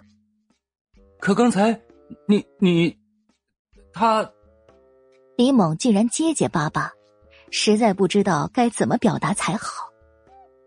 原来苏七也能这么和和气气的跟陌生人接触，怎么在学校的时候，他都是那么一副谁都别招惹我的冷漠样子呀？人家只是说交个朋友而已，难道苏七就要说不行？而且离开这里之后，见面的几率还能有多少？解释的不是苏七，而是张峰。他确实没有什么意外，毕竟之前在警察局的时候。苏七就已经表现出自己的多面性了，现在这样也不足为奇。其余人听得连连点头，似乎也有道理啊。你好。饭桌上的话音都还没有落下，苏七身后竟然又传来另外一道跟刚刚一模一样的招呼声，这下他们可是全都无法淡定了。真没想到苏七竟然这么受欢迎。一顿饭吃得断断续续，但大家都挺高兴的。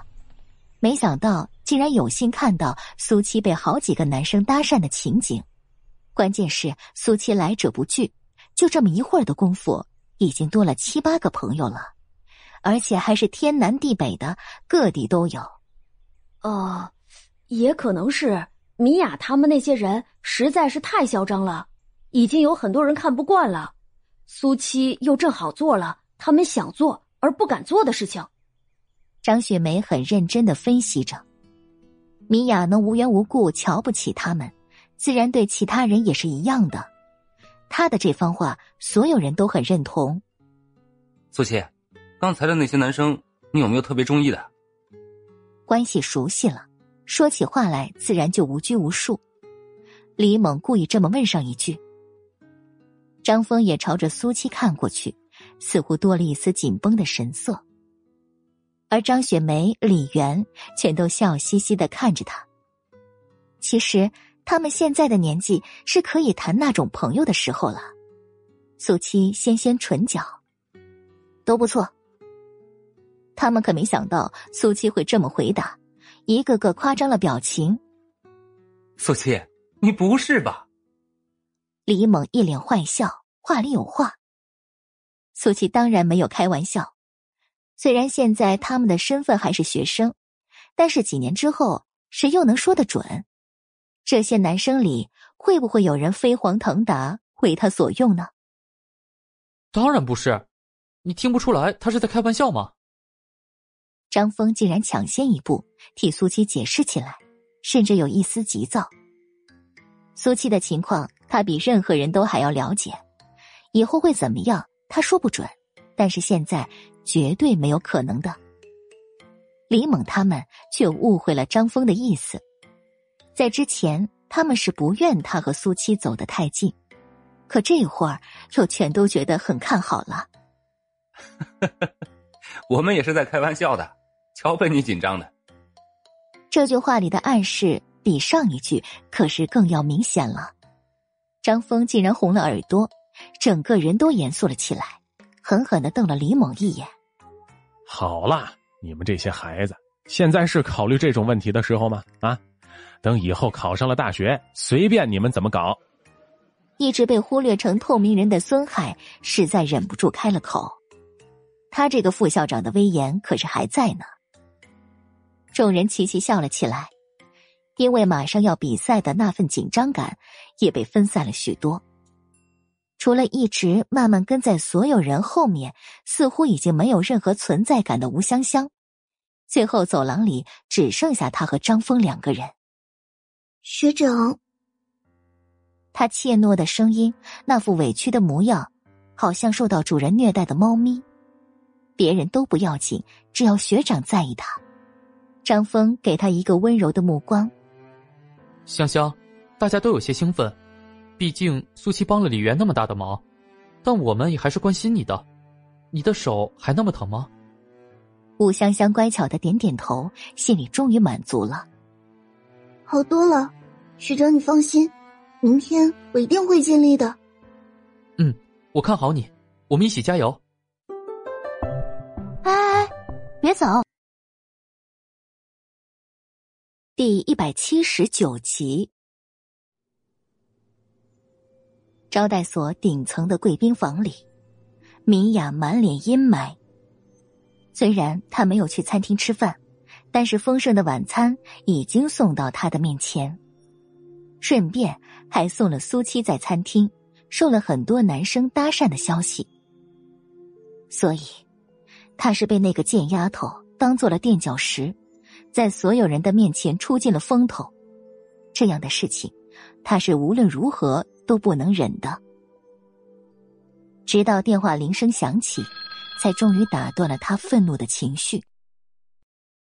宝贝儿，吃饭了没有啊？女人的声音顺着话筒传过来。米娅看了一眼面前的食物，她现在可是没有一点心情的。嗯，刚才吃过了。你的语气怎么是这样的？在那边不开心吗？仅仅只是一句话，对方已经听出了他的情绪。也没什么，只是遇到了一只烦人的臭虫罢了。米娅沉了口气，心里的闷气始终得不到缓解。谁敢招惹我家的小公主啊？本来我就说不愿让你去那边的，偏偏你爸说什么也是一次锻炼的机会。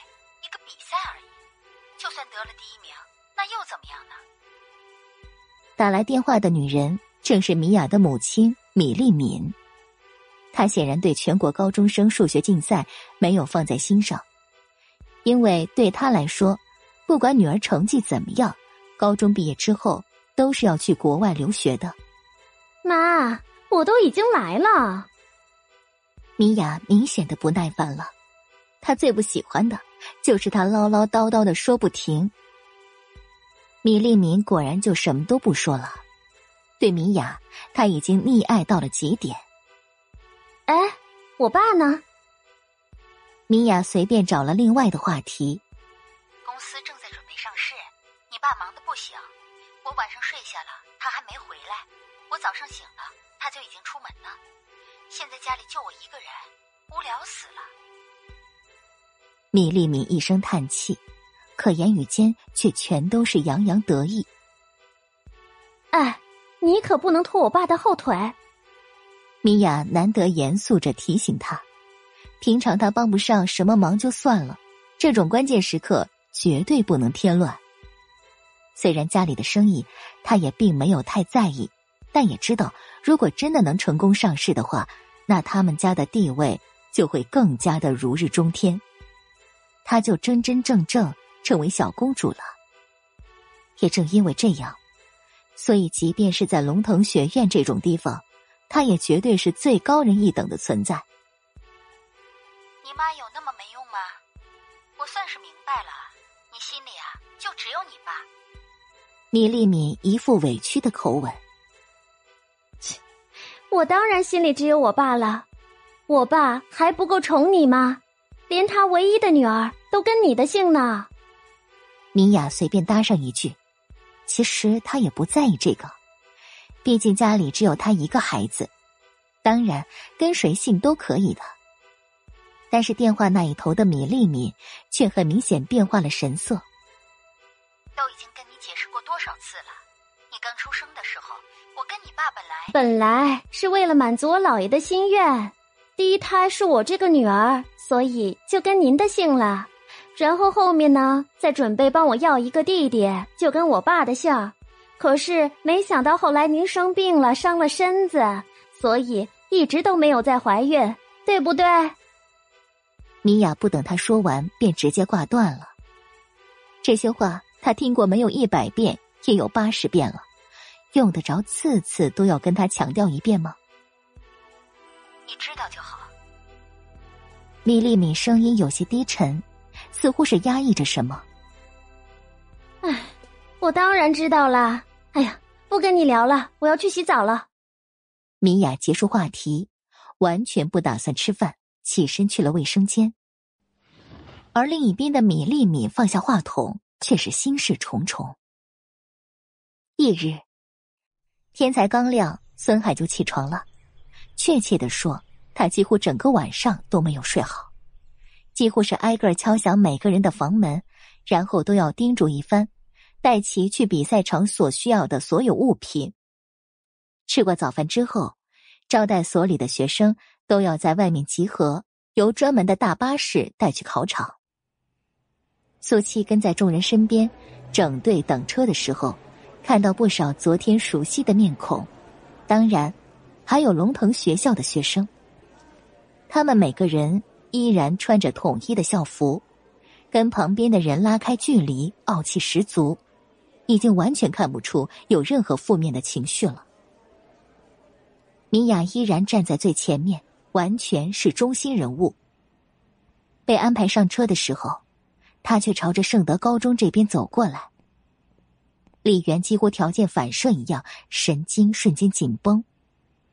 孙海也严肃了表情，甚至已经做好了，如果他再招惹他们，就会去和龙腾老师交涉的准备。龙腾的十几个学生似乎都有些意外，不过马上就跟上他的脚步。周围不管是上车的还是没有上车的学生，全都齐刷刷的朝着他们这边看过来。难道又要闹起来了吗？而负责维持秩序的大赛老师们也都打起精神，留意着米娅的一举一动。不管他是什么样的身份，但是到了这里都要一视同仁。米娅的目标很明确，在距离苏七只有一步之遥的时候停了下来。张峰已经护在苏七的身边，做好了应对他会突然发难的准备。苏七是吧？昨天你可是厉害的很呐，不过伶牙俐齿又算得了什么？哼，敢不敢跟我打个赌啊？米娅并没有什么愤怒的神色，完全恢复了公主般的高傲和不羁。周围的人齐齐诧异，没想到她竟然要和苏七打赌。全国高中数学竞赛，我们的排名。根本不等苏七回答，他就已经继续说了下去。你们圣德高中的九个人，我至少高出你们十个名次，就算我赢。苏七，你嘛，要供我驱使三天，不管我让你做什么都要做。相反，只要随便你们谁能比我高出一个名次，就算你赢了，我供你驱使三天，怎么样？他的视线在张峰他们身上一一扫过，完全的不屑。话音落下，四周一片哗然。他分明是在因为昨天的事情想要报复苏七吧？而且他刚刚说的那些，也简直就是根本没有把圣德高中的人看在眼里呀！十个名次和一次名次，而且他是一对九，就算所有人都知道。龙腾学院的教学是国内高中的顶流，但是有必要这么嚣张吗？米娅自然清楚自己的这番话会带来什么样的效果，这就是她想要的。嘴角微微上扬，似笑非笑，等着苏七点头。第一百八十集。孙海的脸上一片铁青，如果答应的话，那最后的结局很可能是苏七要被这个女生狠狠欺负三天；但不答应，就等于承认了，他们整个圣德高中都不如这个女生一个人。这样的孩子也实在是太可怕了。张峰他们全都是愤怒的，可是却没有谁现在能肯定的说怎么做才是对的。当然，除了吴香香之外，他的一双眼底压抑着扭曲的光。这样的刁难，简直就是他梦寐以求的。一时间，所有人全都齐刷刷的朝着苏七看过去。苏七一如既往的淡定。我为什么要跟你打赌？米娅扑哧一声笑了。切，所以你是知道必输无疑，才不敢答应。完全笃定的语气，充满了讥讽和不屑。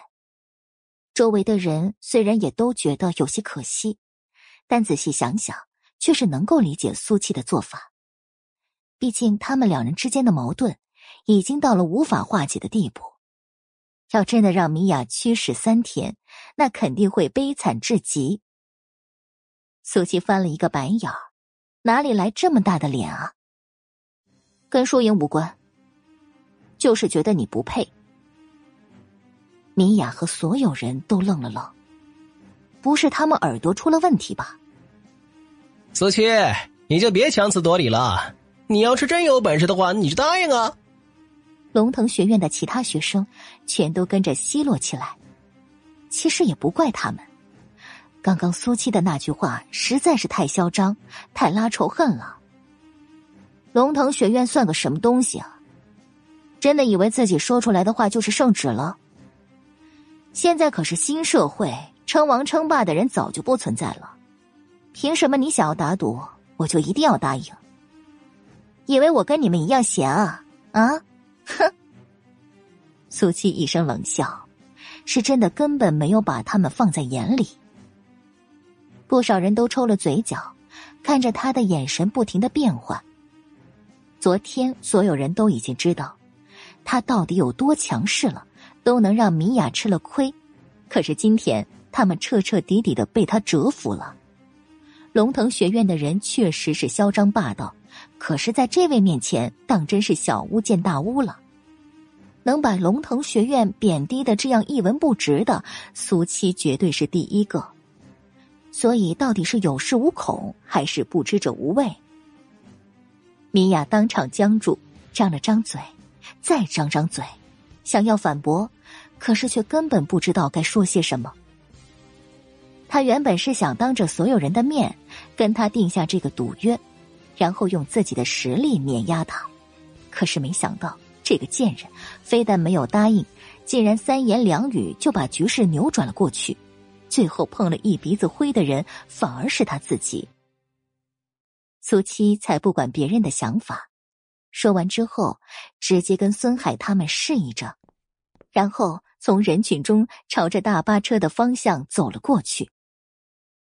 孙海他们足足愣了五秒钟。才终于回过神来，强忍着心里的笑意，快速追上苏七的脚步。本来两难的抉择，可是没想到就这样被轻易的化解了。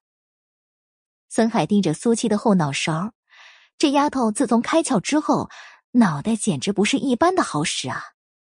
圣德高中的人上了大巴车，外面的学生自然也全都有条不紊的行动起来。不少人在上车之前都朝着龙腾学院这边看着，完全一副幸灾乐祸的模样。米娅已经愤怒难耐，可还是要继续维持不在乎的神色，唯有垂在身侧握紧的拳头、手背上的青筋都已经隐隐约约。上车之后，苏琪选了一个靠窗的位置，一直跟在他身侧的张峰，本来是想要坐在他前面或者是后面的。可李猛却突然撞了他一下，重心不稳，正好就坐在苏七旁边的位置上。苏七，好样的！李猛夸赞一句，然后直接冲着他伸出了大拇指。说完之后，还不忘记对张峰眨眨眼睛。张峰哭笑不得，不过心底还是喜悦的。苏七，刚才我们可都是替你捏着一把汗的，生怕你一时冲动答应了米娅的赌约。既然已经坐在了一起，当然还是要找一个话题的。是啊，这个米娅也太坏了，而且谁给她的自信呢？就一定能够比我们高出十个名次？刚刚坐好的张雪梅也忍不住跟着附和，声音愤怒。坐在最前面的孙海，先是朝众人打量一眼，确定所有人都已经上车之后，然后才开口说。龙腾学院的师资确实很不错，不然的话，这个学校也不会在国内名列前茅了。而且，如果我没记错的话，上一届全国高中生数学竞赛，他们学校分别取得了全国第五、第七和第十二的好成绩。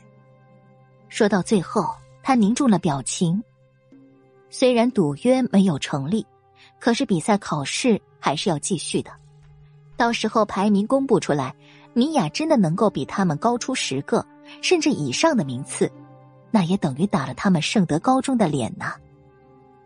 这一趟本来是想要低调完成比赛，然后他们哪怕能够进入前三十的排名，都已经是很好的成绩了。可是没想到现在，圣德高中的所有人都沉默了。他的意思，他们自然全都听明白了。所以米娅确实有那样的实力，因为车里还有其他学校的学生，所以他们也不好再说些什么，各怀心思。气氛严肃而紧绷。